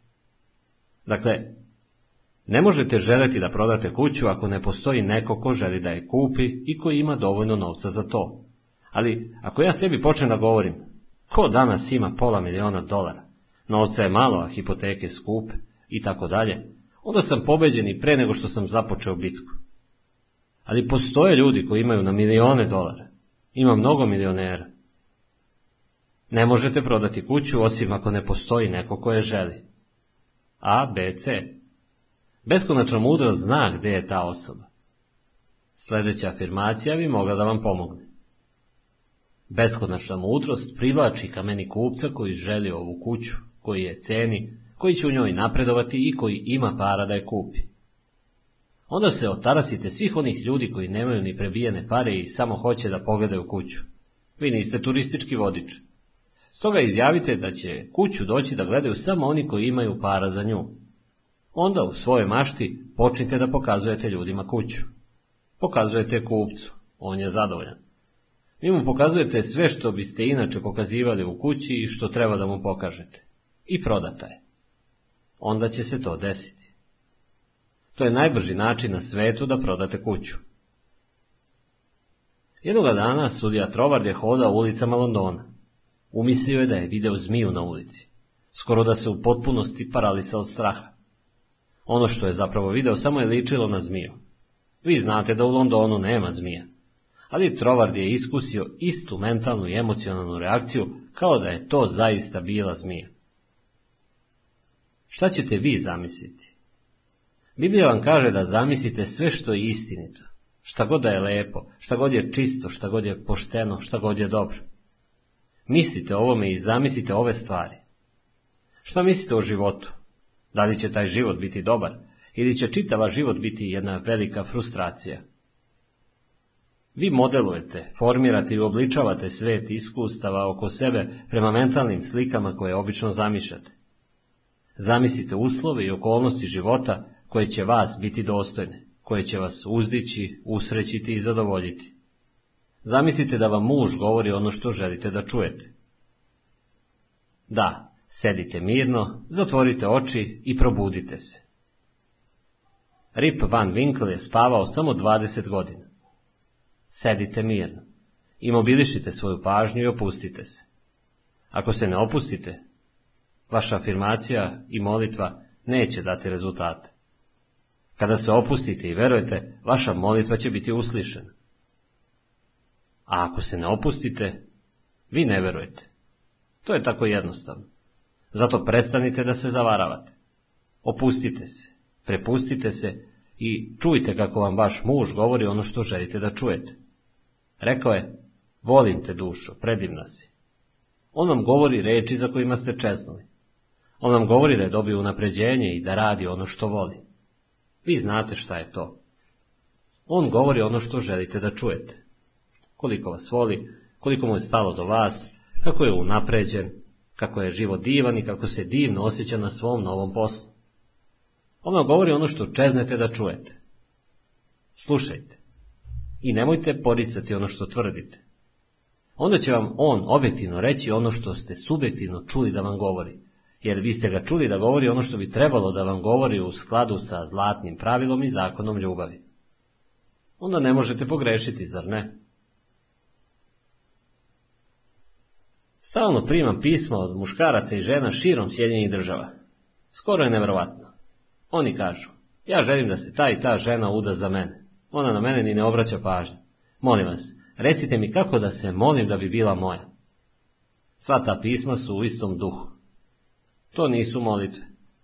Evo odgovaram na pisma i kažem im da ne mogu da zamislim ni jednog čoveka pri svojoj zdravoj pameti koji želi da bude sa ženom koja ne želi da bude s njim. To je ono što im odgovorim na takva pisma. Ako ste žena, ja ne mogu da zamislim zašto biste želi muškarca koji vas ne želi. Za mene je to ludost. Ljubav je uzajamna stvar. Ako ste zaljubljeni, postoji prirodni zakon recipročne veze. Tu nema zabune. Jednom je neka žena rekla, ja sam ludo zaljubljena u Johna Jonesa. Ja sam joj rekao, pa dobro, kako se on ponaša prema tebi? Šta ti je rekao? Da te zaprosio? Da li ti je dao prsten? Da li ti je rekao da se venčavate 10. novembra ili tako nešto? O, pa ne, ali je bio fin prema meni i nasmešio mi se. Bože, sačuvaj. Zato sam i rekao da je Rip Van Winkle spavao samo 20 godina. Ako ste zaljubljeni u nekoga, ta osoba mora biti zaljubljena u vas. To je zakon uzajamnog odnosa. Ljubav je stanje iskupljenja. Mi moramo voleti sve ljude, to jest Mi moramo isijavati ljubav, mir i dobru volju prema njima. Mi moramo zračiti srdačnošću, genijalnošću. Mi moramo želeti da drugi ljudi budu blagosloveni. Ako to nije tako, u nevolji ste. I to ste u gadnoj nevolji. U tom smislu mi moramo voleti sve ljude. Mi moramo svima želeti ono što sebi želimo. Ali ne pokušavajte da prisilite druge osobe na nešto. Nemojte nikoga prisiljavati da vas voli, da se sa vama venča ili slično. To je crna magija. Vratit će vam se kao bumerang. To je ludost. To je jedina prava reč za ovo o čemu govorim. Čista ludost. A sada zamislite sebe. Ako zamislite sebe ili život kao nešto hladno, surovo, teško, gorko, onda su borba i bol neizbježni. Vi sami svoj život činite bednim jer to je ono što vi zamišljate. Zamislite sebe na terenu za golf. Vi ste slobodni, opušteni, puni entuzijazma i energije. Vaša radost prevazilazi sve prepreke terena za golf. Vaše uzbuđenje premošćuje sve prepreke. Hajde sada da uzmemo sljedeću scenu za primjer. Zamislite sebe da idete na sahranu. Obratite pažnju na svoj emocionalni odgovor kada sebe zamišljate u ovoj situaciji.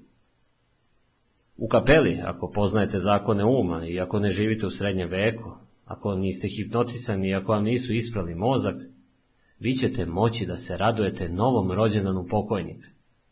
Možete zamisliti tu osobu okruženu svojim prijateljima u sredne opisive lepote, u sljedećoj dimenziji života. Možete zamisliti da Božja reka mira teče kroz sve prisutne. Vi se možete popeti na nebesa u umu vašem, gdje god da se nalazite. To je moć imaginacije. Vi sve prisutne možete uzdići sa vama, jer to je novi rođendan u Bogu. Danas na nekim modernim sahranama uopšte nema tela pokojnika. Sin ili čerka obično kažu, da li možemo kod vas da organizujemo sahranu i da svi možemo da se skupimo i meditiramo, radujući se njegovom ili njenom novom rođendanu u Bogu? To je zdrav razum. Predivno je vidjeti ljude kako konačno postaju svesni ovih istina. Niko zapravo nije sahranjen. A ako vi mislite da je neko negde sahranjen, vi se onda identifikujete sa prestankom, krajem, ograničenjima. Vi sami pravite groblje u svom umu. Vi tačno znate koji strašni negativni ishod to može izazvati, zar ne? Učitelj, jedan od mojih rođaka, proučavao je irske kružne tornjeve. Ja sam tada bio s njim. On nije progovorio ni reči tokom čitavog jednog sata. Bio je pasivan i receptivan, kao utopljen u razmišljanja. Pitao sam ga o čemu razmišlja. Kazao mi je da samo kada razmišljamo o velikim, predivnim konceptima stvorenim na svetu, možemo da rastemo i da budemo bolji ljudi. Razmišljao o starosti kamena od koga je napravljen toren. Onda ga je mašta odvela do rudnika kamena od koga su pravljeni ti kameni blokovi. Njegova mašta je razgolitila kamenje. Svojim unutrašnjim okom video je strukturu, geološku formaciju i sastav kamena i gledao tako sve dok ga nije sveo na tvar bez forme. Najzad zamislio jedinstvo tog kamenja sa svim kamenjem na svetu i sa svojim životom i najzad sa celim svetom. Postoji samo jedna substanca, znate. U svojoj božanskoj mašti on je shvatio da je moguće rekonstruisati istoriju ljudske rase ako gledamo u okrugli tore. To je apsolutno tačno. To je moguće izvesti. Postoji samo jedna substanca, jedan zakon, jedan život, jedna istina. Sećanje ljudske rase uklesano je u kamenje okruglog tornja. Zašto? Zato što je to nešto subjektivno. Zato što je to nešto što nije čvrsto i tvrdo. To je nešto što je živo. Kamen je živ. Ne postoji ništa što je mrtvo u čitavom univerzumu. Apsurdno je kamen nazivati neživom stvari. Kamen je živ. Uz pomoć svoje mašte, učitelj je uspeo da vidi nevidljive duše koje žive u tornju i da čuje njihove glasove. U njegovoj mašti cijelo to mesto je oživelo. Ta moć mu je omogućila da se vrati u vreme kada na tom mestu još uvijek nije bio izgrađen toran. U svom umu on je stvarao živu sliku o mestu odakle je to kamenje poteklo, koga je donao, kakva je svrha ovakve strukture tornja i koje su sve priče vezane za njega. Ovako mi je rekao, skoro pa mogu da osjetim dodir i čujem zvuk koraka koji su nestali pre više hiljada godina. Zaista, uz pomoć svoje imaginacije vi možete zamisliti nevidive tajne prirode kako vam se otkrivaju. Shvatit ćete da možete istraživati nepregledne dubine svoje podsvesti, prizivajući stvari koje ne postoje i ono što niste mogli vidjeti vam se otvara pred očima. Sve religije su zapravo rođene u ljudskoj imaginaciji. Zar nisu svi moderni izumi, televizija, radio, radar, avioni, proizašli upravo iz ljudske mašte? Vaša imaginacija je riznica večnosti koja sa vama deli sve svoje dragulje, muziku, umetnost, poeziju i izum. Vi možete pogledati u neku ruševinu, stari hram ili piramidu i rekonstruisati prošlost. Vi možete u ruinama starih crkava vidjeti kako se diže moderni grad u svoj svojoj lepoti i sjaju. Dakle, arheolozi i paleontolozi koji proučavaju grobnice drevnog Egipta su sposobni da rekonstruišu prošlost kroz imaginaciju i percepciju. Naravno da jesu. Mrtva prošlost se ponovo javlja kao nešto vidljivo i čulno. Gledajući u drevne ruševine i hieroglife, naučnici nam pričaju priče o vremenima kada jezik nije postojao. Komunikacija se odvijala putem groktanja, stenjanja i znakova, jer je postojalo vreme kada čovjek čak nije ni govorio. Mašta naučnicima omogućava da na drvene hramove stave krov, da ih okruže baštama, bazenima i fontanama. Fosilni ostaci dobijaju oči, žile i mišiće, pa opet hodaju i pričaju. Prošlost postaje živa sadašnjost. U mašti ne postoji ni prostor, ni vreme. Uz pomoć vaše mašte vi možete postati sadrug najsvetijim osobama svih vremena. Bog će iz vaših očiju sve suze obrisati. Možete uspjeti u svakom svom poduhvatu. Vi možete prevazići nesreću, siromaštvo i neuspeh. Vi ne možete doživjeti neuspeh u pokušaju da budete uspešni i bogati. Ukratko. Ako želite da budete uspešni, vi prvo morate sebe zamisliti kao uspešnu osobu. Ako želite da se obogatite, vi prvo sebe morate zamisliti kao bogatu osobu. Kada narod kaže da je nešto nemoguće i da se to jednostavno ne može izvesti, osoba sa razvijenom imaginacijom kaže, to je već urađeno. Imaginacija može prodreti u dubine stvarnosti i otkriti nam tajne prirode. Upravo zbog činjenice da posjedujete imaginaciju, vi stičete kontrolu nad bilo kakvim okolnostima ili uslovima. Ako želite da vam se ostvari plan, želja, cilj, ideal, formirajte mentalnu sliku u umu prema kojoj je to sve već ispunjeno. Neprestano zamišljajte svoju želju kao već realno, ostvareno. Na ovaj način ćete primorati da postoji. Vaša imaginacija može istkati i materializovati bilo koju ideju ili želju. Možete zamisliti obilje tamo gdje je nemaština, mir tamo gdje je razdor i zdravlje tamo gdje je bolest. Šta god možete da zamislite, tome možete pripisati određenu koncepciju. To znači da u svoj um utisnete sliku ideala, ideje. Vaša duša može vidjeti nevidljive stvari u vašem umu. Gdje je uspjeh koji tako žarko želite? Zar nije u vašem umu? On je stvaran, on ima formu, oblik i substancu u drugoj dimenziji uma. Sada verujte da imate i dobit ćete. Uz pomoć vaše mašte vi možete postati sadrug najsvetlijim osobama svih vremena. Bog će iz vaših očiju sve suze izbrisati. Možete uspjeti u svakom svom poduhvatu. Vi možete prevazići nesreću, siromaštvo i neuspeh. Vi ne možete doživjeti neuspeh u pokušaju da budete uspešni i bogati. Šesto poglavlje. Nema besplatnog ručka. Postoji jedna stvar koju ne možete dobiti. Vi ne možete dobiti nešto, a dati ništa. Kako kaže stara izreka, besplatan ručak ne postoji. Pre nekog vremena bio sam u prodavnici gdje su nudili paket noževa kao poklon ako uzmete dve pene za brijanje. Jer, naravno, ne mogu dati noževe u potpunosti za džabe. Oni su bili uključeni u ukupnu cenu. U svakom slučaju, to je moralo biti uključeno u budžet radnje uopšte ili je moralo ići na teret mušterija. Šta god da je predmet vaše želje, vi mu morate posvetiti pažnju, pokazati odanost i privrženost.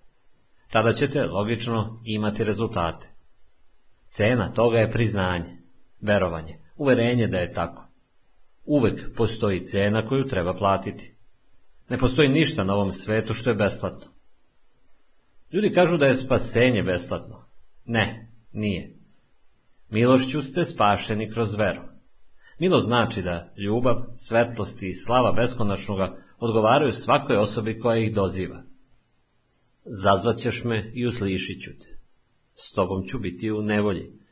Postavit ću te u visine, jer si moje ime poznao. Milost jednostavno znači da beskonačna mudrost odgovara na vaše svesno delanje i mišljenje. Ona je dostupna svima.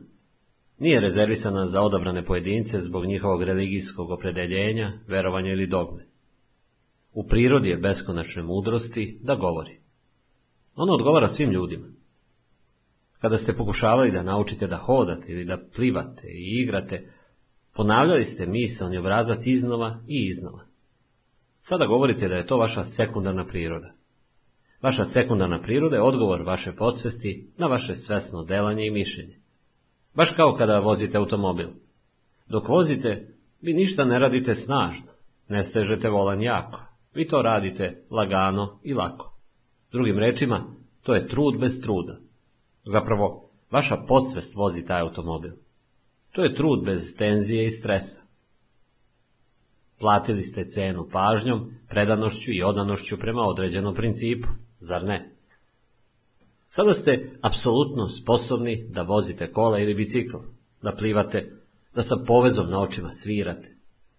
Ponavljali ste misalni obrazac prstima iznova i iznova. Sada automatski svirate. To vaša podsvest svira umjesto vas. Dakle, mi plaćamo cenu za sve, priznanje, prihvatanje i ubeđenje. Podarite svoju pažnju, svoju predanost i svoju odanost bilo čemu na ovome svetu i ono će vam za uzvrat otkriti svoje tajne.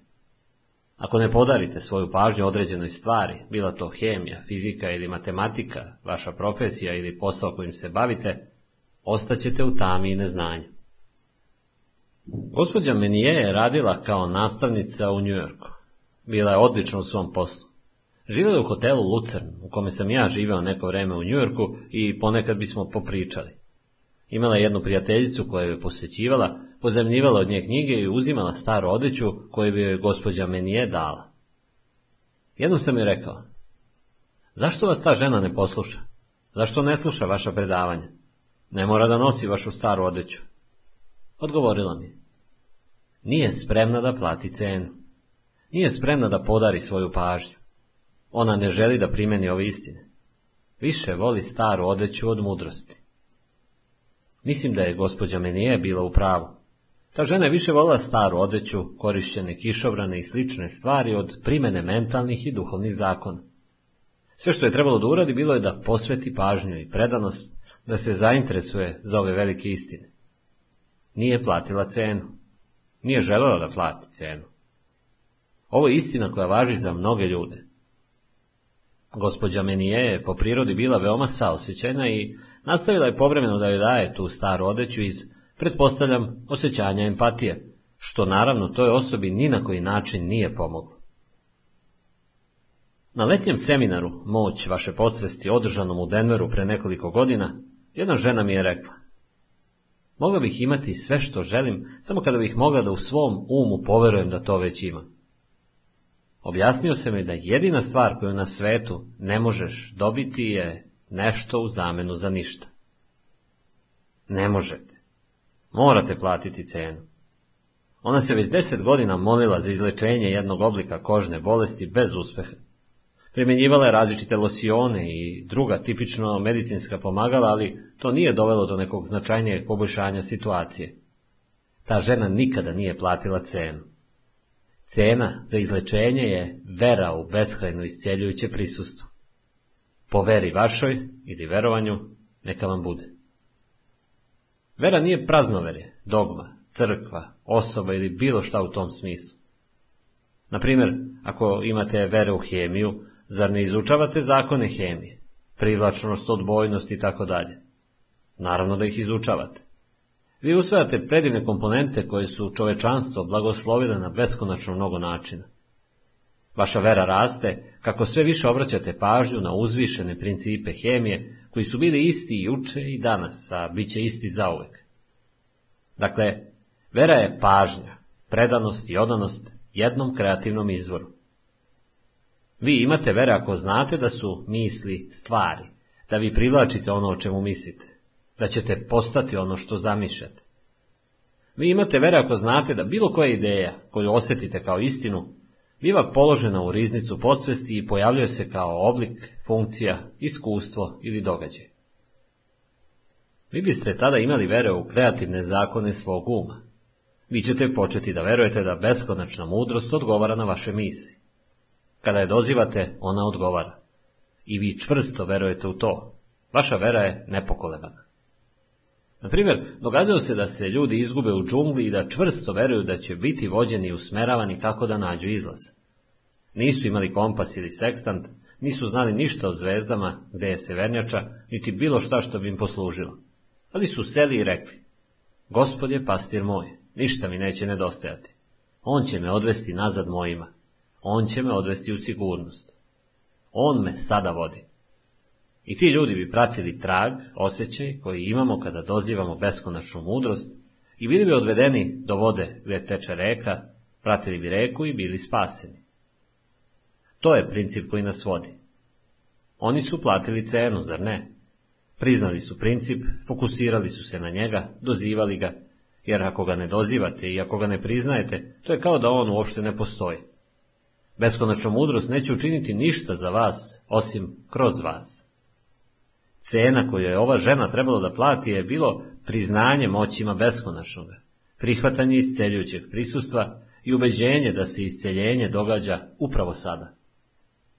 Ona je pridavala moć spoljnim faktorima govoreći, moja koža je osjetljiva na sunce, ja sam alergična na hladnoću. Ja mislim da mi se ovaj ekcem proširio po celoj ruci jer je to nasledno. Moja majka imala nešto slično. Krivi su moji geni i hromozomi. Njen um je bio podeljen. Ona je imala dva uma.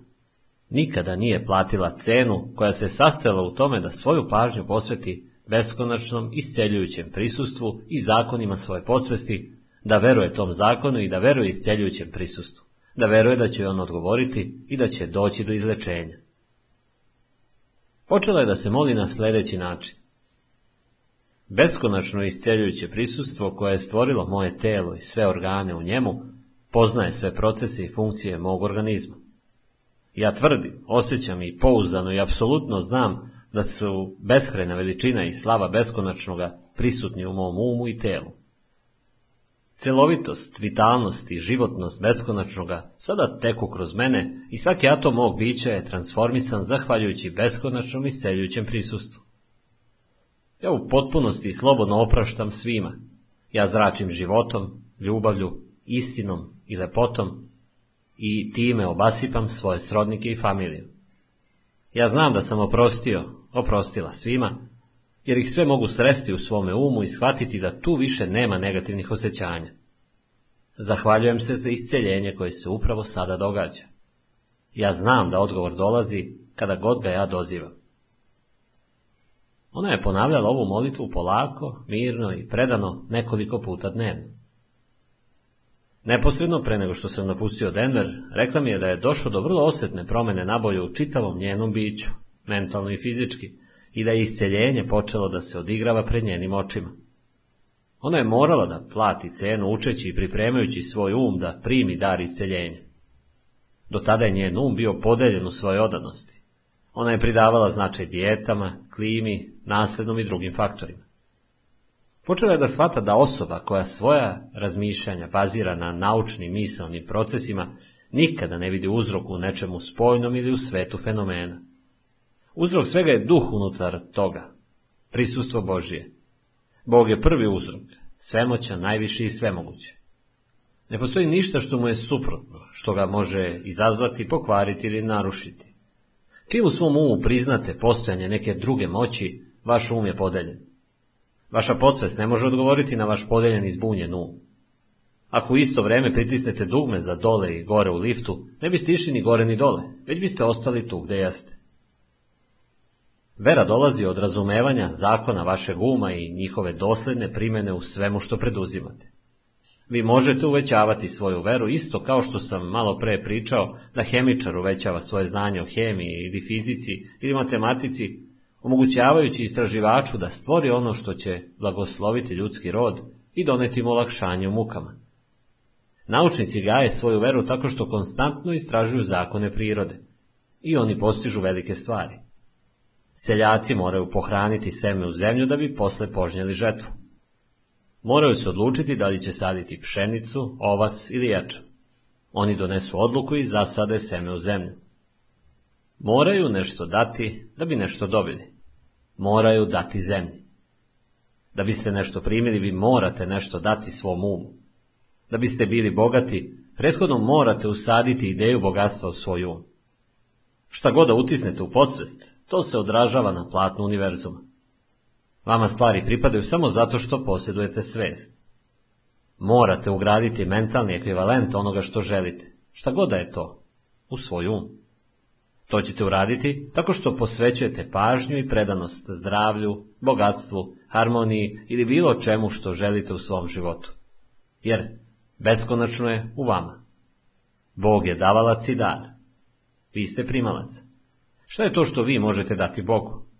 Vi Bogu ne možete dati ništa. Bog je beskonačno prisustvo i moć u svemu, nad svime, kroz sve. On je princip života, praotac, otac svega. Šta biste vi uopšte mogli dati beskonačno? Ono je sve celom čovečanstvu. Ono je vlad trave, ono je jabuka, bazduh, ono je seme, ono je sve. Čitav svet je već bio ovde kada ste se vi rodili. Jedina stvar koju vi možete dati Bogu ili živome duhu u sebi je priznanje, čast, lojalnost i predanost. To je jedina stvar koju nam Bog obećava. Zazvaćeš me i uslišit ću te. S tobom ću biti u nevolji. Postavit ću te u visine, jer si moje ime poznao. Ime je priroda njegova. Njegova priroda je da vam odgovori. Rečeno vam je. I pre nego poviču, ja ću se odazvati. Još će govoriti, a ja ću uslišiti. Dakle, odgovor je već u vama. Odgovor na svako pitanje pod kapom nebeskom. Intuicija je u vama.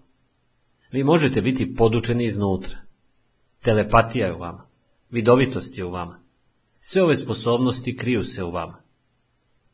Vi se možete promeniti.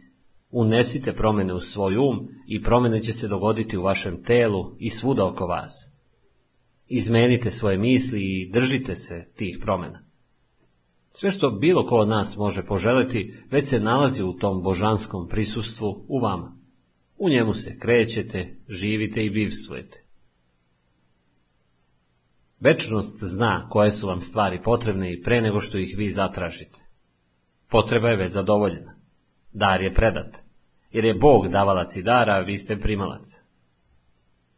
Bogatstvo i prosperitet su tu sada. Zdravlje je tu sada. Mir je sada. Isceljujuće prisustvo je u vama. Ljubav je sada, radost je sada, moć je sada. Zar ćete čekati da moć svemoćnoga poteče kroz vas? Ona je već sada u vama. Recite, moć svemoćnoga sada teče kroz mene. Zar ćete čekati mir? Jednoga dana ćete imati duhovni mir. Bog mira je već u vama i reka mira teče kroz vas sada. Dakle, dar je već tu. Bog je reka i dar. Bog je u vama. Sve su stvari spremne, samo ako je um spreman da ih prihvati. Prihvatite mir i ravnotežu sada. Prihvatite inspiraciju sada. Prihvatite vođstvo sada i prihvatite uspeh sada. Morate otvoriti oči, morate otvoriti svoje srce i primiti. Ako imate nešto u obe ruke, morate ispustiti nešto od ta dva da biste prihvatili nešto drugo, zar ne? Znači, morate se osloboditi lažnih uverenja i prigrliti istinu koja glasi sve stvari su spremne ako je um za njih otvoren. Pripremite svoj um da prihvati dar. Isceljujuće prisustvo Boga je u vama. Ono leči posekotinu na vašem prstu. Vi ćete uvijek dobiti odgovor. Možda ste već iskusili ovo, baš kada ste pokušavali da rešite određeni problem. Razbijali ste glavu razmišljajući, pitali ste druge da vam pomognu. Tražili ste to po svim mogućim knjigama. Pokušavali ste da nađete rješenje onako kako to čini naučnik, hemičar, farmaceut, farmakolog, doktor, hirurg ili menadžer. Borili ste se s problemom. Pokušavali ste da nađete odgovor i iscrpeli ste se. Na neki način ste već odustali i pustili podsvest da problem reši umjesto vas. Možda ste zaspali. Ponekad vam odgovor dolazi u snu ili u vizijama koje imate noću. Ponekad vam dolazi kada se budite ujutru. Pojavi se u vašem mozgu kao kada tost iskoči iz tostera. Ovo se stalno događa iznova i iznova. Platili ste cenu, pažnja, predanost, lojalnost i priznavanje vrhovne mudrosti koja jedina zna odgovor. Kada se predate, kada odustanete, kada to ostavite i kažete u meni postoji nešto što zna, onda odgovor dolazi. Vi ste angažovali vrhovnu mudrost i beskonačno prisustvo i moć, a oni su vam odgovorili. Dakle, vi ste poklonili svoju pažnju i dobili ste odgovor. Einstein je obožavao matematiku i ona mu je otkrila svoje tajne. On je bio obuzet i fasciniran univerzumom i njegovim zakonima.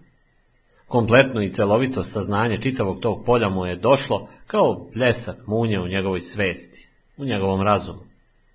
On je svu svoju pažnju, predanost i umeće poklonio proučavanju vremena, prostora i četvrte dimenzije, a njegova podsvest je odgovorila tako što mu je otkrila tajne ovih polja. Edison je eksperimentisao, meditirao i objasnio princip struje. Imao je intenzivnu želju da osvetli svet i pomogne čovečanstvu. I struja mu je otkrila svoje tajne. Platio je cenu upornošću, istrajnošću i poverenjem, znajući da će odgovor doći. Da, on je od sebe dao pažnju i posvećenost. On je volao princip električne struje i, naravno, on je donao bezbroj izuma, jer je platio cenu upornošću, istrajnošću i potpunom posvećenošću svom projektu, znajući u svom srcu i duši da postoji subjektivna inteligencija koja će odgovoriti. On je nastavio napred i njegova ga podsvest nikada nije izneverila. Evo još jednog primjera kako je vera u određenu ideju zaradila milijoni jednom čovjeku i time pomogla beskonačnom broju drugih da uvećaju svoje bogatstvo. Sir John Templeton je čovjek koji duboko veruje u svoj talenat da dobro i isplativo investira. Sada, kada već ima 90 godina, on je odlučio da posveti preostale godine svog života i milijone dolara pronalaženju međusobne povezanosti i utica između nauke i vere. Sir John je Britanac od 1963. kada je odlučio da živi na Bahamima koji su britansko vlasništvo. Kraljica ga je proglasila vitezom zbog njegovih internacionalnih, finansijskih i filantropskih dostignuća. Kada sam ga pitao da prokomentariše svoj uspeh, rekao mi je ja jednostavno pratim zdrav razum, bilo da se radi o ulaganju novca koji pripada drugim ljudima ili o duhovnim principima univerzuma. Templeton veruje da je Bog stvorio svet koji se zasniva na osnovnim moralnim zakonima koji, ako ih čovjek poštuje, donose duhovni integritet i materijalno bogatstvo. On veruje da je duhovnost primenjena nauka koja se može proučiti kao mehanika ili tehnika. On misli da postoje još neotkriveni dokazi osnovnih duhovnih zakona života, na primjer da molitva pomaže u isceljenju. On je financirao ovo istraživanje na Harvardu. Templeton je vrlo kritičan prema naučnicima i religijskim vođama koji se samo osvrću na tradicionalne ideje i spise da bi u njima pronašli istinu. On veruje da se treba okrenuti nauci i budućnosti. On čvrsto veruje da teologija treba da napreduje na isti način kao nauka. Ja poštujem sve religije, ali nijedno ljudsko biće još uvijek ne poznaje ni jedan posto od onoga što nazivamo Bogom, rekao mi je. Njegova potraga za duhovnim odgovorima nije samo tek neki novi hobi. U mladosti je verovao da će postati misionar. Na fakultetu je shvatio da posjeduje jedan sasvim specijalan dar. Shvatio je da je u ulaganju novca bolje od većine ljudi. Rekao je, Izgledalo mi je da ljudi baziraju svoje investicije na neznanju i emocijama, a ne na zdravom razumu. 40. godina 20. veka osnova je grupu uzemnih fondova, čiji je cilj bio upravljanje financijama drugih ljudi. U to vrijeme takva vrsta fondova je bila potpuno nova pojava. Templeton je ugradio taj koncept u neke od najbitnijih investicionih koncepata današnjice. Na prvom godišnjem sastanku Templeton fondova rasta vrednosti imovine Shvatio je da su učesnici on jedan njegov zaposleni koji je radio honorarno i jedan akcionar. Održali smo sastanak u trpezariji penzionisanog direktora General Fundsa da bismo uštedili novac. Templeton fondovi danas imaju više od 600 zaposlenih širom sveta i vrede 36 milijardi dolara. Skoro je prokomentarisao kako je suma koju su Amerikanci uložili u uzajamne fondove danas hiljadu puta veća nego u godini kada je on počinjao posao. Da je neko uložio 10.000 dolara u Templeton fondove pre 40 godina, sada bi imao nekoliko miliona dolara. Do trenutka kada se povukao i prodao svoj udeo u Templeton grupi 1992. vrednost je bila procenjena na 400 miliona dolara. Pomogao je više od milion ljudi da zarade novac. U godinama kada je bio zaokupljen izgradnjom svoje poslovne imperije, on nije zapostavljao ni svoje duhovne interese. Pronašao je naučnike i teologe koji bi proučavali veze između nauke i religije. Pokrenuo je jednom godišnje dodelu Templetonove nagrade za napredak u religiji 1972. da bi odao počast osobama koje su religiju učinile aktivnom moralnom snagom. Nagrada za pobednika je veća od milion dolara. Templeton se uvek trudi da nagrada bude veća od Nobelove da bi istakao da je religija barem toliko važna kao umetnost i nauka. Kada je osnovao nagradu, Templeton je rekao Najveće realnosti u univerzumu su spiritualne prirode, ali ljudi su tako često zaslepljeni neposredno materijalnom okolinom da ne shvataju da postoji jedna ogromna, mnogo moćnija dimenzija. Nagrada je bila usmerena na privlačenje pažnje na sveže i pionirske napretke u našem poznavanju Boga i shvatanja, značenja i svrhe života. Neka od najkreativnijih i najstimulativnijih saznanja našega doba dolaze iz spiritualne sfere, rekao mi je Templeton. Nelogično je da duhovni pronalasci budu ignorisani u odnosu na pronalaske iz prirodnih nauka. Primjera radi, ljudi koji su osvojili Templetonovu nagradu su bili Majka Tereza i Billy Graham. U svojoj knjizi Skroman pristup on je napisao Ključ napretka u religiji ili nauci je skromnost. Skromnost je kapija znanja. Da bismo naučili više, mi prvo moramo shvatiti koliko zapravo malo znamo. Što više znamo, mi više i ne znamo. Ovo je ono što život čini zanimljivim. U jednom članku koji je napisao za prvo izdanje časopisa Positive Living, Templeton je istakao važnost molitve za njegov lični uspeh.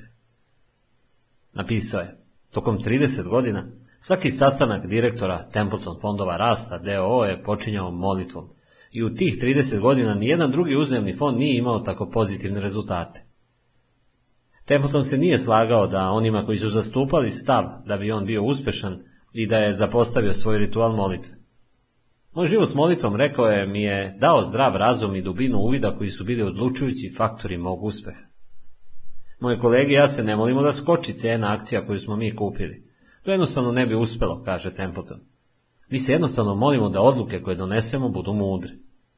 Dodao je, ako pokušavate da budete u harmoniji sa Bogom kroz molitvu, onda je mnogo verovatnije da će sve čega se prihvatite u životu uspeti uključujući i vaš izbor akcija na berzi. Moja lična tehnika koja mi je pomogla da budem u harmoniji s Bogom dok donosim svoje investicione odluke je bila da jednostavno kažem to će biti urađeno. Ovo mi pomaže da ispraznim svoj mozak od svih investicionih odluka i da se otvorim za Božje vođstvo. Ako svim srcem želite da pomognete drugim ljudima, ne možete sprečiti nagradu da vam dođe u obliku prijateljstva, ljubavi i poštovanja. Sreća dolazi onima koji se trude da usreće druge. Ne možete dobiti sreću tražeći je, već samo trudeći se da je date. Samoosuđivanje i samokritika su dve najdestruktivnije emocije. One generišu psihološke substance koje se šire vašim sistemom, koje od vas kradu vitalnost, snagu i ravnotežu. Ovako stanje rezultira opštim slavljenem organizma. Ljubav je ispunjenje zakona zdravlja, harmonije, mira i obilja. Ljubav znači da morate za druge želeti ono što želite sebi. Kada volite druge ljude, vi ih obasipate mirom i dobrom voljom, vi se radujete njihovoj sreći i uspehu. Predložio sam jednom muzičaru da se na sledeći način moli da bi bio uspešan u svojoj profesiji. Bog je veliki muzičar. Ja sam instrument i kanal božanstva. Božje prisustvo teče kroz mene kao harmonija, lepota, radost i mir. Beskreno prisustvo i moć sviraju kroz mene večnu melodiju ljubavi, A kada ja sviram, ja sviram melodiju onoga koji je zauvek. Moja inspiracija dolazi sa visina i fantastične kadence dolaze ka meni otkrivajući mi večnu harmoniju Boga. Kroz nekoliko godina postoje vrlo uspešan. Cena koju je platio bila je pažnja, poštovanje i predanost večnom biću od koga dolaze svi blagoslovi. Osoba koja ne može da sastavi kraj sa krajem, mora da plati cenu. Cena nije težak i noćni rad. Cena koju treba da platite je da ugradite u svoju svest ideju bogatstva. Vi sve stvari već posjedujete samim tim što imate svest. Možete raditi 14 ili 15 sati dnevno, ali ako vaš rad nije produktivan, taj rad će biti uzaludan. Da li je vaš um produktivan? Mudrost je svest o prisustvu i moći Boga u vama. Razumevanje je primjena te inteligencije i te mudrosti u rešavanju vaših svakodnevnih problema. Kraljevstvo nebesko je u vama. Kraljevstvo mudrosti, inteligencije i lepote. To je božansko prisustvo u vama i Bog je tamo gde ste vi. Mogli biste raditi 14 ili 15 sati dnevno, ali ako vaš um nije smiren, ako niste puni genijalnosti ili srdačnosti i dobre volje, vaš rad će biti uzaludan, jer vera deluje samo ako je podržana ljubavlju. Možete imati ogromnu veru u polje tehnike kojim se bavite, u nauku, umetnost, industriju ili posao, ali ako niste srdačni, genijalni, puni dobre volje, dobro raspoloženi, saplešćete se i pasti, zar ne? Richard D., jedan od članova moje organizacije, pretrpao je ozbiljne finansijske gubitke. Molio se za vojstvo i dozivao kreativnu inteligenciju, ne bi li mu otkrila koje korake treba da preduzme da bi nastavio dalje i napredovao. Imao je vrlo snažan osjećaj da treba da ide u pustinju. Dok je tako lutao, ideja mu je sama došla. Podelio je ovu ideju sa jednim starim poznanikom koji je vodio uspešnu firmu za nekretnine u Los Angelesu. Pričao mu je o neviđenim mogućnostima koje su mu se ukazale dok je bio u pustinji. Vizualizovao je ljude koji napuštaju Los Angeles i sa istoka dolaze da žive na mesto koje je sada bilo samo neplodna pustinja. Svojim mentalnim okom on je video ljude kako grade kuće, bolnice i škole i to sve u pustinji.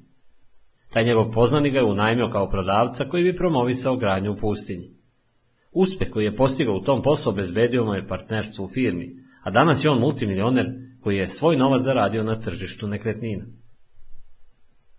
Intuicija je kvalitet koji svi vi posjedujete. Richard je iznutra bio upućen šta treba da uradi. Platio je svoju cenu priznanjem i praćenjem tog traga koji mu se javio. Sama činjenica da vi priželjkujete neki odgovor znači da taj odgovor već postoji u vašem mentalnom i spiritualnom svetu u kojem vi živite, krećete se i bivstvujete. Da, on je tamo kao ideja. Postoji kao princip, arhetip, obrazac, jer sve dolazi iz nevidljivoga.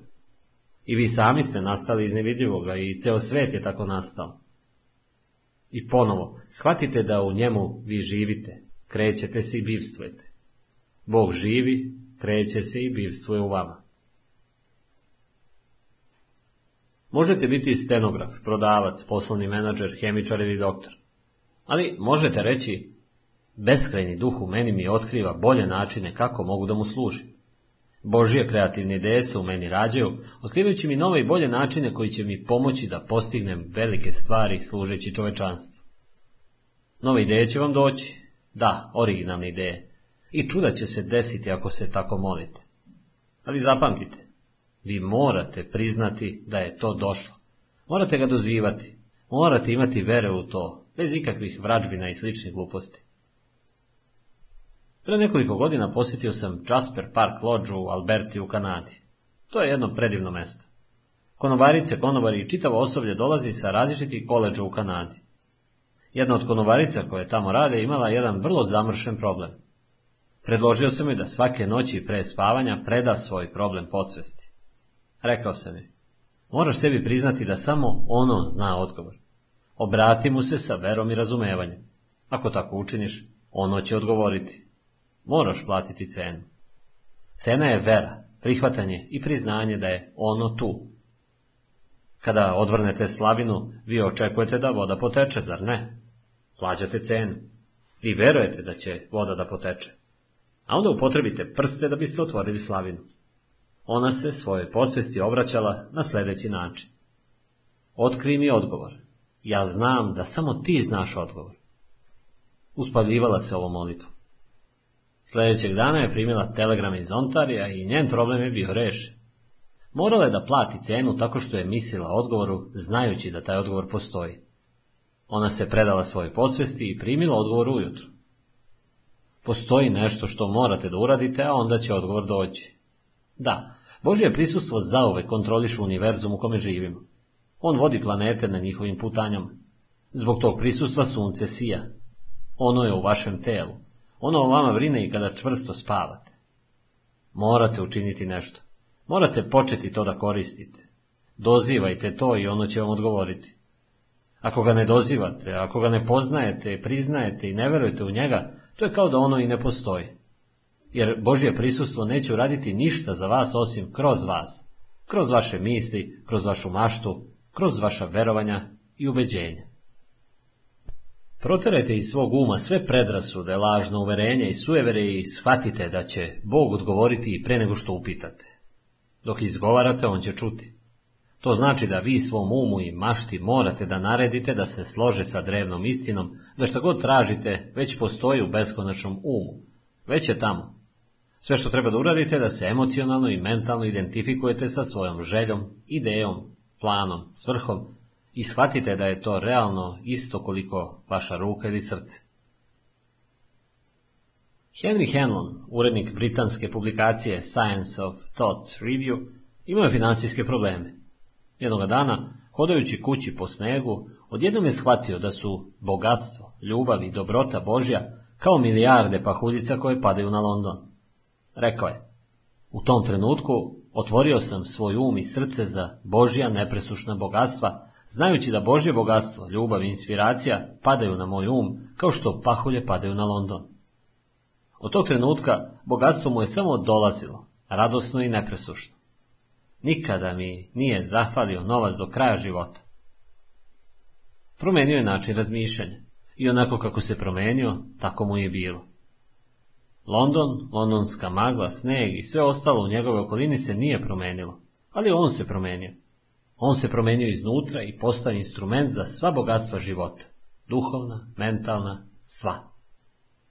Ne postoji razmjena u kojoj ćete dobiti sve za ništa, uvek morate platiti cenu. A cena je naravno pažnja.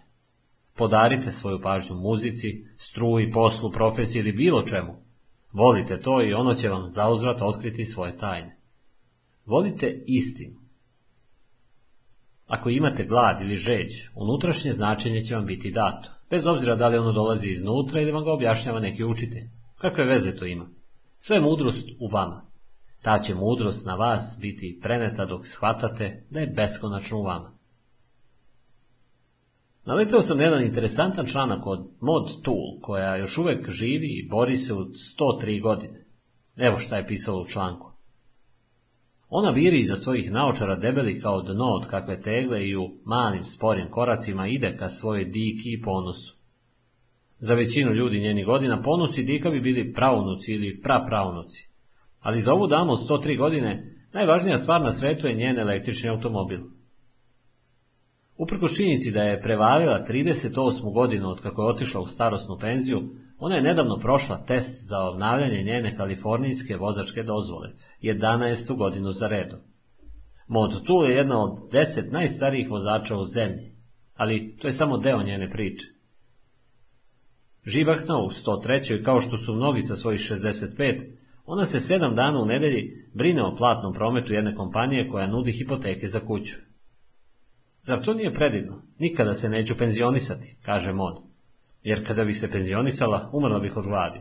Jednostavno, današnje penzije nisu dovoljne ni da prehrane jednu staricu kao što sam ja. Nikada neću morati da se izvinjavam nikome. Mogu da živim kako želim i da radim sve što ja želim, a ne da mi drugi govore kako da živim. Gospođa Tull živi u stambenoj zgradi u Inglewoodu.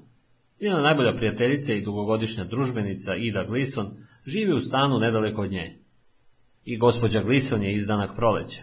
Ima samo 93 godine. Oni se svakoga dana voze po gužvi u Ingleludu na svom putu ka pijaci, banci ili parku, gdje vole da provode vreme igrajući karte u hladu drveta. Gospođa Tule je počela da vozi 1965. nakon što je muž umro. Od tada su se ona i Ida Glisson snalazile kako su znale i umele. Gospođa Tul tvrdi da ne bi ništa menjala. Niko mi ne čini usluge, kaže. Sve što dobijem sama zaradim. Uvijek sam se borila sama za sebe i nadalje ću. Ali iznad svega gospođa Tul voli svoj automobil. Sjajni, brown beli električni dvosed. On ide samo 20 milja na sat, ali to nekako izgleda mnogo brže. Ona paživo na njega povlači ciradu, zbog koje farba na kolima izgleda kao da je urađena juče, a imaju četiri godine. Za ovo je treba deset minuta. Onda je spremna da otvori vrata. I opet sve sa jako velikom pažnjom da bi bila sigurna da ne ošteti farbu. Napokon ona ulazi u automobil, a gospođa Glisson seda pored nje. Sa tihim šumom gospođa Tul i gospođa Glisson odlaze u još jedan radni dan. Zanimljivo, zar ne? Ona voli da živi, platila je cenu. Ona voli život. Interesuje je život. Ne zanima je pomoć za stare ili tako nešto. Ona želi da doprinese čovečanstvu. Ona gaji izuzetno veliku ljubav prema životu. Veoma zanimljivo. Smirenost, staloženost, humor i smeh. To je ono što vas održava mladima. Znate, strpljenje nikada ne stari. Ljubav nikada ne stari. Radost, harmonija, smeh nikad ne stari. Saosjećanje i razumevanje ne mogu da ostare. Ovo su sve večne vrednosti, zar ne? Princip života nikad ne stari. On nije rođen, ne može da umre. Voda ga ne kvasi, vatra ga ne greje, vetar ga ne može oduvati. Princip života u vama je večan. Mi starimo kada smo ogorčeni, kada smo puni prezira i mržnje, kada smo zatrovani samousuđivanjem i lošom voljom. Ove emocije i misli kvare našu dušu i mi starimo bez obzira na to koliko zaista godina imamo. Evo čoveka koji je platio cenu. Da, bio je gladan, žedan i zainteresovan. Vizija je Jamesu Wattu, izumitelju parne mašine, dala ideju koja je promenila svet. Ideja za motor mi je došla s polja, rekao je James Watt. Ja nisam stvorio motor, ja sam samo prihvatio ono što mi je dato. Watt je rođen u Škotskoj 1736. To je čovjek koji je imao vrlo malo formalnog obrazovanja. Zarađivao je za život, popravljajući ljudima stvari po glazu. Mogao sam da popravim bilo koji tip mehaničke sprave, jednom je rekao Watt. Jednoga dana, 1764. jedna mušterija je donela pokvaren motor u moju radnju. Ovaj događaj će iz korena promeniti moj život. To je bio New Common motor, veoma čvrst parni motor. Ovaj tip motora je povremeno korišćen u rudnicima da bi se vadila voda. Ali taj motor je bio prilično neefikasan jer je trošio mnogo energije, a rezultati njegovog rada su bili slabi. Dok je popravljao motor, Vat je dobio ideju da napravi jednu sasvim novu vrstu motora na paru koji bi prevazišao sve nedostatke New Common motora. Međutim, nedostajalo mu je znanje da bi svoju ideju pretočio u stvarnost. A onda, jedne subote popodne u maju 1766. dok je šetao jednim glazgovskim parkom razmišljajući o motoru, iznenada je doživao viziju. U viziji sam video parni motor do najmanjeg detalja i pre nego što sam uspeo da odmahnem mnogo daleko, kockice su mi se složile. Sljedećeg jutra otišao na posao. Za manje od 12 sati napravio je novi motor koji je efikasno koristio energiju pare. 1781. je patentirao tu svoju ideju, a 1782. je patentirao neke izmene i dodatke na svom izumu. Malo je bilo promjena za tih godinu dana. Batov izum je uskoro počeo da se koristi u fabrikama, zamenjujući ljude i životinje i inicirajući ono što ćemo zvati industrijskom revolucijom. Zato sam vam rekao da i vi možete imati ideju koja vredi čitavo bogatstvo. Možete imati ideju koja će obezbediti posao za hiljade ljudi. Bat je platio cenu. Cena koju je platio bila je pažnja, zainteresovanost, predanost, shvatanje da može napraviti motor koji će služiti čovečanstvu. Postoje određene osobine koje doprinose ličnom uspehu u životu. Na primjer, da se rodite u dobroj kući, u nekoj naprednoj zemlji, dobrostojećem socijalnom staležu ili sa prirodnim, psihičkim i mentalnim darovima koji su van ljudske kontrole. Ali one osobine koje se zaista računaju su one na kojima sami možemo da radimo. Među takvim osobinama ni jedna nije toliko važna kao upornost. Možete sa police neke biblioteke izvaditi bilo koju biografiju čoveka ili žene koji su na izuzetan način doprinijeli čovečanstvu. Neki od njih su bili briljantni umovi, dok su drugi bili izuzetno uporni. Uzmimo slučaj Alberta Einsteina. U osnovnoj školi mladi Albert imao tako loše rezultate da je njegov otac, kada je pitao učitelja koje bi karijeri trebalo da se posveti njegov sin, dobio sljedeći odgovor. Apsolutno je nebitno jer neće uspjeti ni u čemu. Albert je postao jedan od najsjajnijih intelektualaca 20. veka i verovatno najbolji fizičar svih vremena, a za to je više bila zaslužna njegova odlučnost i istrajnost nego talenat genija. Postoji mnogo sličnih slučajeva. Winston Churchill je bio prilično loš đak. Njegova karijera činovnika u državnoj administraciji se razvijala prilično sporo i nije uspio da ostvari većinu ciljeva o kojima je sanjao sve do krize koja je došla s drugim svjetskim ratom. Ali zahvaljujući tome što je pažljivo suškivao i bio spreman, on je dočekao da postane vođa sa 66 godina. U dobu kada mnogi ljudi idu u penziju, on je 1941. godine postao premijer Velike Britanije i ujedinio ne samo pripadnike svoje nacije, već ceo zapadni svet. Zbog svoje ekstremne tvrdoglavosti on se smatra najvećim političkim vođom 20. veka. Platio je cenu, zar ne? Pažnja, predanost, lojalnost, upornost i strajnost. Za njega nije postojalo ne kao odgovor. Razumeo je da postoji moć koja odgovara na njegove potrebe.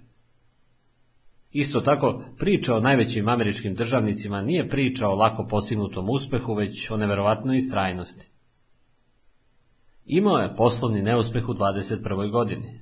1833. nije uspeo da se zaposli u Ministarstvu pravde. Izabran je da radi u Ministarstvu 1834. Žena koju je volao je umrla 1835. Imao je nervni slom 1836. Nije uspeo da postane predsjedavajući Skupštine 1838. Poražen je u izboru za poziciju osobe koja imenuje američkog predsjednika i potpredsjednika 1840. Nije uspio da uđe u kongres 1843. Napokon 1844. postoje član kongresa gdje je izdržao jedan mandat da bi opet ostao van kongresa 1848. 1855. nije uspio da uđe u senat. 1856. nije postao potpredsjednik i još jednom nije postao senator 1858. Konačno su ga izabrali za predsjednika Sjedinjenih američkih država 1860. godine. Ovo su bile samo neke od teškoća koje su zadesile Abrahama Lincolna na putu do uspeha. Franklin Delano Roosevelt, koji je bio predsjednik Sjedinjenih američkih država duže nego iko, bio je ozbiljno hendikepiran zbog e, poliomiolitisa i obavljao svoju službu naciji iz invalidskih kolica. Bio je predsjednik tokom najgorih godina depresije i razarajućih ratova. Jedan od njegovih najjačih aduta bila je odlično upotrebljena veština javnog obraćanja, posebno u vreme kada je radio omogućio čitav američkoj populaciji da uživo prati sve njegove govore. Oba dana slavna obraćanja zvučala su neobavezno i nepripremljeno.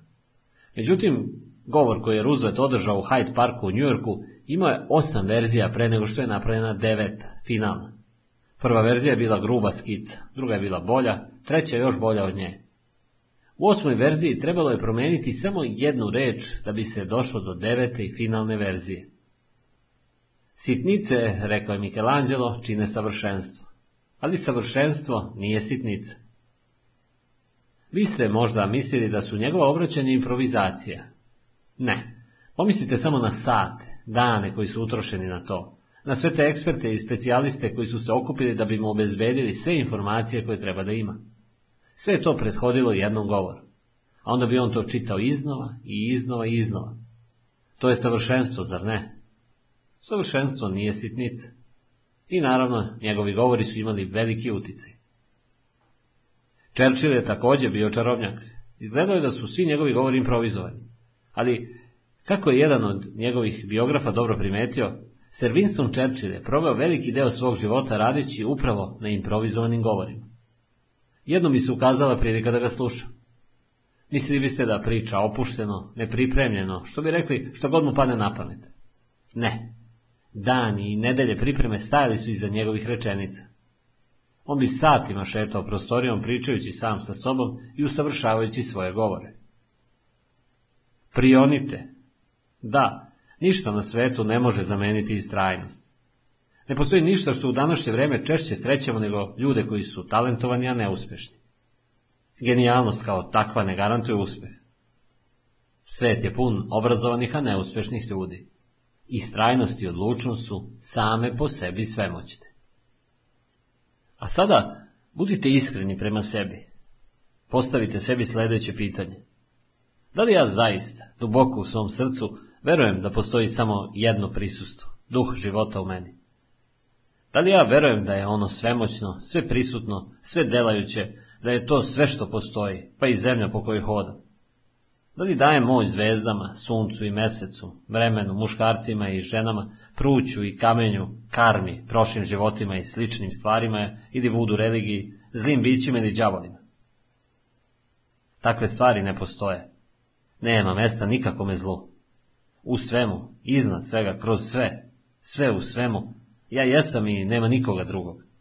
Od izlaska sunca do zalaska njegovoga nema ničeg drugog. Da li ste spremni da platite tu cenu? Vi je morate platiti i onda ste prosvećeni. Onda ste slobodni. Postoji samo jedno prisustvo, jedna moć, jedan uzrok i jedna substanca. Shvatite da svako mora da plati cenu, a da je cena pažnja, priznanje, prihvatanje i ubeđenje. I vi možete platiti cenu. Sve što treba da učinite je da pozovete. Ono će vam odgovoriti. Ono je bezlično. Hajde da mislimo o ovim velikim istinama. A Bog da ispuni svaku potrebu vašu po bogatstvu svom u slavi. U miru i u zdanju bit će slava vaša. Bog vam obilato daje svega da u tome uživate. Sa Bogom su sve stvari moguće. I pre nego poviču, ja ću se odazvati. Još će govoriti, a ja ću uslišiti. Po veri vašoj neka vam bude. Ako možeš verovati, sve je moguće onome koji veruje. Zazvaće me i uslišit ću ga. S njim ću biti u nevolji. Izbavit ću ga i proslavit ću ga. Gospod je videlo moje i spasenje moje. Koga da se bojim? Gospod je krepost života mog. Koga da se strašim? Bog je među vama sada i vodi vas. Ukratko. Ništa nije besplatno. Ako želite da budete bogati, morate platiti cenu bogatstva. Ako želite da budete uspješni, postoji cena i za to. Šta god da želite, morate tome posvetiti svoju pažnju, predanost i lojalnost. Naravno, onda će uslediti odgovor. Cena je priznavanje. Cena je verovanje, uverenje. Uvek postoji cena koju morate platiti. Ništa na svetu nije besplatno. Podarite svoju pažnju, svoju predanost i svoju odanost bilo čemu na ovome svetu i ono će vam zauzvrat otkriti svoje tajne. Ako ne podarite svoju pažnju određenoj stvari, bila to hemija, fizika ili matematika, vaša profesija ili posao kojim se bavite, ostaćete u tami i neznanju. Da biste nešto primili, vi morate nešto dati svom umu. Da biste bili bogati, prethodno morate usaditi ideju bogatstva u svoj um. Šta god da utisnete u podsvest, to se odražava na platnu univerzum. Vama pripadaju stvari samo zato što posjedujete svest. Morate ugraditi mentalni ekvivalent onoga što želite, šta god da je to, u svoj um. Proterajte iz svog uma sve predrasude, lažno uverenja i sujeverja i shvatite da će Bog odgovoriti i pre nego što upitate.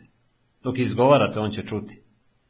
To znači da vi svom umu i mašti morate da naredite da se slože sa drevnom istinom, da šta god tražite već postoji u beskonačnom umu. Već je tamo. Sve što treba da učinite je da se emocionalno i mentalno identifikujete sa svojom željom, idejom, planom, svrhom i shvatite da je to realno isto koliko vaša ruka ili srce. Mudrost je prisustvo i moć Boga koja kroz vas dela. Na svim putima svojim priznajte Boga i On će vaše staze učiniti ravne. Verujte Bogu, verujte u Boga i dogodit će se ono što želite. Sedmo poglavlje. Zašto mi se ovo događa? Velika je privilegija davati savete ljudima. Tu je u pitanju privatnost i sveto je pravilo poštovati njihovo poverenje. Tu privilegiju nikada ne treba zlupotrebiti. To je jedno prosvetljujuće iskustvo i za, nadajmo se, onoga ko prima savet, a sigurno za onoga koga daje, jer ono otkriva sljedeći obrazac. Univerzalne, obične, česte teškoće koje skoro svakoga zadese. Pre ili kasnije, tokom neformalnog razgovora u kome ništa nije tabu, nema cenzure ili prekorevanja, koncept vere ulazi u sliku jer je on ključ jednog ispunjenog života. Često su veterani takozvane nove misije razočarani kada čuju na izgled jednostavnu istinu. Često su je čuli, umorni su od nje, više i ne registruju. Bez razlike odgovor je skoro uvijek isti. A da, to je istina. Znam to već godinama. To je predivno. Ali moj problem je daleko komplikovaniji od toga. Ne mogu ga rešiti jednom tako jednostavnom istinom. A onda se čuju svakakve komplikacije. Problem slomljenog srca, gubitak posla, zbunjenost, osjećaj izolacije, uprkos i bez obzira na njihove izuzetne napore, ljubav prema Bogu, duboko poštovanje, priželjkivanje odgovora koji treba da dođe. Ako čudesna istina, ključ kraljevstva, suštinski i osnovni temelj, po veri vašoj neka vam bude, za vas izgleda previše jednostavan, onda je sasvim primjereno da sugerišem da je i vaš problem previše jednostavan. Postanite jednostavni. Možete imati problem, rešiti ga i dalje se pitati šta će biti sutra. Šta donose sva sutra? Konstantno, sve prisutno traganje za odgovorima, neodređeno, uvek prisutno strahovanje od prošlosti i prestravljenost od toga šta može doći u budućnosti. Sadašnjost ispunjena osjećanjima koje idu od ushićenja do očaja. Zauvek se pitati odakle dolaze i zašto se događaju svi ti problemi. Dakle, kada neko postavi pitanje zašto se ovo događa baš meni, pitanje te osobe je zapravo nešto što zahteva više pažnje, nešto kompleksnije.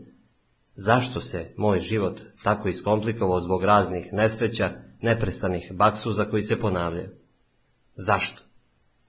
To je u svom punom značenju univerzalan vapaj. Molba za jedan dugoročni odgovor, za duševni mir, za mentalno blagostanje. Jer kada smo mirni u umu i srcu, sve drugo u našem ličnom svetu dolazi na svoje mesto. Zašto je vrlo duboka ukorenjena želja za isceljujućim elemom istine? Na kraju krajeva, to je naša potraga, čežnja da iskusimo iskupljenje, uveravanje i sigurnost i shvatanje našeg suštinskog ispaštanja sa Bogom. Da realizujemo, učinimo realnim, da iskusimo, da živimo u svesnoj svesnosti naše urođene prave prirode, kao sinovi i kćeri živog Boga punog ljubavi. Oče svih nas može izgledati da smo shrvani brojnim problemima i nedaćama, i na koji način ne želim da ih umanjim. Ali postoji jedan osnovni, bazični poremećaj, to je osjećaj odvojenosti od univerzalnog, iskonskog izvora svega, praoca, oca, koga smo nazvali Bog. Kada prihvatimo taj osjećaj, ideju odvojenosti od iskonskog, istinskog izvora, sve drugo se da srediti i strah počinje da uzmiče kao tama pred zorom novog dana. U jednoj azijskoj zemlji postoji legenda o zemljoradniku koji je otišao kod mudraca u svom selu i ispričao mu sve o svom životu, o tome kako mu je teško. Nije znao kako će uspjeti u svemu što je hteo i bio je na ivici da odustane.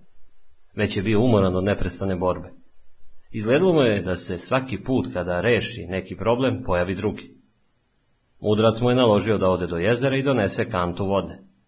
Onda je tu vodu razdelio u tri lonca i okačio ih iznad vatre. Uskoro je voda u loncima počela da ključa. U prvi je stavio šargarepu, u drugi nekoliko jaja, a u treći šaku listova čaja. Nakon što se to sve kuvalo jedno pola sata, sklonio je lonce sa vatre. Uzeo je šargarepe i stavio ih u jednu činiju. Onda je uzeo jaja i stavio u drugu, a zatim je sipao čaj u treću činiju.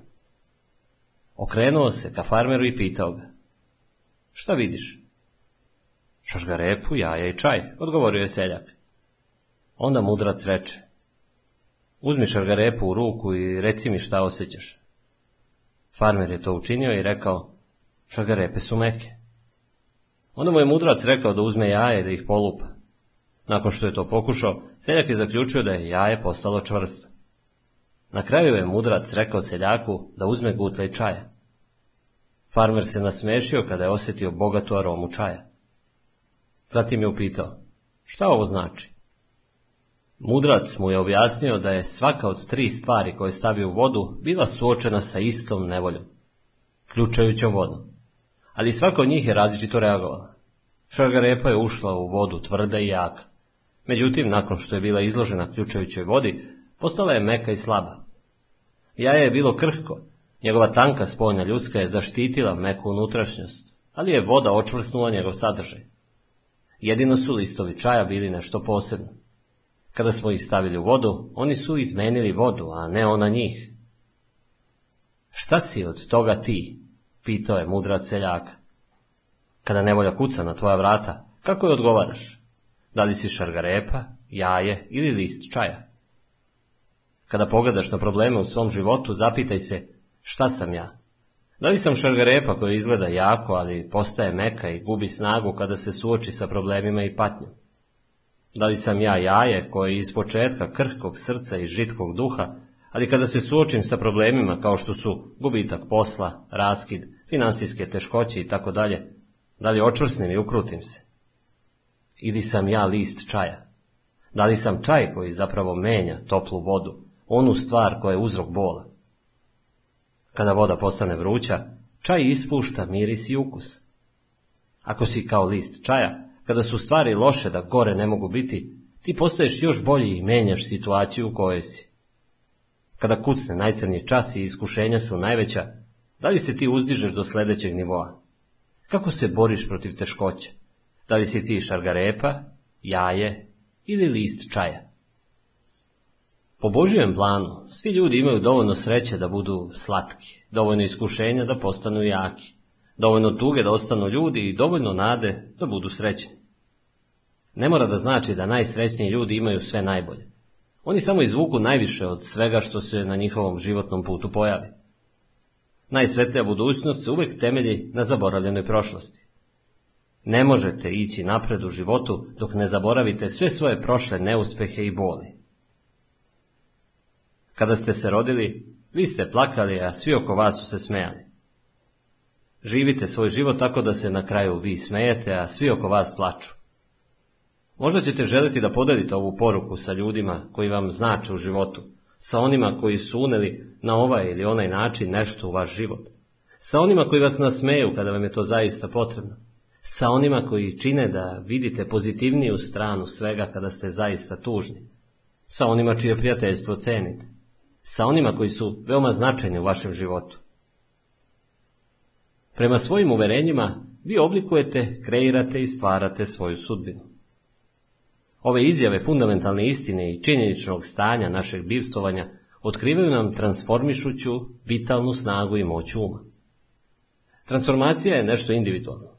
Ako neko kaže da je taj proces previše jednostavan, ja mu kažem da je možda pomešao previše jednostavan sa lak. Teorijski je sve jednostavno, jer teorija bilo koje discipline ili nauke jednostavna je. Primjena teorija zahteva pažnju, vežbu, odlučnost ili strpljenje, osjećaj odgovornosti, samoodlučnost. Dužina potrebnog vremena je u skladu sa intenzitetom interesovanja date osobe. Vi možete od tog procesa transformacije, obnove uma, napraviti jedan težak poduhvat ili možete ući u najuzbudljiviji, najvitalniji period i provesti se najbolje u životu u svakoj fazi, pogledu ili interesovanju koje imate.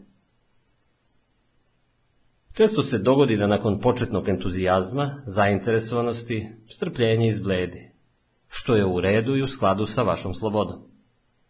Neki ljudi jednostavno neće ni da čuju za odgovornost. Više vole da ih niko ne podsjeća na tu jednostavnu istinu, ali ona je prvi ključ koji otvara kapije kraljevstva koje se u vama krije.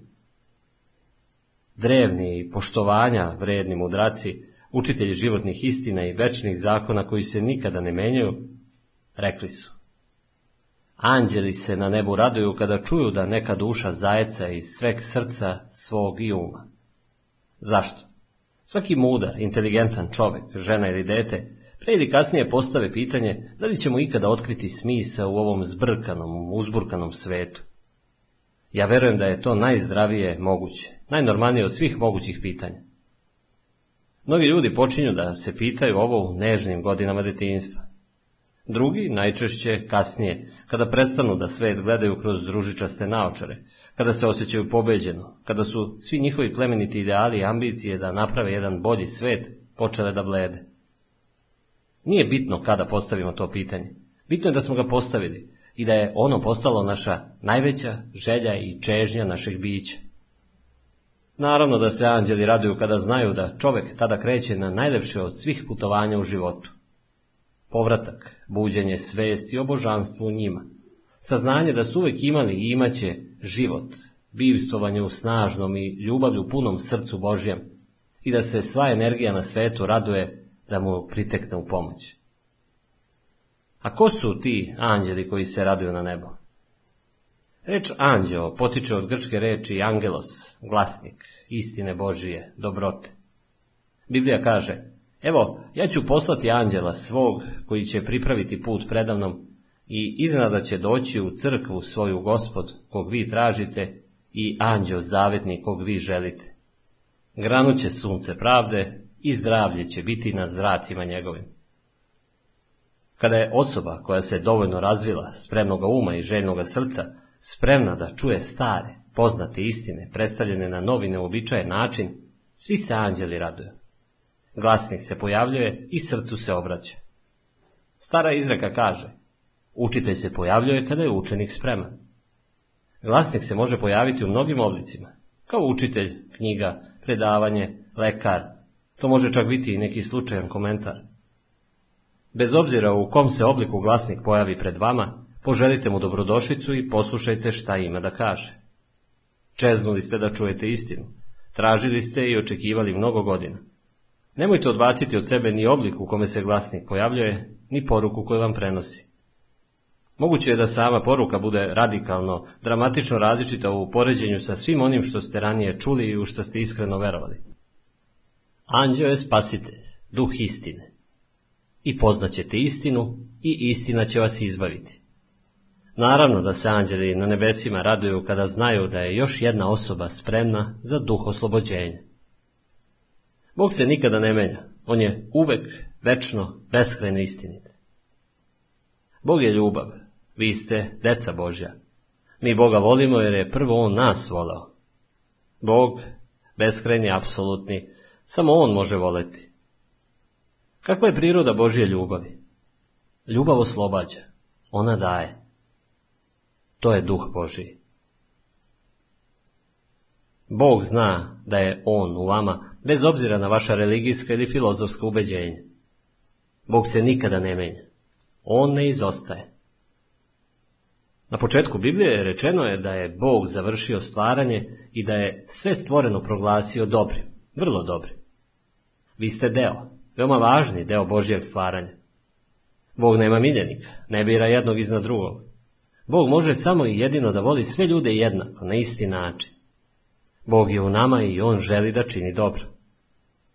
Sveta želja Božja je da daje, isceljuje, da nas unapredi na svaki način koji možemo zamisliti.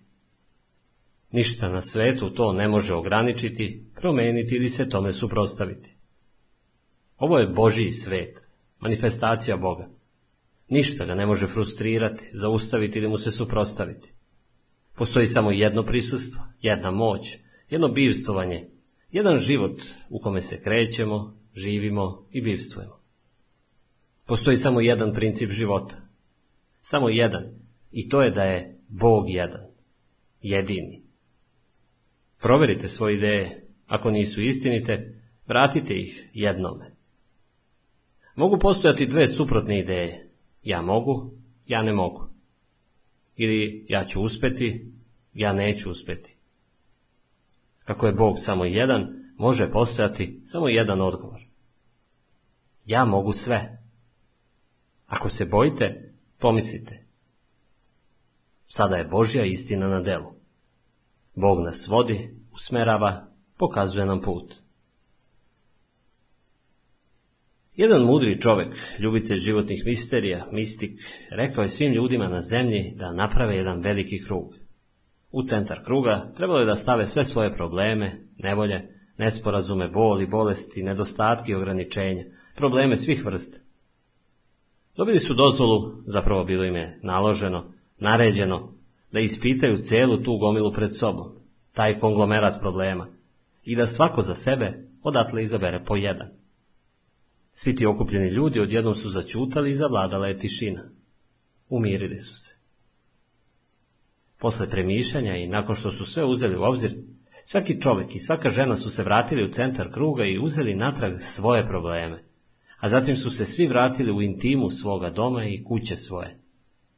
Ni jedan od njih, niti jedna duša nije izabrala, nije na sebe preuzela teret, muka, iskušenja i patnji nekog drugog čoveka ili žene. Znak duhovne zrelosti, zrelog doba je prihvatanje i priznavanje činjenice da okolnosti, ovaj moment, jesu nešto što smo jedinstveno i znanstveno sami sebi stvorili. Emerson bi rekao, pa ovo je napravljeno po meri, pristaje nam kao rođena koža. Problemi koji su vaši, koji vam dolaze, možda neće zadesiti mene, niti će teškoće karakteristične za moj život doći na vaš prag, a tako i treba da bude. Vrlo je primamljivo pokušavati da rešiš probleme drugih osoba. To je zabluda i potpuno beskorisno traćenje i rasipanje naše energije. Uz svu dobru volju i dobre namere i koliko god da mi to jako želimo, mi nismo kompetentni da rešavamo probleme drugih ljudi. Mi se možemo jedni za druge moliti i možda poslužiti kao glasnici. Ali samo smo mi, samo smo mi oni koji imaju sposobnost da se nose sa našim vlastitim životima, jer smo ih i stvorili. Mi ih možemo izmeniti ili poboljšati tako što ćemo promeniti svoje uverenja, tako što ćemo se setiti ko smo zaista. Naša je obaveza da se neprestano podsjećamo na nasljeđe koje nam je zaveštano, na ono što nam je ostalo, na sve ono što je dobro, lepo i istinito. Samo onda možemo imati savršeni mir, jer onda smo jedno sa Bogom. Ukratko. Koncept verovanja je ključ do jednog ispunjenog života. Prema svojim uverenjima vi oblikujete, kreirate i stvarate svoju sudbinu. Može izgledati da smo shrvani brojnim problemima i nedaćama, ali postoji jedan osnovni, bazični poremećaj. To je osjećaj odvojenosti od univerzalnog, iskonskog izvora svega, praoca, oca koga smo nazvali Bog. Kada prihvatimo taj osjećaj, ideju odvojenosti od iskonskog, istinskog izvora, sve drugo se da srediti i strah počinje da uzmiče kao tama pred zorom novog dana. Kada je osoba koja se dovoljno razvila, spremnoga uma i ženoga srca, spremna da čuje stare, poznate istine, predstavljene na novi neobičajen način, svi se anđeli raduju. Glasnik se pojavljuje i srcu se obraća. Stara izreka kaže, učitelj se pojavljuje kada je učenik spreman. Glasnik se može pojaviti u mnogim oblicima, kao učitelj, knjiga, predavanje, lekar. To može čak biti i neki slučajan komentar. Vi ste deo, veoma važan deo Božjeg stvaranja. Bog nema miljenika, ne bira jednog iznad drugog.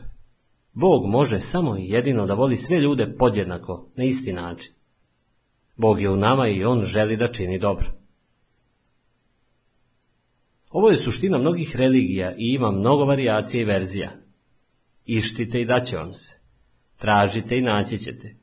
Kucajte i otvorit će vam se. Dobit ćete istinu. Ona će vam doći. Osmo poglavlje. Pohvala. Put ka uspehu. Pohvala kao put ka uspehu predstavlja naše priznavanje isceljujućeg prisustva i moći Boga u svakome od nas. Taj jedini izvor i teme dobra koje priželjkujemo. Pohvala veliča Boga. Reč pohvaliti potiče od hebrejske reči koja znači podići. Uzdignuti naš najviši princip života u svemu što preduzimamo ili radimo. Pohvala uvek uključuje svetlost i sijavanje. Pohvala je pokušaj slavljenja, veličanstveni zraci sijajućeg prosvetljenja.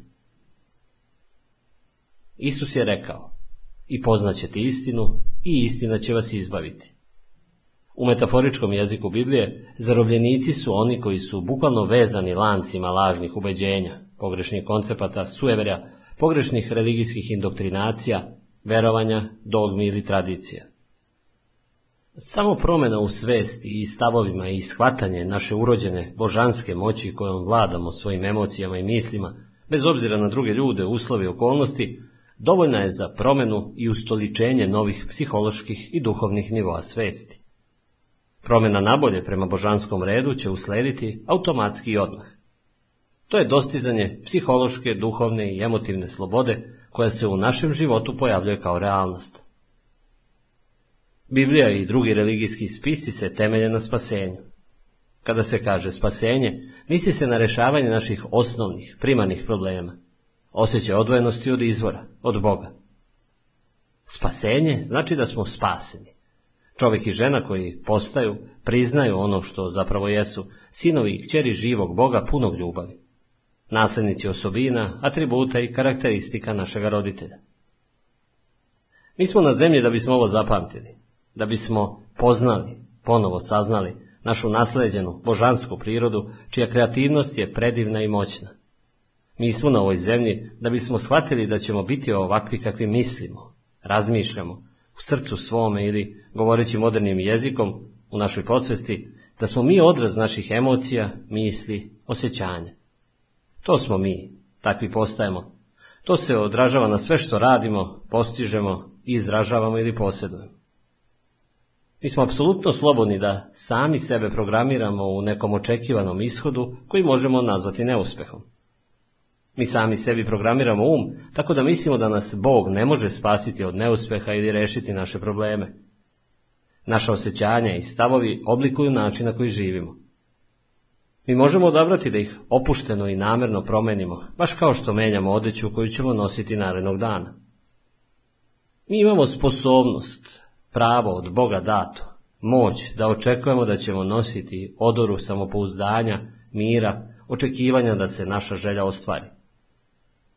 Mi moramo prepoznati svoju urođenu sposobnost da utičemo na neku promjenu i da je napravimo. Da iz dubine našeg bića znamo da ne moramo na sebe gledati kao na žrtve okolnosti, bespomoćna stvorenja okružena poslovima, problemima, nerazumnim ljudima, nepravednim zahtjevima. Mi možemo odabrati da budemo žrtve ili da budemo pobednici. Naša snaga je u saznanju da smo mi uvek i zauvek sposobni za nešto više, za konstruktivnije, duhovne i psihološke nivoje shvatanja i svesti. Postoje trenuci kada nikako ne možemo da uočimo vezu između onoga što smo zamišljali i priželjkivali i onoga što nam se sada događa. Autor proroka Halil Džubran je rekao, ako je ovo dan žetve moje, u kojim sam poljima posejao seme i u kojim zaboravljeni dobima. Lepota zahteva hrabrost. Lepota ne traži ništa manje od nas nego da budemo u potpunosti iskreni sami prema sebi, da istražimo svoje unutrašnje misli i osjećanja, da se s njima suočimo i iscelimo ih kako je potrebno. Dok ovo radimo, uočit ćemo da postoje određeni obraci koji se ponavljaju.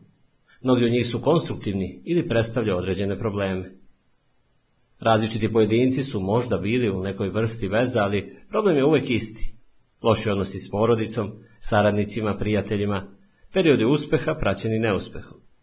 To je jedno ciklično ponavljanje identičnih obrazaca. Zbunjenost, pa čak i obeshrabrenje postaju dominantne emocije. Međutim, slomljeno srce može biti blagoslov, jer tada zaista preispitujemo sebe i pokušavamo da nađemo odgovore. Prorok istine se pojavljuje da zavijem ranjene u srcu, baš kao što doktor čisti i previja ranu. Slomljeno srce um podeljen na dva suprostavljena dela. Svi imaju svoj cilj, plan ili svrhu. Želja u konfliktu sa realnošću, posebno ona koja se odnosi na već mrtvu prošlost, može biti ispunjena, rešena ili ponovo rešena. Lepota od nas traži, zahteva da praštamo. Oprostiti nekom drugom znači otvoriti sebi samom jednu novu percepciju ili viziju u životu. Umjesto stare odore uzimamo novu koju smo izabrali da obučemo. Redko se desi da ne prođe makar i jedan dan, a da neki savjetnik ili terapeut u bilo kom polju i obliku ne čuje sledeće. Ali vi ne možete ni da pretpostavite kako su se loše prema meni ponašali, koliko sam bio povređen, kako sam gorčinu iskusio. Kako mi možete reći da oprostim? U mojoj knjizi Tajne i Činga stoji Prezrenje i želja da vidimo kako neko biva kažnjen kvare vašu dušu i prikivaju za vas muke kao da su ekserima zakucane. I naravno mi postajemo žalosni. Lepota od nas traži da utešimo žalosne, da im podarimo radosti.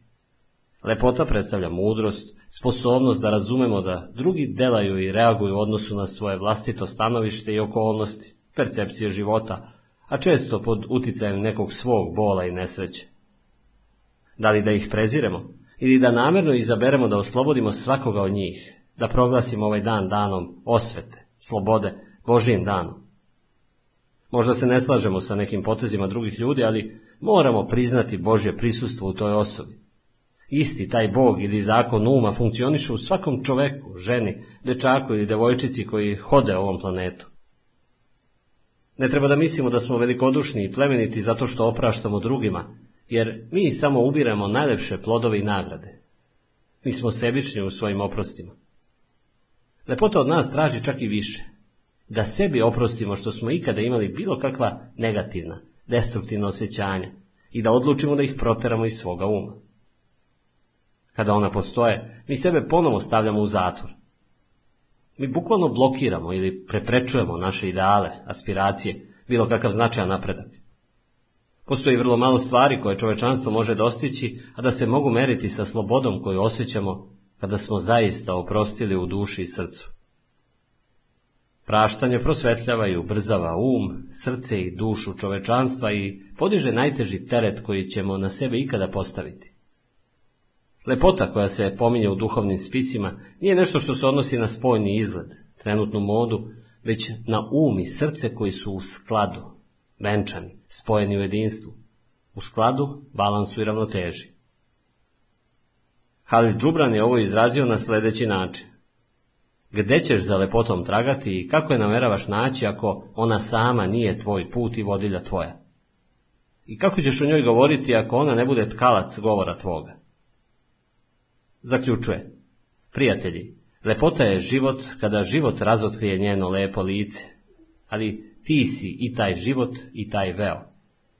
Lepota je večnost koja sama sebe u ogledalu posmatra, ali ti si večnost i ti si ogledalo.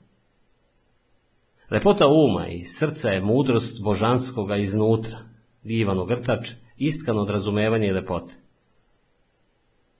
Pravo svetilište uvijek bilo naš duh ili svest.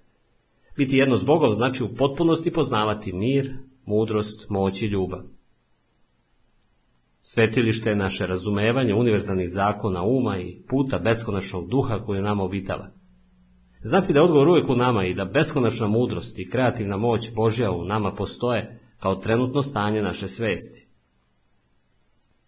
Značenje reči napredak se iskvarilo tokom vremena, da bi sada odnosila prvenstveno na financijski aspekt. Koliko god je ovaj aspekt ljudskog života bitan, to je samo jedan deo originalnog značenja. Prvobitno, termin je značio cvetati i rasti, kao zdravo i jako drvo, drvo pravednosti, drvo života.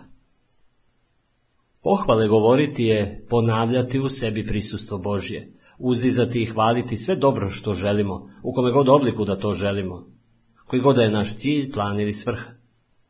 Izreći proročanstvo znači proreći, reći pre, ustanoviti mentalni ekvivalent naše želje u svesti i to će se sigurno dogoditi. Pohvala je celodušno predavanje i pridavanje pažnje cilju koji je pred nama, pre nego prošlosti, ili onome što nam dolazi preko naših osjećaja. Hvaliti Boga isto što i hvaliti dobro. Hvaliti Boga označava veru u delanje. Hvaliti znači živjeti u psihološkom stanju s razmjerno našem shvatanju da se rešenja, spas pojavljuju pred nama. Svrha religije je da pomogne svakome od nas da sam sebe razume i upozna, da svako od nas postane jedno sa suštinom života. Prosperitet je ispunjenje, materializacija i realno izražen ako se ponašamo i živimo prema najvišem stepenu istine koju poznajemo. Ponovo, kako Biblija kaže, zapovedam ti dakle, budi srčan i odlučan. Ne boj se i ne plaši se jer Gospod, Bog tvoj, s tobom je u svemu što preduzmeš. Ukratko. Pohvala kao put ka uspjehu predstavlja naše priznavanje isceljujućeg prisustva i moći Boga u svakome od nas. Taj jedini izvor i temelj dobra koje priželjkujemo. U trenutku kada svim srcem, dušom i umom da saznamo i shvatimo sami sebe, razumemo da mora postojati put, metod, način da uvedemo harmoniju u naše živote, pojavit će se prorok istine. Ideja, knjiga, događaj i mi ćemo vidjeti istinu. Shvatit ćemo da smo postali ono o čemu smo razmišljali. Naše misli i osjećanja u jako velikoj meri kontrolišu našu sudbinu. Onda ćemo se osloboditi, više nećemo biti zarobljenici prošlosti. Prosperitet je pred nama. Samo promjena u svesti i stavovima i shvatanje naše urođene božanske moći kojom vladamo svojim emocijama i mislima, bez obzira na druge ljude, uslovi okolnosti, dovoljna je za promjenu i ustiličenje novih psiholoških i duhovnih nivoa svesti. Naša osjećanja i stavovi oblikuju način na koji živimo. Mi možemo odabrati da ih opušteno i namjerno promenimo, baš kao što menjamo odeću koju ćemo nositi narednog dana. Mi imamo sposobnost, pravo od Boga dato, moć da očekujemo da ćemo nositi odoru samopouzdanja, mira, očekivanja da se naša želja ostvari. Mi moramo prepoznati svoju urođenu sposobnost da utičemo na neku promjenu i da je napravimo. Da iz dubine našeg bića znamo da ne moramo na sebe gledati kao na žrtve okolnosti, bespomoćna stvorenja okružena poslovima, problemima, nerazumnim ljudima, nepravednim zahtjevima. Mi možemo odabrati da budemo žrtve ili da budemo pobednici. Značenje reči napredak se iskvarilo tokom vremena, da bi se sada odnosilo prvenstveno na financijski aspekt. Koliko god je ovaj aspekt ljudskog života bitan, to je samo jedan deo originalnog značenja. Prvobitno termin znači cvetati i rasti kao zdravo i jako drvo, drvo pravednosti, drvo života. Pohvale govoriti je ponavljati u sebi prisustvo Božje, uzizati i hvaliti sve dobro što želimo, u kome god obliku da to želimo, koji god je naš cilj, plan ili svrha. Pohvala je celodušno predavanje i pridavanje pažnje cilju koji je pred nama, pre nego prošlosti ili onime što nam dolazi preko naših osjećaja. Hvaliti Boga je isto što i hvaliti dobro. Hvaliti Boga označava veru u delanje. Deveto poglavlje. Zašto vas vaša uverenja čine bogatim ili siromašnim? Jer ko ima daće mu se i preteći će mu, a koji nema, uzet će mu se i ono što ima. Da li ovaj citat iz Biblije deluje surovo? Da li su neki ljudi osuđeni ili izabrani da iskuse i uživaju svim bogatstvima ovoga sveta? Da li je drugima suđeno da prolaze kroz teškoće i stradanje? Da budem iskren, apsolutno ne. To je jasna tvrdnja kreativne moći i prisustva u nama. Tren za trenom, odgovarajući nam, reprodukujući uslovi i okolnosti naših svakodnevnih života, odgovarajući, stvarajući kroz meditacije, misli naše podsvesti. U suštini, tekst koji sam naveo nudi nam slobodu. Nudi nam izlaz iz stanja koje nazivamo kolo sreće se okreće, gozba ili glad, i obilje i nedostatak ili ograničenje, siromaštvo. Svi oni mogu biti u zavisnosti od toga kako ih interpretiramo, u skladu s našim odnosom prema tome, u zavisnosti od našeg shvatanja jedinog izvora svega, Boga. Mistici su ga nazivali božanski um, sveto prisustvo u nama. Samo je jedan zakon i gospodar našega života. Tiranin ili blagonaklon, mudri zaštitnik. Oni koji uživaju istinsko obilje, kojima ništa ne fali i koji napreduju stalno, oni su koji su svesni kreativnih moći uma i misli. Pravo obilje je ono što smo stekli pošteno. Ljudi o kojima govorim tačno znaju koliko to vredi. Kako stalno u svoj um utiskuju ideje duhovnog, mentalnog i materijalnog obilja, napretka izobilja, njihova posvest automatski čini da se to obilje pojavi kao činjenično stanje u njihovom životu. Ovo je taj divni, univerzalni zakon života koji funkcioniše u svima nama i za sve nas podjednako važi. Ovo je drevna istina koja će večno važiti. Naša duboko ukorenjena uverenja, mišljenja, naša svest i razumevanje imaju svoj odraz u iskustvima, događajima i stanjima. Ove stvari se materializuju u skladu sa prirodom naših ideja. Ako smo svesni i ubeđeni da živimo u velikodušnom, inteligentnom, beskrajno produktivnom univerzumu koji nam je dato od velikodušnog Boga ili božanstva punog ljubavi koje njime i vlada, Naša ubeđenja će se odraziti na naše aktivnosti i okolnosti u kojima živimo. Isto tako ako je moje dominantno ubeđenje, ja ne zavređujem beskrajno univerzalno bogatstvo, ja sam osuđen na nemaštinu, bogatstvo je namenjeno drugima. Tako će mi biti, tako će zauvijek i ostati. Tako će mi se pokazati u životu, tako ću ja izgledati. Ako tako mislite, to vaše ubeđenje postaje dominantno. Ovakva dva suprotna koncepta ili verovanja su ono što u najvećoj meri uslovljava to da li smo bogati ili siromašni u materijalnom smislu. Da parafraziram citat iz Biblije koji sam pomenuo, to je razlog zašto bogati postaju bogatiji, a siromašni siromašniji.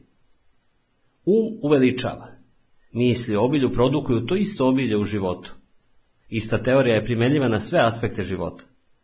Kada to jednom prihvatite, stičete kontrolu nad svojim životom i okolnostima u njemu. Kada jednom prihvatimo istinu da je um naš kreativni zastupnik i da na šta god da je koncentrisan i šta god da privlači njegovu pažnju, on će na tome ispoljiti svoje moći. Mi smo već na putu isceljenja, obilja, prosperiteta, zdravlja i naći ćemo naše pravo, idealno mesto i način na koji ćemo živjeti život koji nam je dat. Znam da je teško misliti na obilje i bogatstvo kada se živi u nemaštini. Također znam da je to moguće postići i to tvrdim iskreno. Iskrenost i integritet i jesu neka vrsta obilja. U mojoj knjizi Vaša beskonačna moć da postanete bogati, napisao sam da sve ovo zahteva istrajan i koncentrisan napor. A to je vrednost svakoga truda, jer onaj koji usavršava ovako disciplinovano razmišljanje, neizbežno postaje bogati i može imati šta god poželi. Ljudi koji obraćaju pažnju na neograničena bogatstva uma, izvor svih iskustava, posjedovat će više bogatstava sveta. U okviru ovog predivnog zakona ili u okviru onoga što on podrazumeva, treba reći. Određen način razmišljanja proizvodi stvari slične sebi. Disciplinovano razmišljanje je cilj jedne opšte istine. Disciplina je reč oko koje se mnogi ljudi snebivaju. Za njih ona označava strogu kaznu ili bol. To znači da oni ne razumeju njeno pravo značenje. Ja verujem da disciplina počinje razumevanjem. Mi moramo razumeti u šta verujemo i zašto to činimo. Kada slušamo druge ljude, kada s njima razgovaramo, postaje nam jasno da su razni nesporazumi najčešći uzrok njihovih patnji. Glavni razlog ovoga je to što su oni bili podučavani da slijede samo jedan deo svetog pisma.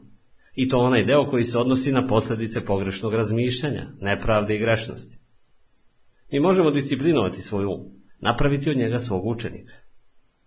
Reč disciplina i učenik potiču od istog korena, latinskog discipulus, što znači učenik. Razumevanje je ključno. Naši umovi su naši učenici. Um je najvažniji sluga duha, naše svesti, naše kreativnosti i naših sposobnosti. Promjena mišljenja, transformacija, živele promjene.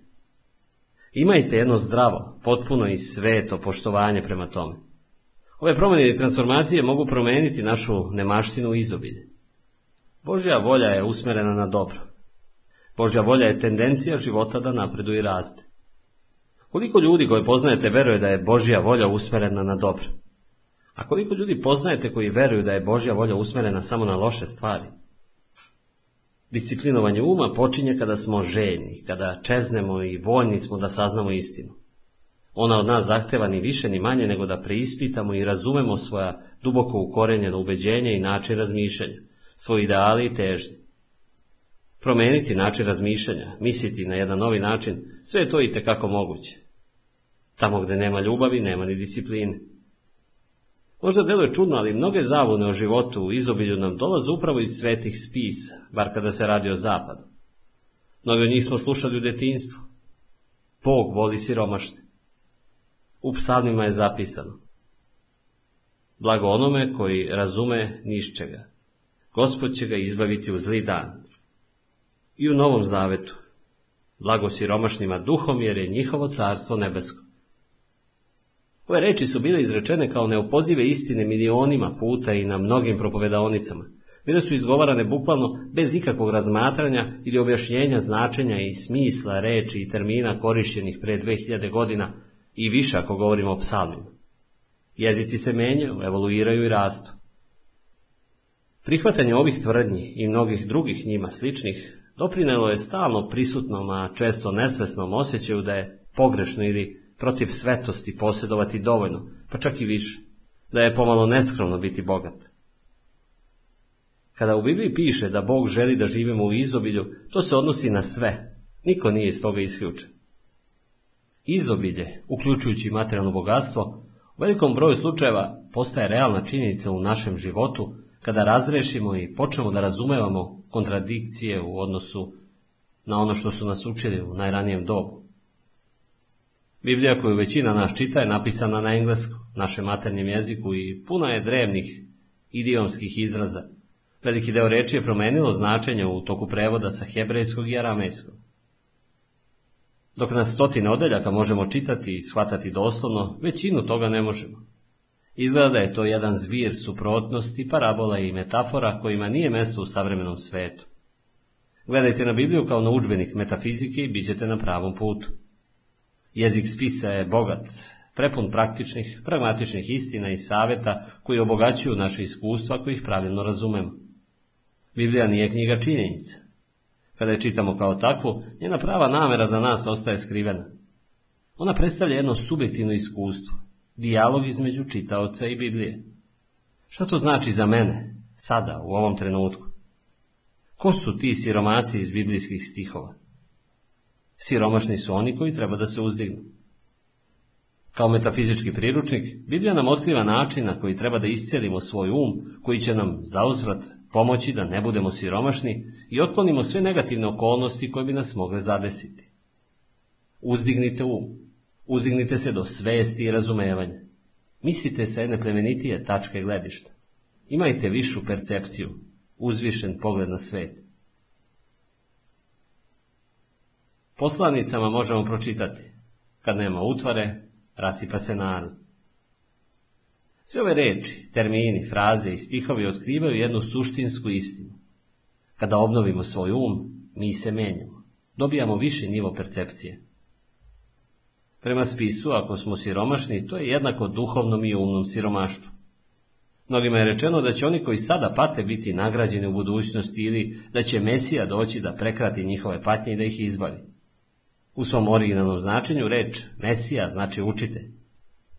Pročitajte ponovo Isusove reči koje su nam najčešće ponavljane. Danas je dan spasenja. Sada je milosno vreme. Zaista ti kažem danas, bit ćeš sa mnom u raju. Obratite pažnju na to da su sve ove izjave u sadašnjem vremenu. Na svu sreću ovo je zadržano, to jest ostalo je u prevodu. Koliko često smo ove pouke čuli u detinjstvu, ili još češće, gospod ljubi siromahe. Biti siromašan duhom ne znači biti depresivan, potišten, preplavljen tugom i očem. Naprotiv, to znači da je vaš um otvoren i perceptivan za istine Božje. Vi ste gladni i žedni da saznate više i da prisvojite više od božanstva koje je u vama. To znači da ste iščistili svoj um od lažnih uverenja, strahova, predrasuda i svega i svačega što vas može sprečiti da razumete božansko prisustvo. Bogatstvo intelektualni ponos i verovanje u ono što nam može pružiti naših pet čula.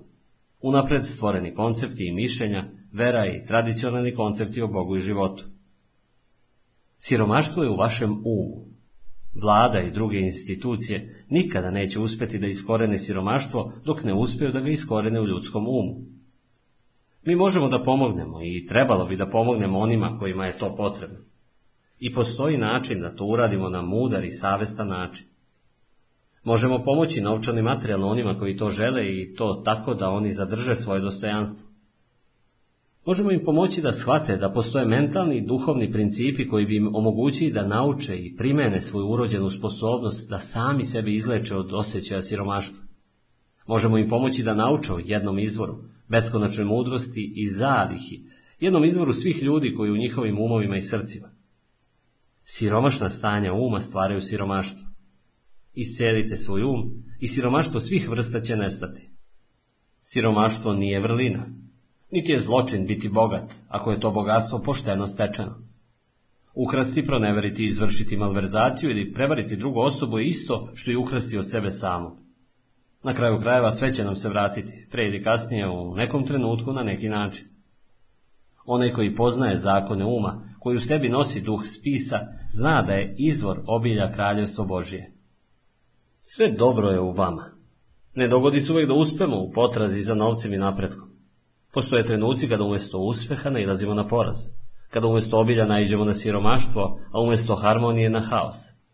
Život je takav i moramo naučiti kako da se s time suočimo. Razumevanje suprotnosti u životu je vrlo bitno za način na koji naša uverenja diktiraju naše postupke. Moramo shvatiti da mi živimo u svetu, univerzumu koji je sačinjen u suprotnosti. Najveći dar i izazov koji nam je Bog podario je sloboda izbora, između dobra i zla, između zdravlja i bolesti, između siromaštva i izobilja. Mi treba da napravimo taj izbor i treba to da uradimo mudro. Tokom vekova muškarci i žene su se okušavali u ovom izboru sa manjim ili većim uspehom. Mnogi od njih su zaključili da su sve suprotnosti, na primjer dobro i zlo, moći koje dolaze od njih i na njih. Ako uzmemo ovakvo polazište, onda je bilo koji od ova dva ishoda samo srećna slučajnost ili čudljiva sudbina. Na prvi pogled ovo nam može izgledati tačno, ali da li je moguće da postoje dve beskonačnosti? Sa matematičkog stanovišta to je nemoguće, jer bi jedna poništila drugu. U tom slučaju pre bi postojala apsolutna neutralnost ili haos nego sređeni univerzum. Čovečanstvo nije sposobno da razume tako nešto. Polovi su dva suprotna kraja jednog štapa. Oni stoje na najvećem mogućem rastojanju, ali nemojte zaboraviti da je štap jedan. Mudrost koja se prenosila generacijama i generacijama kaže Nemojte suditi, formulišite svoje odluke. Donosite zaključke prema onome kako vam stvari izgledaju. Nemojte donositi svoje odluke samo na osnovu onoga kako vam stvari izgledaju. Nemojte odlučivati prema trenutnim uslovima. Sve ono što naših pet čula mogu da detektuje Bog. Živo, dinamično, premudro prisustvo iza svega, pre svega iznad svega i unutar svega. Stari su ga nazivali božanski um. Mi se uvek krećemo između suprotnosti, sva ljudska bića su takva. Mi doživljavamo ono što se obično naziva životni usponi i padovi. Raspoloženje može varirati od euforije do očaja, od zadovoljstva do bola, od radosti do tuge, i nikada ne bismo mogli da spoznamo jedno bez drugog. Ali kada sebi priznamo i shvatimo da ove manifestacije potiču od istog principa, dinamične, konstantne kreacije, više se nećemo plašiti suprotnosti koje vidimo oko sebe i koje svako od nas u većoj ili manjoj meri doživljava. Velike promjene nam izgledaju manje ekstremne. Postoje izrazi, dvojaki izrazi istog principa. Mi smo ovdje da izmirimo te suprotnosti i stvorimo harmoniju, zdravlje i ljubav u našem svetu. U svojoj knjizi Tajne i Činga napisao sam da verovatno ne postoji ni jedan sistem edukacije, praktične mudrosti, koji na jasniji i direktniji način opisuje sistem suprotnosti nego onaj primjenjivan u Kini pre 5000 godina. Oni su prepoznali, razumeli i prihvatili princip suprotnosti i nazvali ga promene ili prolaznost. Sve dolazi od nevidljivog. Ostaje ovdje neko vreme, a onda se ponovo vraća u nevidljivo, koje su oni nazvali Dao, Bog. Istočnjački mudraci su zaključili da kosmos, svet, društvo, individue, uvek i zauvek postoje u stanju konstantne fluktuacije. To je promenljivo stanje od trenutnog stanja, do njegove potpune suprotnosti. Leto postaje zima, dan se menja u noć, mesec raste i smanjuje se. Plima nadolazi i odlazi. Stari svetovi i rase umiru da bi se novi rodili. Ti drevni filozofi su rekli, ako vam se ne dopada vreme u našem kraju, zadržite se još malo, promenit će se. Oni su priznavali da postoje sile nad kojima oni nemaju kontrolu, kretanje planeta, godišnja doba, elementi. Potopi dolaze, budu malo, onda nestanu. Suše se pojavljuju, ostaju malo, onda odlaze. Lepo vreme će se uskoro vratiti. To je prirodni proces obnavljanja i dopunjavanja u ogromnim kosmičkim razmerama. Knjiga promjena otkriva svaki oblik, formu, funkciju i aktivnost koja dolazi iz nevidljivog dava. Na identičnu istinu možemo naići u jevrejsko-hrišćanskim spisima. I ovo će sve proći. Ima otprilike hiljadu primjera kada odeljak Biblije počinje sa i tako beše. I Čing i jevrijsko-hrišćanski spisi otkrivaju iste istine. Priroda i sve vrste njene energije dolaze iz istog izvora. Dao. Bog. 3000 godina kasnije Pavle je zapisao, jer nema vlasti da nije od Boga. A što su vlasti, od Boga su postavljene. I Čing i Biblija se slažu da dao Bog funkcioniše na univerzalnom planu, na impersonalan način, prema zakonima ili principima prirode. Slažu se da je princip dualiteta na isti način prisutan u kosmičkim razmerama i u ljudskim. Mi se konstantno i dinamično krećemo između nekog stanja i njegove suprotnosti. Kako sam pomenuo ranije, mi svi prolazimo kroz emocionalne uspone i padove, mi se ljuljamo napred, nazad, od tuge do radosti, od uživanja do bola, od mira do razdora, od samopouzdanja do straha. I misli postoje u parovima. Bogatstvo i siromaštvo, slatko i kiselo, dobro i loše, toplo i hladno. Mi nismo u stanju da kontrolišemo elemente u velikom stepenu, ali mi možemo kontrolisati i usmeravati svoju svest. Mi smo blagosloveni urođenom inteligencijom, mogućnošću izbora i selekcije svojih misli, ideja, koncepata, kao i stavova i raspoloženja, onoga što želimo da budemo, da radimo, da imamo i da delimo. Ove želje su Božji anđeli, glasnici božanskog, koji svakome od nas govore, dođi, uzdigni se. Neka vaša želja zarobi i zadrži vašu pažnju. Vi se krećete u pravcu ideje koja dominira vašim umom. Što je veći boljitak koji očekujete nakon ostvarenja svoje želje, to je želja jača. Šta vlada našim mislima, životima?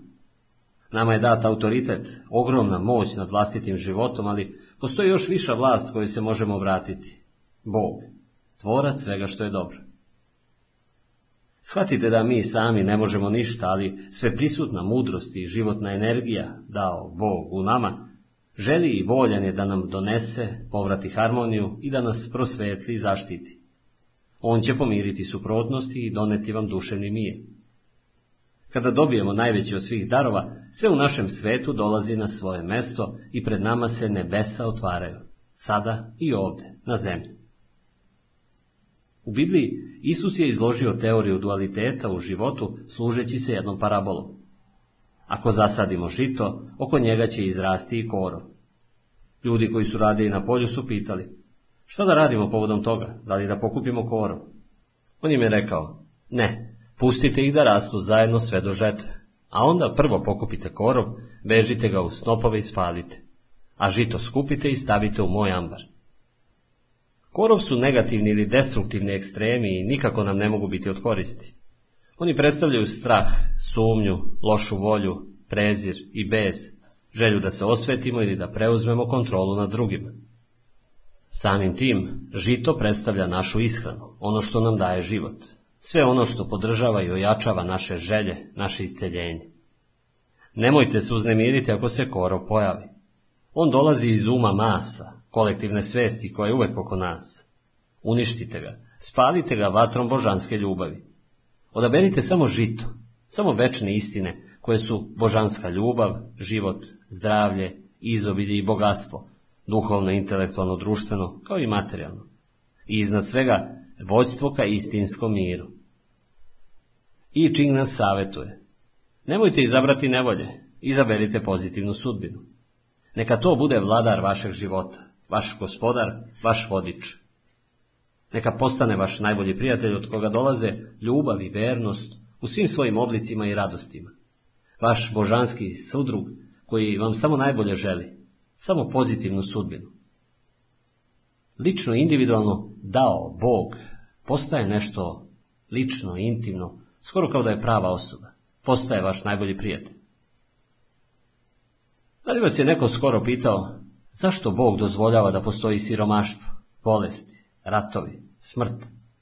Skoro da ne prođe ni jedan dan, a da ne čujemo ova pitanja u nekom obliku. Ovo su opravdana pitanja koja smo svi u nekom trenutku svojih života postavili, ako uopšte imamo razvijeno razmišljanje. Bog nam je dao slobodnu volju, moć izbora i dok god taj dar primenjujemo na pogrešan način ili sa zlom namerom, negativni uslovi će se ponavljati iznova i iznova. Dok ne naučimo princip života, dok ne usvojimo i ne prihvatimo odgovornost za svoje izbore i odluke, individualno i kolektivno, postojaće zlo i ratovi, dok god među nama ima tiran. Ja lično verujem da je strašan zločin to što ljudski rod još uvijek pokušava da sebi nešto prisvoji silom i razarajućim strahotama rata. Na ovom svetu ima dovoljno svega da svi ljudi budu zadovoljni, samo kada bi univerzalno bilo poznato kako da te stvari zatražimo od velikog izvora, kako da to što dobijemo mudro i pravedno raspodelimo i koristimo. Mnogi su stanovi u kući oca mog, dimenzija beskonačnog života. I treba o njima da razmišljamo kao o živim stvorovima kakvi smo i mi sami, o tome da još izobilnije uživaju u životu. Shvatite da u vama postoje neiscrpne intelektualne i emocionalne moći, riznica, kraljevstvo, vaše vlastito konceptualno carstvo nad kojim vam je data apsolutna moć i kontrola. Razumite dualitet sveta u kome živite, uključujući i totalne suprotnosti, život i smrt.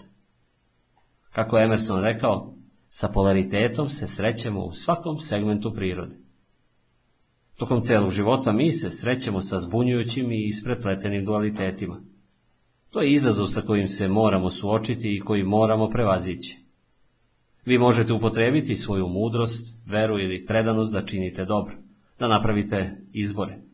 A ako tako radite, vaša nagrada će biti blagoslov, harmonija i izobilje.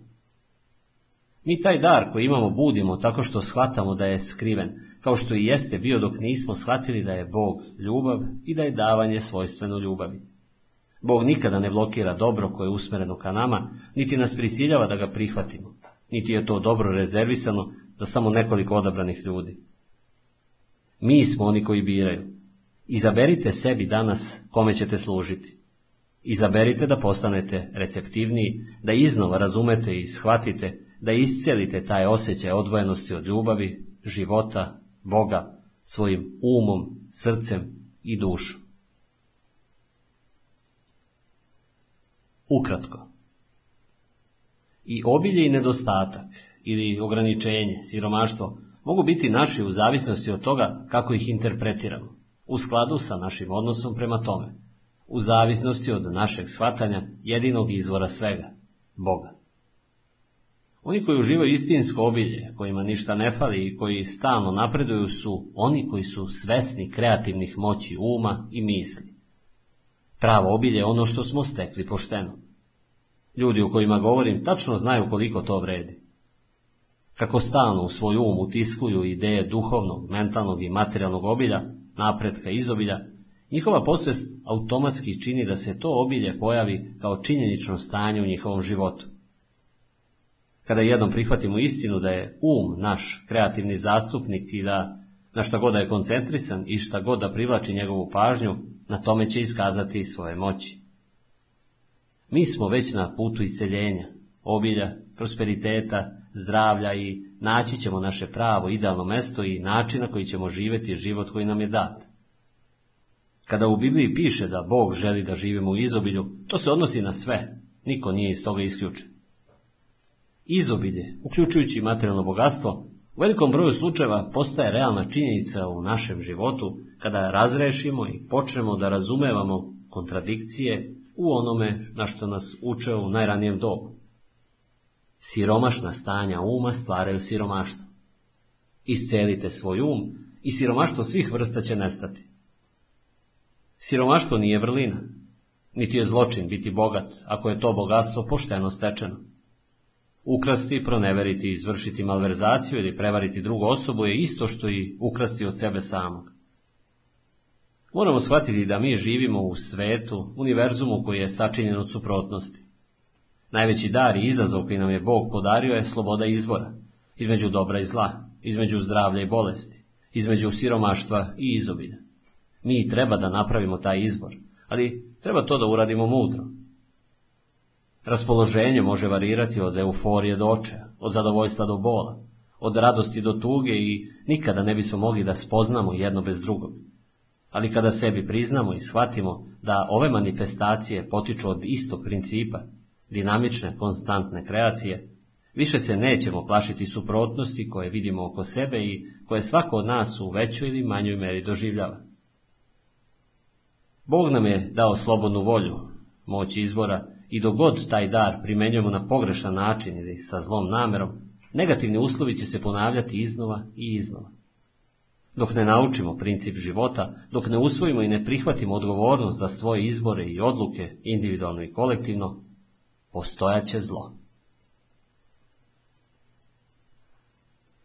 Deseto poglavlje. Zlatno pravilo. Činite drugima ono što biste želi da oni vama čine. Ovo zlatno pravilo se u različitim oblicima pojavljuje u svim svetskim religijama. Ono se često naziva suštinom religije.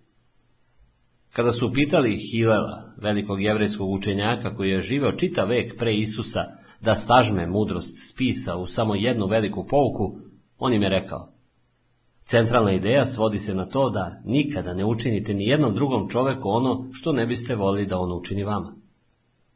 Moderni psiholozi često ponavljaju da je ovo pravilo najvažniji faktor u zdravim interpersonalnim odnosima.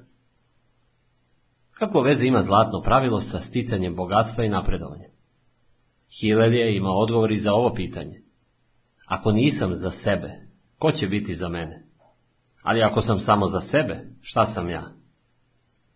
Da, Bog nam je omogućio da steknemo bogatstvo i živimo u izobilju. Na nama je da maksimalno iskoristimo svoje talente i prilike koje nam se pružaju. Međutim, to sa sobom povlači našu obavezu da se brinemo i o drugima, a ne samo o sebi. Shvatit ćete da je zlatno pravilo kao kakva zlatna nit utkano u svaki veliki filozofski i verski sistem. Možda nije izraženo istim rečima, ali namera i ideja su identične. Drugima treba da priuštimo, dozvolimo i želimo iste slobode verovanja, obožavanja, dostignuća i posjedovanja kao i sebi. Kada usvojimo da ovaj stav bude naš etički kod, naš vodeći princip, on postaje dinamični utjecaj energije u našem svakodnevnom životu. To je blago mudrosti pohranjeno u dubine našeg bića, vodič, unutrašnje usmerenje koje nam dolazi iz srca i duše i koje u sebi nosi svaki čovjek i žena. Kada razmišljamo mudro, mi uvek sagledavamo situaciju na način koji je najbolji za sve one koji su u nju uključeni. U našim vezama sa drugima, investicijama, poslu, zanimanju ili profesiji, u svemu što činimo. Pravilo koje nazivamo zlatnim je ključ koji otključava najistinitije od svih blagoslova i čini da taj blagoslov postane realan u našim životima. Ako razumemo da je zlatno pravilo univerzalno, to jest da nije ograničeno na samo jednu religiju ili kulturu, mi možemo bolje da cenimo njegovu vrednost i da mnogo naučimo o poreklu verovanja koja preovlađuju u savremenom svetu. Verovanje je izuzetno bitno u svakom smislu. Prvi zakon života je zakon verovanja. Nama su data sredstva i moć da odaberemo u šta ćemo verovati. To je najveća moć koju posjedujemo. Naša verovanja, pretpostavke, ideje, mišljenja i stavovi formulišu i stvaraju iskustva i uslove u našem životu. Ako promenite svoje uverenja u onim segmentima gdje je to potrebno, promenit ćete i poboljšati svoj život. Zašto ovo pravilo nazivamo zlatnim? Izraz zlatno pravilo možemo pronaći u bilo kom spisu. Prema rečniku za tumače Biblije, ovaj termin se prvi put pojavio negde u petom veku pre nove ere, kada je u grčkoj književnosti pominje Herodot, grčki istoričar, koga nazivamo ocem istorije. Zlato je plemeniti metal koji je biblijski i univerzalni simbol za mudrost, za saznanje ko smo i šta smo. Ovo je suština onoga što nam nude spisi. Oni žele da nam pomognu da se izborimo i pomirimo sa zbrkom i zbunjenošću koja vlada u svetu gdje živimo, da poboljšamo i doprinesemo redu u sred jednog haosa, da iscelimo bol zbog osjećanja odvojenosti od jednog izvora koji nazivamo Bog. U razmatranju osnovnih načela zlatnog pravila, izraženih u nekoliko različitih religija, naša želja nije bila da kritikujemo, sudimo ili osuđujemo, nego da pokušamo da što bolje razumemo univerzalnost verovanja. Svim srcem priznajemo kao istinitu, prelepu, oslobađajuću misao koju je o religiji izrekao Mohandas Gandhi, Mahatma, onaj koji ima veliku dušu. Baš kao što drvo ima samo jedno stablo iz koga rastu mnoge grane i grančice, tako postoji samo jedna istinita i savršena religija koja se rečima iskazati ne može. Međutim, ona se račva prolazeći kroz medijum jezika u interpretacijama i reinterpretacijama koje pripisuju ljudi kao nesavršena bića. Ako makar i površinski saznamo nešto malo o raznim religijama koje ljudi gaje, shvatit ćemo da su one nevjerojatno slične. Postoji jedno osnovno jedinstvo u misli, osjećanju i metodu. Kada su ga pitali da se izjasni koje veroispovesti, Gandhi je rekao, ja sam hrišćanin, ja sam jevrejin, ja sam hinduista, musliman, ja sam sve to jer su sve religije jedna religija. Samo jedno prisustvo, jedna moć, poznato pod mnogim imenima, jedan izvor. Mudraci ga zovu božanstvo. To što želimo da izučimo mudrost koju nam nude prosvetljeni učitelji ili filozofi, ni na koji način ne opovrgava niti umanjuje količinu ili kvalitet, uvide i koncepte koje predstavlja jevrejsko-hrišćanska Biblija. Naprotiv, to ih samo može ojačati. Izuzetno mnogo nam može pomoći izučavanje i usvajanje onoga što je inteligentno i racionalno u bilo kojem velikom sistemu razmišljanja, bez obzira da li on dolazi od religije, filozofije, umetnosti ili nauke. Istinu možemo pronaći bez obzira na to gde za njom tragamo. Ako verujemo da je istina, taj dragulj mudrosti, sadržana u samo jednoj knjizi ili disciplini, mi onda sebe ograničavamo na veru, dogmu i doktrinu koju su stvorili i odredili ljudi. Dobro je da znamo da se zlatno pravilo pojavljuje u istočnjačkim učenjima, kao i u judaizmu i hrišćanstvu. Smatra se da je zlatno pravilo formulacija jedne izjave koju je 600 godina pre učenja Isusa izneo kineski filozof Kung Chiu, čije se ime može prevesti kao veliki učitelj. U 17. veku neki jezuitski sveštenici su otputovali u Kinu da bi proučavali njegova dela. Kako je bio običaj u ono vreme, oni su preveli njegovo ime na latinski. U zapadnom svetu taj čovjek je poznatiji pod imenom Konfučije. Pre nego kao religija, njegovo učenje je u Kini poznato pod imenom Ju filozofija ili filozofija učenjaka. Govori se da je on redko pominjao neko božanstvo po imenu, a i da ga je, kada je to činio, nazivao priroda ili duh. Povremeno je pominjao najvišeg Boga, koji je označavao kao nebesa, oca tvorca, koji je stvorio ceo univerzum, sunce, mesec, planete, sile ili duhove prirode. Po njegovom mišljenju, sve nam dolazi od nebesa, a čovekov osnovni zadatak je da uči od prirode i živi u harmoniji sa nebesima, sa sobom i sa drugima. On je svoje učenja bazirao na učenjima mudrih kraljeva koji su živeli pre 1500 godina. Kako se bližio kraj njegovog života, on je počeo da sakuplja na jedno mesto tu ogromnu količinu informacija i znanja koje je stekao, zapisujući ih na tablama ili listovima bambusa i povezujući ih kožnom vrpcom. Smatra se da su ovo bile prve kineske knjige. Nadenuo im ime Učenja starih mudraca. Konfučije je posjedovao izuzetnu sposobnost da misli i rezonuje logično i jasno. Jasno, racionalno razmišljanje u njegovoj filozofiji bilo smatrano jednim od najvećih dostignuća čovečanstva. Uznemiren bedom i siromaštvom koje je oko sebe gledao kao i nepoštenjem i promiskuitetom u koje je ogrezla vlast, zaključuje je da rešenje svih ovih problema leži u višem stepenu moralnosti. Smatrao je da njegov etički kodeks pruža mogućnost da se to reši, ali i da ceo proces mora početi od pojedinca. Mislio je da čitava nacija može postati bolja, moralno čista i jaka, ako to prvo postane pojedinac, zatim zajednica, vlada i tako dalje. Njegova etika je predstavljena kao lista stvari koje ne treba raditi. Ne lažite, ne varajte, ne kradite, ne udovoljavajte previše sebi, ne budite neskromni i tako dalje. U njegovom svođenju stvari na individualno, zlatno pravilo konfučijanizma se također pojavljuje u odričnom obliku. Nemoj činiti drugima ono što ne želiš da oni učine tebi. Obratite pažnju na to da je Hillel rekao ovo na skoro isti način nekoliko vekova kasnije. Kada koristimo odrične izjave, mi pokrivamo samo ono što se smatra učinjenim gresima ili greškama, ali izvan toga ostaje sve ono što možemo nazvati gresima ili greškama, jer to nešto nismo učinili, stvari koje smo zanemarili ili nismo uradili. Ako parafraziramo ono što su Konfučije i Hillel rekli na konstruktivniji način, sve one stvari koje biste želeli da drugi učine vama, vi tako njima podjednako činite. Vidimo da je u tu izjavu uključeno saosjećanje, ljubaznost, pohvala i priznanje svega onoga što je vredno kod drugih osoba.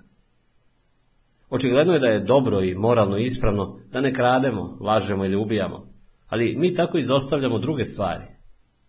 Solomon kaže u poslanicama, požurite da pohvalite onda kada treba, a to uključuje da cenimo druge, da budemo ljubazni i civilizovani. Iz dana u dan oko nas su individue ili porodice kojima nedostaju ovi kvaliteti. Konfučije je bio u pravu kada je rekao, moralnost počinje od jedne osobe koja taj kvalitet primenjuje u svojoj kući. Neretko čujemo da ljudi kažu, šta god da uradim nije dovoljno. On ili ona nikada to ne ceni, ni hvala ne kaže. Pitanje koje treba da postavimo postaje očigledno.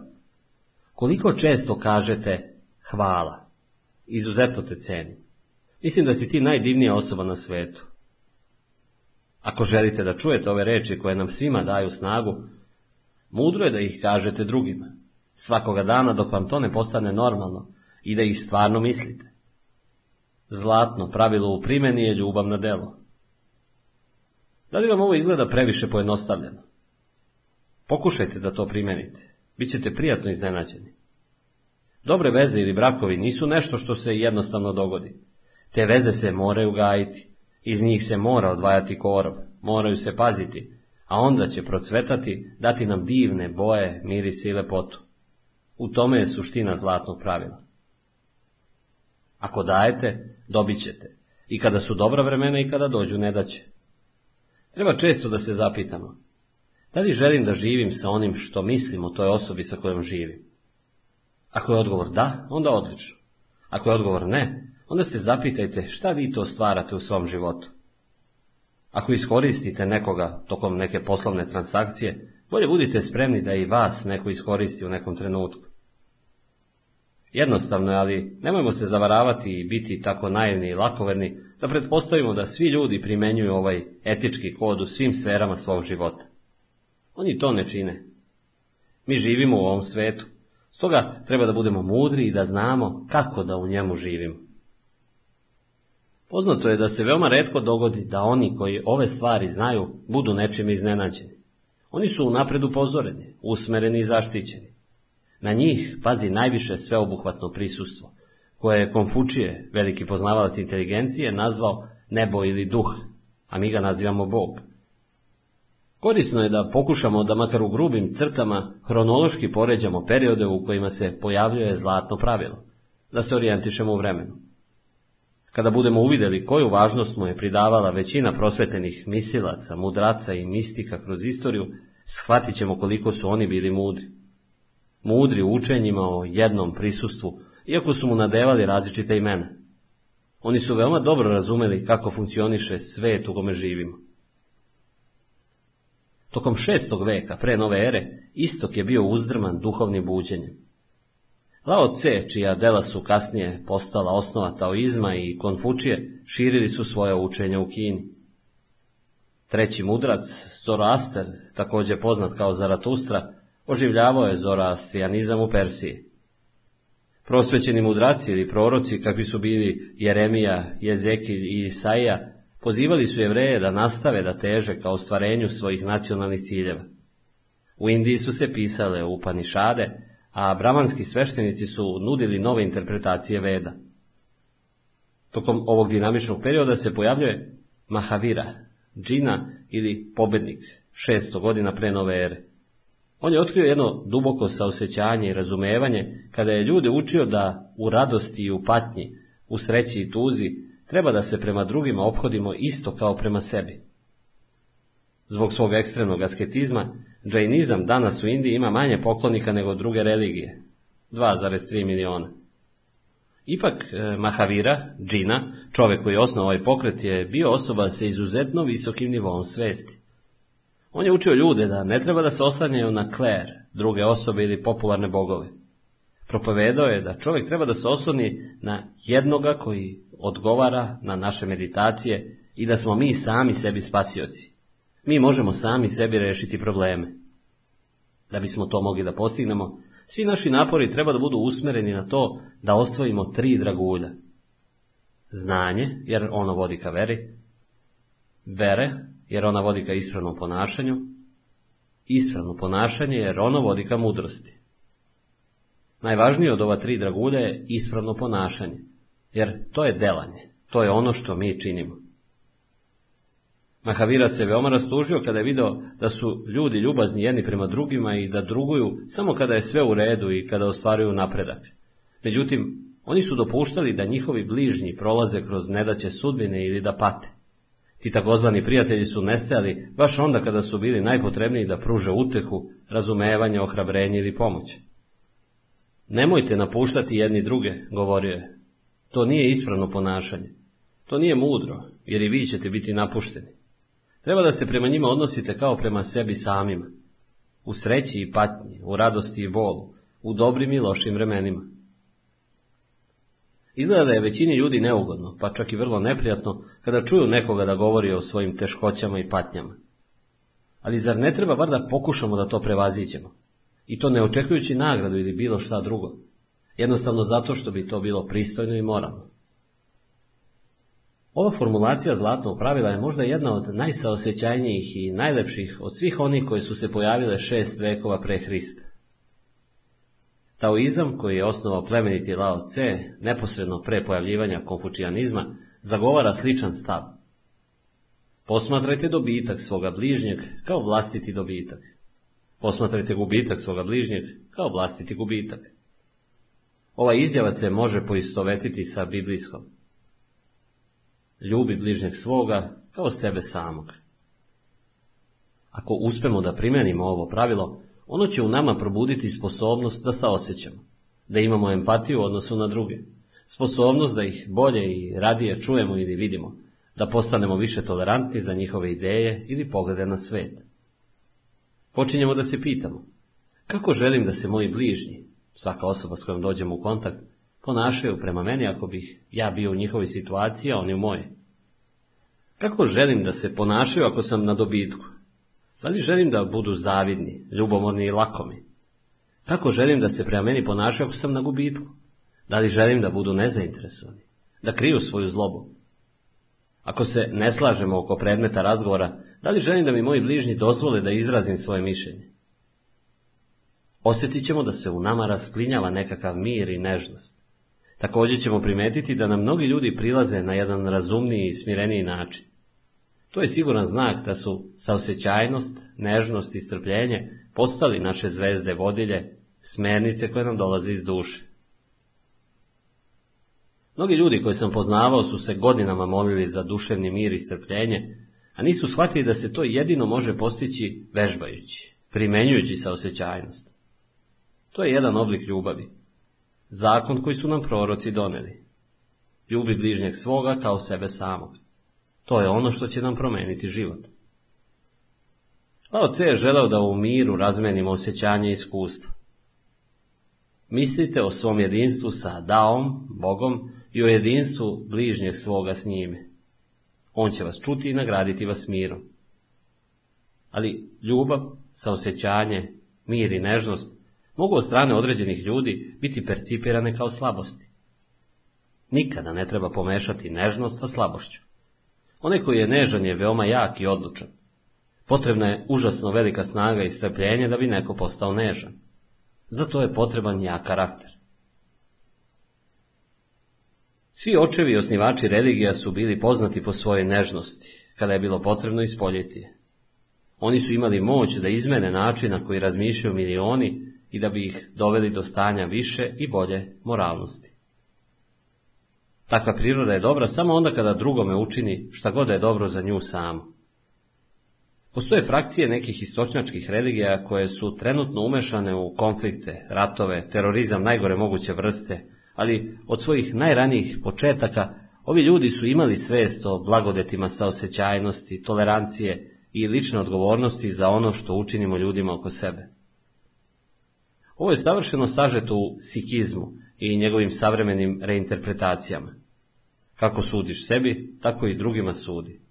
Tako ćeš se na nebesa uzdići. Ova misao se pripisuje osnivaču Sika, guru Nanaku, bivšem hituisti. Njegova najveća želja je bila da uskladi najinspirativnije i najkonstruktivnije aspekte hinduizma i muslimanske religiozne misije i uspio je to veoma uspešno da uradi još u 16. veku. Muslimani su obožavali jedno božanstvo, a Hindusi su, sa svojom uobičajenom tolerancijom, smatrali da je to u redu. Nije bilo bitno što muslimani svoje božanstvo nazivaju Allah. Za uzvrat, muslimani su veoma poštovali duboku pobožnost Hindusa. Guru Nanak je uspeo da načini jedno divno jedinstvo od najboljih delova ove religije.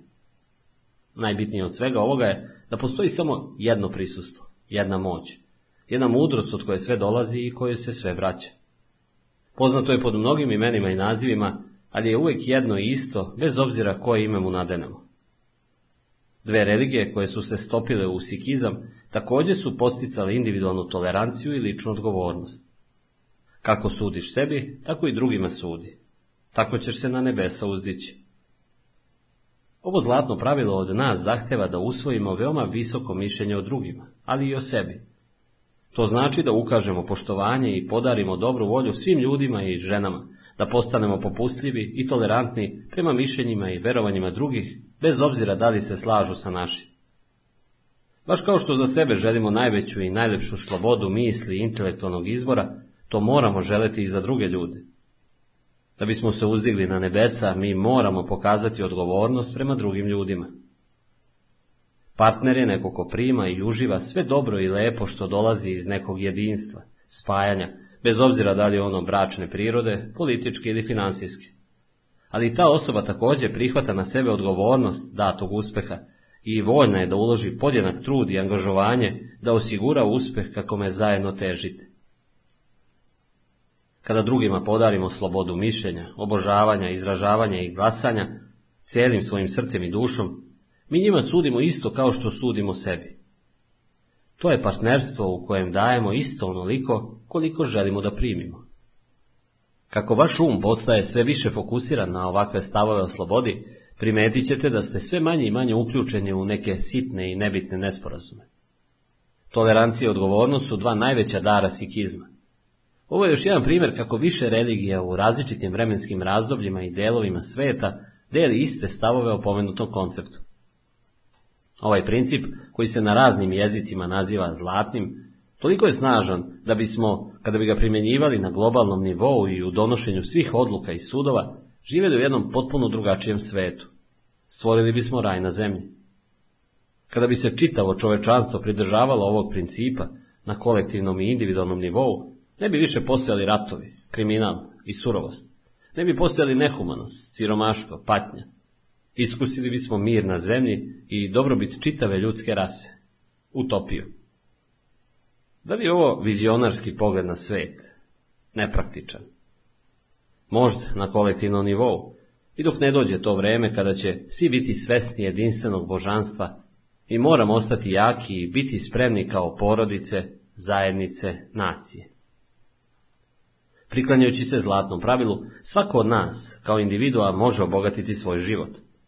Možemo stvoriti novi raj i novu zemlju kakvu do sada nismo poznavali, daleko od vizionarstva i nepraktičnosti. Zaista, to će biti osnova naših života.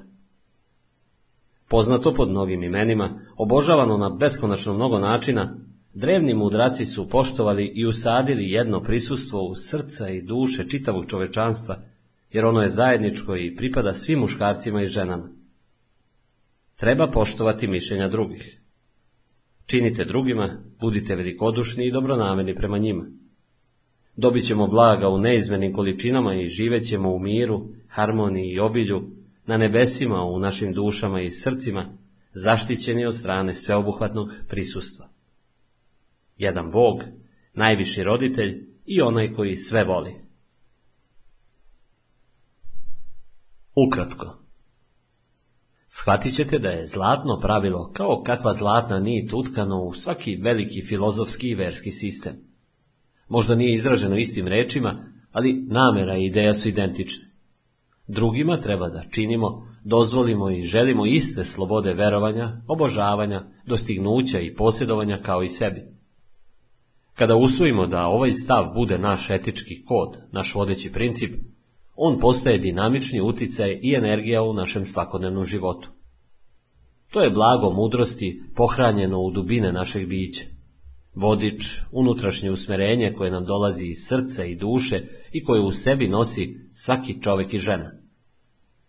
Ako, makar i površinski, saznamo nešto malo o raznim religijama koje ljudi gaje, shvatit ćemo da su one nevjerojatno slične. Postoji jedno osnovno jedinstvo u misli, osjećanju i metodu. Zlatno pravilo u praksi je ljubav na delu. Da li vam se ovo čini previše pojednostavljeno? Dobre veze ili brakovi nisu nešto što se jednostavno dogodi. Te veze se moraju gajiti, iz njih se mora odvajati korom, moraju se paziti, a onda će procvetati, dati nam divne boje, mirise i lepotu. U tome je suština zlatnog pravila. Taoizam izražava veoma sličan stav. Posmatrajte dobitak svoga bližnjeg kao vlastiti dobitak. Posmatrajte gubitak svoga bližnjeg kao vlastiti gubitak. Ova izjava se može poistovetiti sa biblijskom. Ljubi bližnjeg svoga kao sebe samog. Ako uspemo da primenimo ovo pravilo, ono će u nama probuditi sposobnost da saosećamo, da imamo empatiju u odnosu na druge, sposobnost da ih bolje i radije čujemo ili vidimo, da postanemo više tolerantni za njihove ideje ili poglede na svet. Sikizam je također posticao individualnu toleranciju i ličnu odgovornost. Kako sudiš sebi, tako i drugima sudi. Tako ćeš se na nebesa uzdići. Ovo zlatno pravilo od nas zahteva da usvojimo veoma visoko mišljenje o drugima, ali i o sebi. To znači da ukažemo poštovanje i podarimo dobru volju svim ljudima i ženama, da postanemo popustljivi i tolerantni prema mišljenjima i verovanjima drugih, bez obzira da li se slažu sa našim. Priklanjajući se zlatnom pravilu, svako od nas, kao individua, može obogatiti svoj život. Možemo stvoriti novi raj i novu zemlju kakvu do sada nismo poznavali, daleko od vizionarstva i nepraktičnosti. Zaista, to će biti osnova naših života. 11. poglavlje Vaša budućnost Umetnost gledanja napred Gledati napred predstavlja umetnost shvatanja i ispoljavanja naših unutrašnjih planova i ciljeva kroz našu urođenu, beskrajnu mudrost, kreativno i isceljujuće prisustvo u nama. Gledati napred je umetnost saradnje sa bitnim životnim principima i život u harmoniji s njima. Prema principu života, sve stvari dolaze iz univerzalnog, beskrajnog uma koji su drevni misioci nazivali božanstvo, prisustvo Boga punog ljubavi. Gledati napred je oblik umetnosti koji Websterov rečnik definiše na sljedeći način. Upotreba lične kreativne moći koja se ne može analizirati. Svesna upotreba veštine i kreativne imaginacije. Imaginacija je kreativna kroz najveću moć koja je postojala, postoji i postojaće. Beskrajno kreativno prisustvo koje nazivamo Bog, koje nam se uvek odaziva u skladu sa prirodom naše unutrašnje imaginacije i ideja. Zapitati sebe. Kako zamišljam, kako se povodom toga osjećam i kako sam ubeđen da će izgledati budućnost? To nam može otkriti mnogo stvari. Verujem da ćemo se svi složiti da postoje drevna, večna pitanja koja svi sebi postavljamo s vremena na vreme. Šta budućnost donosi meni, mojim voljenima, mom poslu ili profesiji? Šta će biti od mene? Ova pitanja automatski rađaju druga. Da li postoji sudbina ili predodređenost? Da li je Bog odgovoran za našu budućnost? Da li se mi uopšte nešto pitamo kada se radi o tome šta nam donosi sutrašnji dan? Da li smo mi odgovorni? Svaka osoba koja misli i brine će sebi postaviti ova pitanja, potpuno opravdano, na koja se odgovori kriju u istini. Oni nas sada dozivaju iz našeg vlastitog uma i srca, a mi smo sposobni da ih čujemo i odgovorimo na konstruktivan način. U Bibliji možemo pročitati priču o Mojsiju koji je, nakon godina izgnanstva iz Egipta, mirno brinuo o svom stadu ovaca, kada je ispred sebe video grm u plamenu i pohitao da vidi u čemu je stvar. Kada je stao ispred tog grma koji je goreo, čuje poziv. Ovaj poziv, metaforički, označava i oslikava prvi korak, ili svest koja se budi na putanje iseljenja od straha zbog onoga što na budućnost može doneti. Grm je bio zahvaćen vatrom, a u svakome od nas gori plamen. U nama je božanska vatra ili plamen, naša goruća želja da se uzdignemo više, da budemo nešto više nego što smo sada. da bivstvujemo, da delamo, da dajemo, da posjedujemo, da izrazimo više nego što smo to činili ranije. To je svetlost koja je obasjala svakoga ko je došao na ovaj svet. Tokom propovedi na gori, Isus je rekao, tako da se svetli vaše videlo pred ljudima, da vide vaša dobra dela i slave Oca vaše koji je na nebesima. To je božanska vatra života, energija koja u nama gori. Ona nas neće progutati, niti ćemo zbog nje nestati.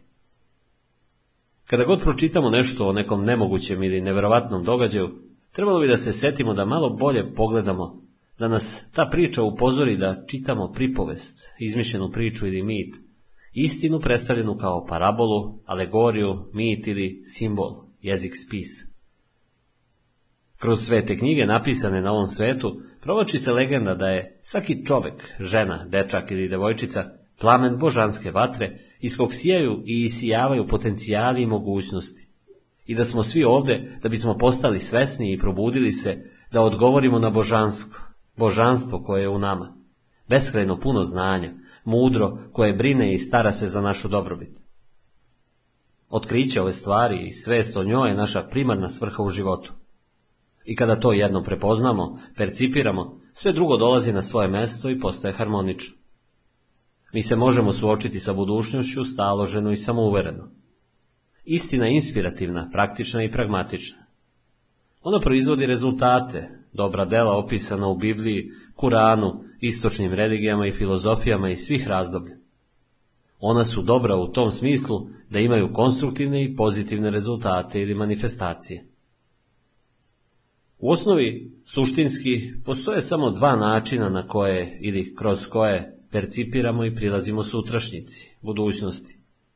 Sa strahom ili sa pouzdanjem u beskrajne i univerzalne principe koji nikada ne variraju i ne menjaju se. Naši lični ili individualni pogledi ili percepcija budućnosti čine razliku između straha i osjećanja da nismo dovoljno vredni i da smo grešni i pouzdanja u predivne sposobnosti, urođene talente, plemenitost, plemenite ideale, koji su u svakome od nas i u svim drugim ljudima. U knjizi izlaska napisano je da je Mojsije vodio svoje stado dok nije došao do Božje gore i da mu se anđeo, glasnik Božiji, pojavio u plamenu grma. I javi mu se anđeo gospodnji u plamenu ognjenom iz skupine.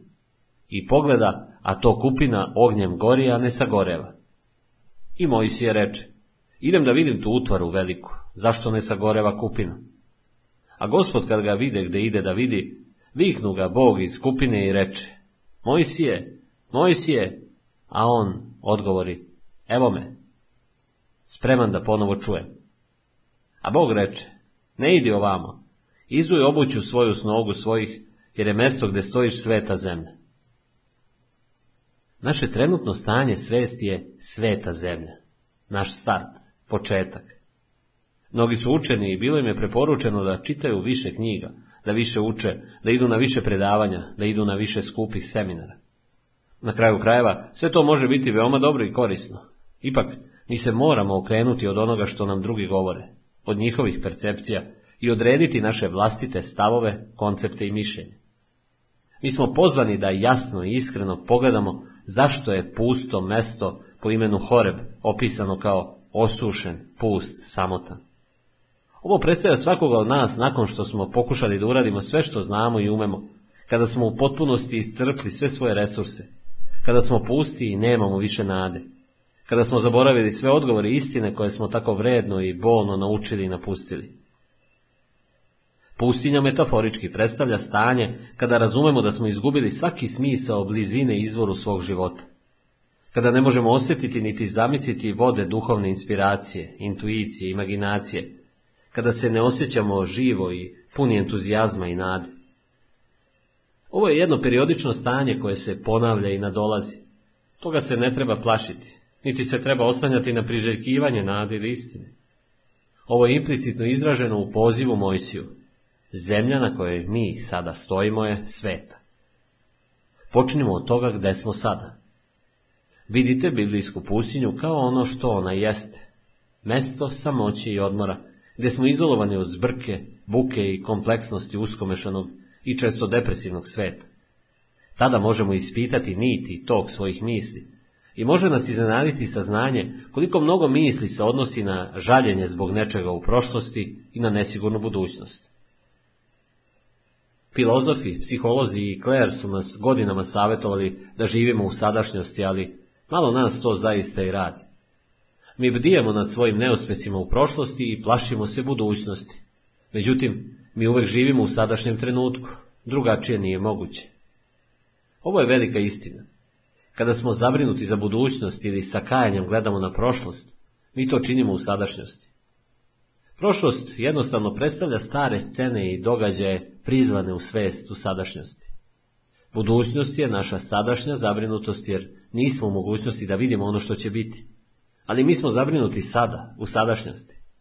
Sadašnjost je ta koja određuje da li smo srećni ili očajni. Gledajte u današnji dan. Bez obzira na sadašnje stanje, stvari i okolnosti, svih pet naših čula ili kombinacija imaginacije i osjećanja, kreativne svesti, u jednom trenutku priznaju i prihvate da smo mi čitavim svojim umom i srcem i dušom shvatili da nismo žrtve koje podležu ljudskim mišljenjima, strahovima i predrasudama koje smo civilizacijski nasledili. Indoktrinacije koje inhibiraju ogromnu kreativnu moć koja leži u nama. Kada se Mojsije okrenu da u čudu gleda grm koji gori zapaljen vatrom u plamenu, ali ne izgoreo, došlo je do shvatanja da materija, fizički svet, događaj i pojave zbivanja, pre svega dolaze iz našeg uma. To su svetlo i energija koje žele da kroz nas ispolje novi život. Svest je rođena u dugoj istoriji čovečanstva i ona živi i ispoljava se kroz nas u našim svakodnevnim aktivnostima i delima. Sve što treba da radimo je da se izujemo, to jest, metaforički, da otklonimo, skinemo ono što zaklanja put našem razumevanju. Ona mišljenja, preduslovljene tačke gledišta i predrasude koje stoje između nas i temelja čistog, jasnog razumevanja stvari. Ponavljam, Biblija je knjiga koja sadrži najveće principe života i ogoljenu istinu kroz metaforički, alegorijski jezik i imaginaciju. Kada shvatimo njene metode i postupke predstavljene istine, odmah nam je razjašnjeno i rasvjetljeno 99% nesporazuma i zabuna koje potiču od bukvalnog tumačenja mističnog jezika. Stopala su ono na čemu stojimo, fizički i bukvalno, ali očigledno, metaforički, ona predstavljaju potporu. Pošto postoji i unutarnje kao i spoljno značenje onoga što je u spisu rečeno, stopala postaju simbol ili predstavnik unutrašnje podrške u našim životima, naše razumevanje, uvidi i stavovi. Dok se okrećemo, treba da potrošimo neko vreme da nađemo vreme, da se zapitamo gde ja sada stojim, na čemu stojim? Od čega sam napravio potporu, osnovu svojih uverenja o sebi, drugima, Bogu i svetu? Šta može stajati između želje i njenog ostvarenja? Mojsije je izrazio svoju spremnost i gotovost kada je rekao, evo me, u ovoj tački svesti i sadašnjosti voljan sam da prihvatim svoju odgovornost da bih prihvatio svoju sudbinu. Kao i Mojsije kada mu je rečeno da ispuni svoju sudbinu, da dovede narod Izraelja u obećanu zemlju, kada shvatimo i prihvatimo da imamo mi kontrolu na svojom sudbinom, usudom, srećom, tada ćemo naći ispunjenje i isceljenje. Imaćemo osjećaj životnog prisustva Boga punog ljubavi. To je ono što budućnost za nas ima u planu. Mnogo lepši život od onoga koji sada vodimo. Reč sudba dobila je značenje zlih, zlosutnih događaja. Reči koje izgovaramo otkrivaju naše unutrašnje misli. Ljutito božanstvo koje nam je odredilo zlu sudbu ne postoji nigde drugde do u našim glavama. Pa onda, da li je Bog odgovoran? Da li nam je On sve dobro dao? Sve stvari su dobre, sunce, mesec, zvezde, sve što nam je potrebno. Naša je odgovornost da budemo perceptivni i da naučimo da primamo dan za danom da bismo primili, mi moramo iz naše svesti eliminisati najbolje što umemo, sve ono što je u suprotnosti i drugačije od naših želja, ciljeva, obećane zemlje. Molitva i meditacija će nas izbaviti od invazije, preplavljenosti prezirom, besom, ljutnjom i željom za osvetom. Ako se ovo ipak dogodi, smirite se, okrenite se, odmorite se uverenju da postoji bolji način. Oprostite sebi, Odbacite manje vredno raspoloženje, ideju i zamenite ga većim i boljim. Opustite se. Dopustite principu uma da na savršen način ispuni svoju ulogu ili ćete se ponovo zaraziti. Čujte glas iz grma koji gori. Dobro videh nevolju dece svoje i čuh viku njihovu. I siđog da ga izbavim iz ruku misirskih i da ga izvedem iz one zemlje u zemlju dobru i prostranu, u zemlju gde je mleko i med teče. Kao što znate, Mojsije je trebalo da ih povede. On je zatražio od glasa da kaže ko je da bi mogao reći narodu po čijoj volji i moći ih vodi. A gospod reče Mojsiju, ja sam onaj što jeste. I reče, tako ćeš kazati sinovima Izraeljevi, koji jeste. On me posla k vama. Utolite i upoznajte da sam ja Bog. Ovaj odlomak nam je dobro poslužio da naglasimo izuzetno važnu činjenicu da se Biblija pre svega bavi principima, a ne ličnostima. Ja sam je izjava svesnog bića. Nju izgovaraju svi muškarci i žene. Ja sam put, istina i život. Kada kažete ja sam, vi ste u prisustvu živog Boga u sebi. Vi se izjašnjavate o svom postojanju. Ja sam onaj što jeste.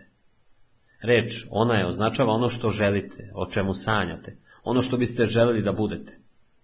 Ponovljeno, ja sam znači da su molitve uslišene, da su se želje ispunile i ostvarile. Ja sam je hinduistički arum, proživeti osjećanje, raspoloženje ili stav. Ja sam sada ono što želim da budem. Iz shvatanja da je Bog koga ja obožavam, ja sam, sledi da ja mogu istinski obožavati smatrati vrednim samo kroz ono što sam ja. Ko kažete da ste vi kada kažete ja sam? Šta izgovaramo nakon što kažemo ja sam? Da li kažete ja sam strašljiv, uplašen, siromašan i nesrećan? Ili se umirite i odgovorite ja sam dete živog prisustva punog ljubavi. Meni je suđeno da se vinem u neslučene visine. Mene božanske sile usmeravaju ka mom idealnom mestu u životu gdje izražavam sebe i svoje najbolje sposobnosti, gdje postajem blagoslov čitavom ljudskom rodu. Ja sam visine sveta. Ja sam je sa nama i u nama. Čega da se plašimo? Koga da se bojimo? Rešite čvrsto da iz svakodnevnog govora izbacite ja sam siromašan, uplašen i tako dalje. Mi poričemo upravo onaj ideal koji želimo da izrazimo. Čak i ako je naša svest i poštovanje prema ja sam samo jedna mala varnica, razduvajte je svežim vazduhom samopouzdanja i sigurnosti. Mislite iznutra. Ja sam. I varnica će postati plamen. Vatra koja u nama gori i osvetljava nam put. Bog je sada večan, bezvremen i bez godina. Bezvremeno je u vama svesno bezvremenosti života. Ono zna da je juče samo današnje sećanje, a da je sutra samo današnji san. Dopustite da danas prigrli prošlost sa mirnim sećanjem, a budućnost sa čeznutljivom ljubavlju.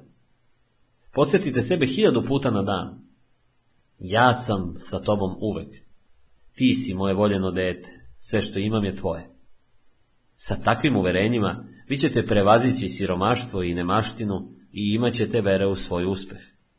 Vi ćete iz svoga uma izbaciti sve misli koje se odnose na siromaštvo i potrebu i programirati svoju podsvest na budućnost blagostanja, prosperiteta i izobilja.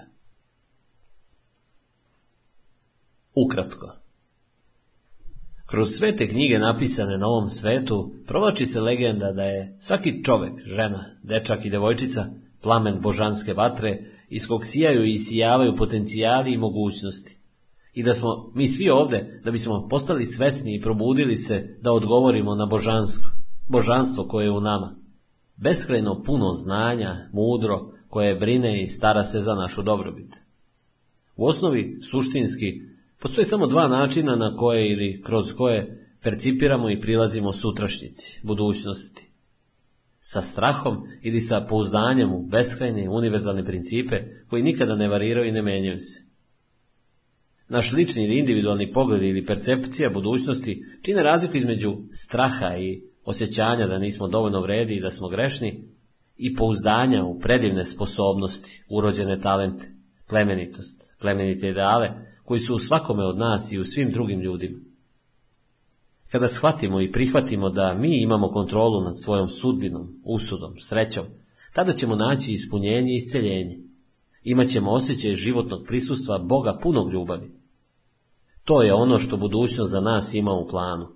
Mnogo lepši život od onoga koji sada vodimo. Rešite čvrsto da iz svakodnevnog govora izbacite ja sam siromašan, uplašen i tako dalje. Mi poričemo upravo onaj ideal koji želimo da izrazimo. Čak i ako je naša svest i poštovanje prema ja sam samo jedna mala varnica, razduvajte je svežim vazduhom samopouzdanja i sigurnosti. Mislite iznutra, ja sam, i varnica će postati plamen. Vatra koja u nama gori osvetljava nam put. Bog je sada večan, bezvremen i bez godina. Bezvremeno u vama je svesno bezvremenosti života. Ono zna da je juče samo današnje sećanje, a da je sutra samo današnji san. Dopustite da danas prigrli prošlost sa mirnim sećanjem, a budućnost sa čeznutljivom ljubavlju.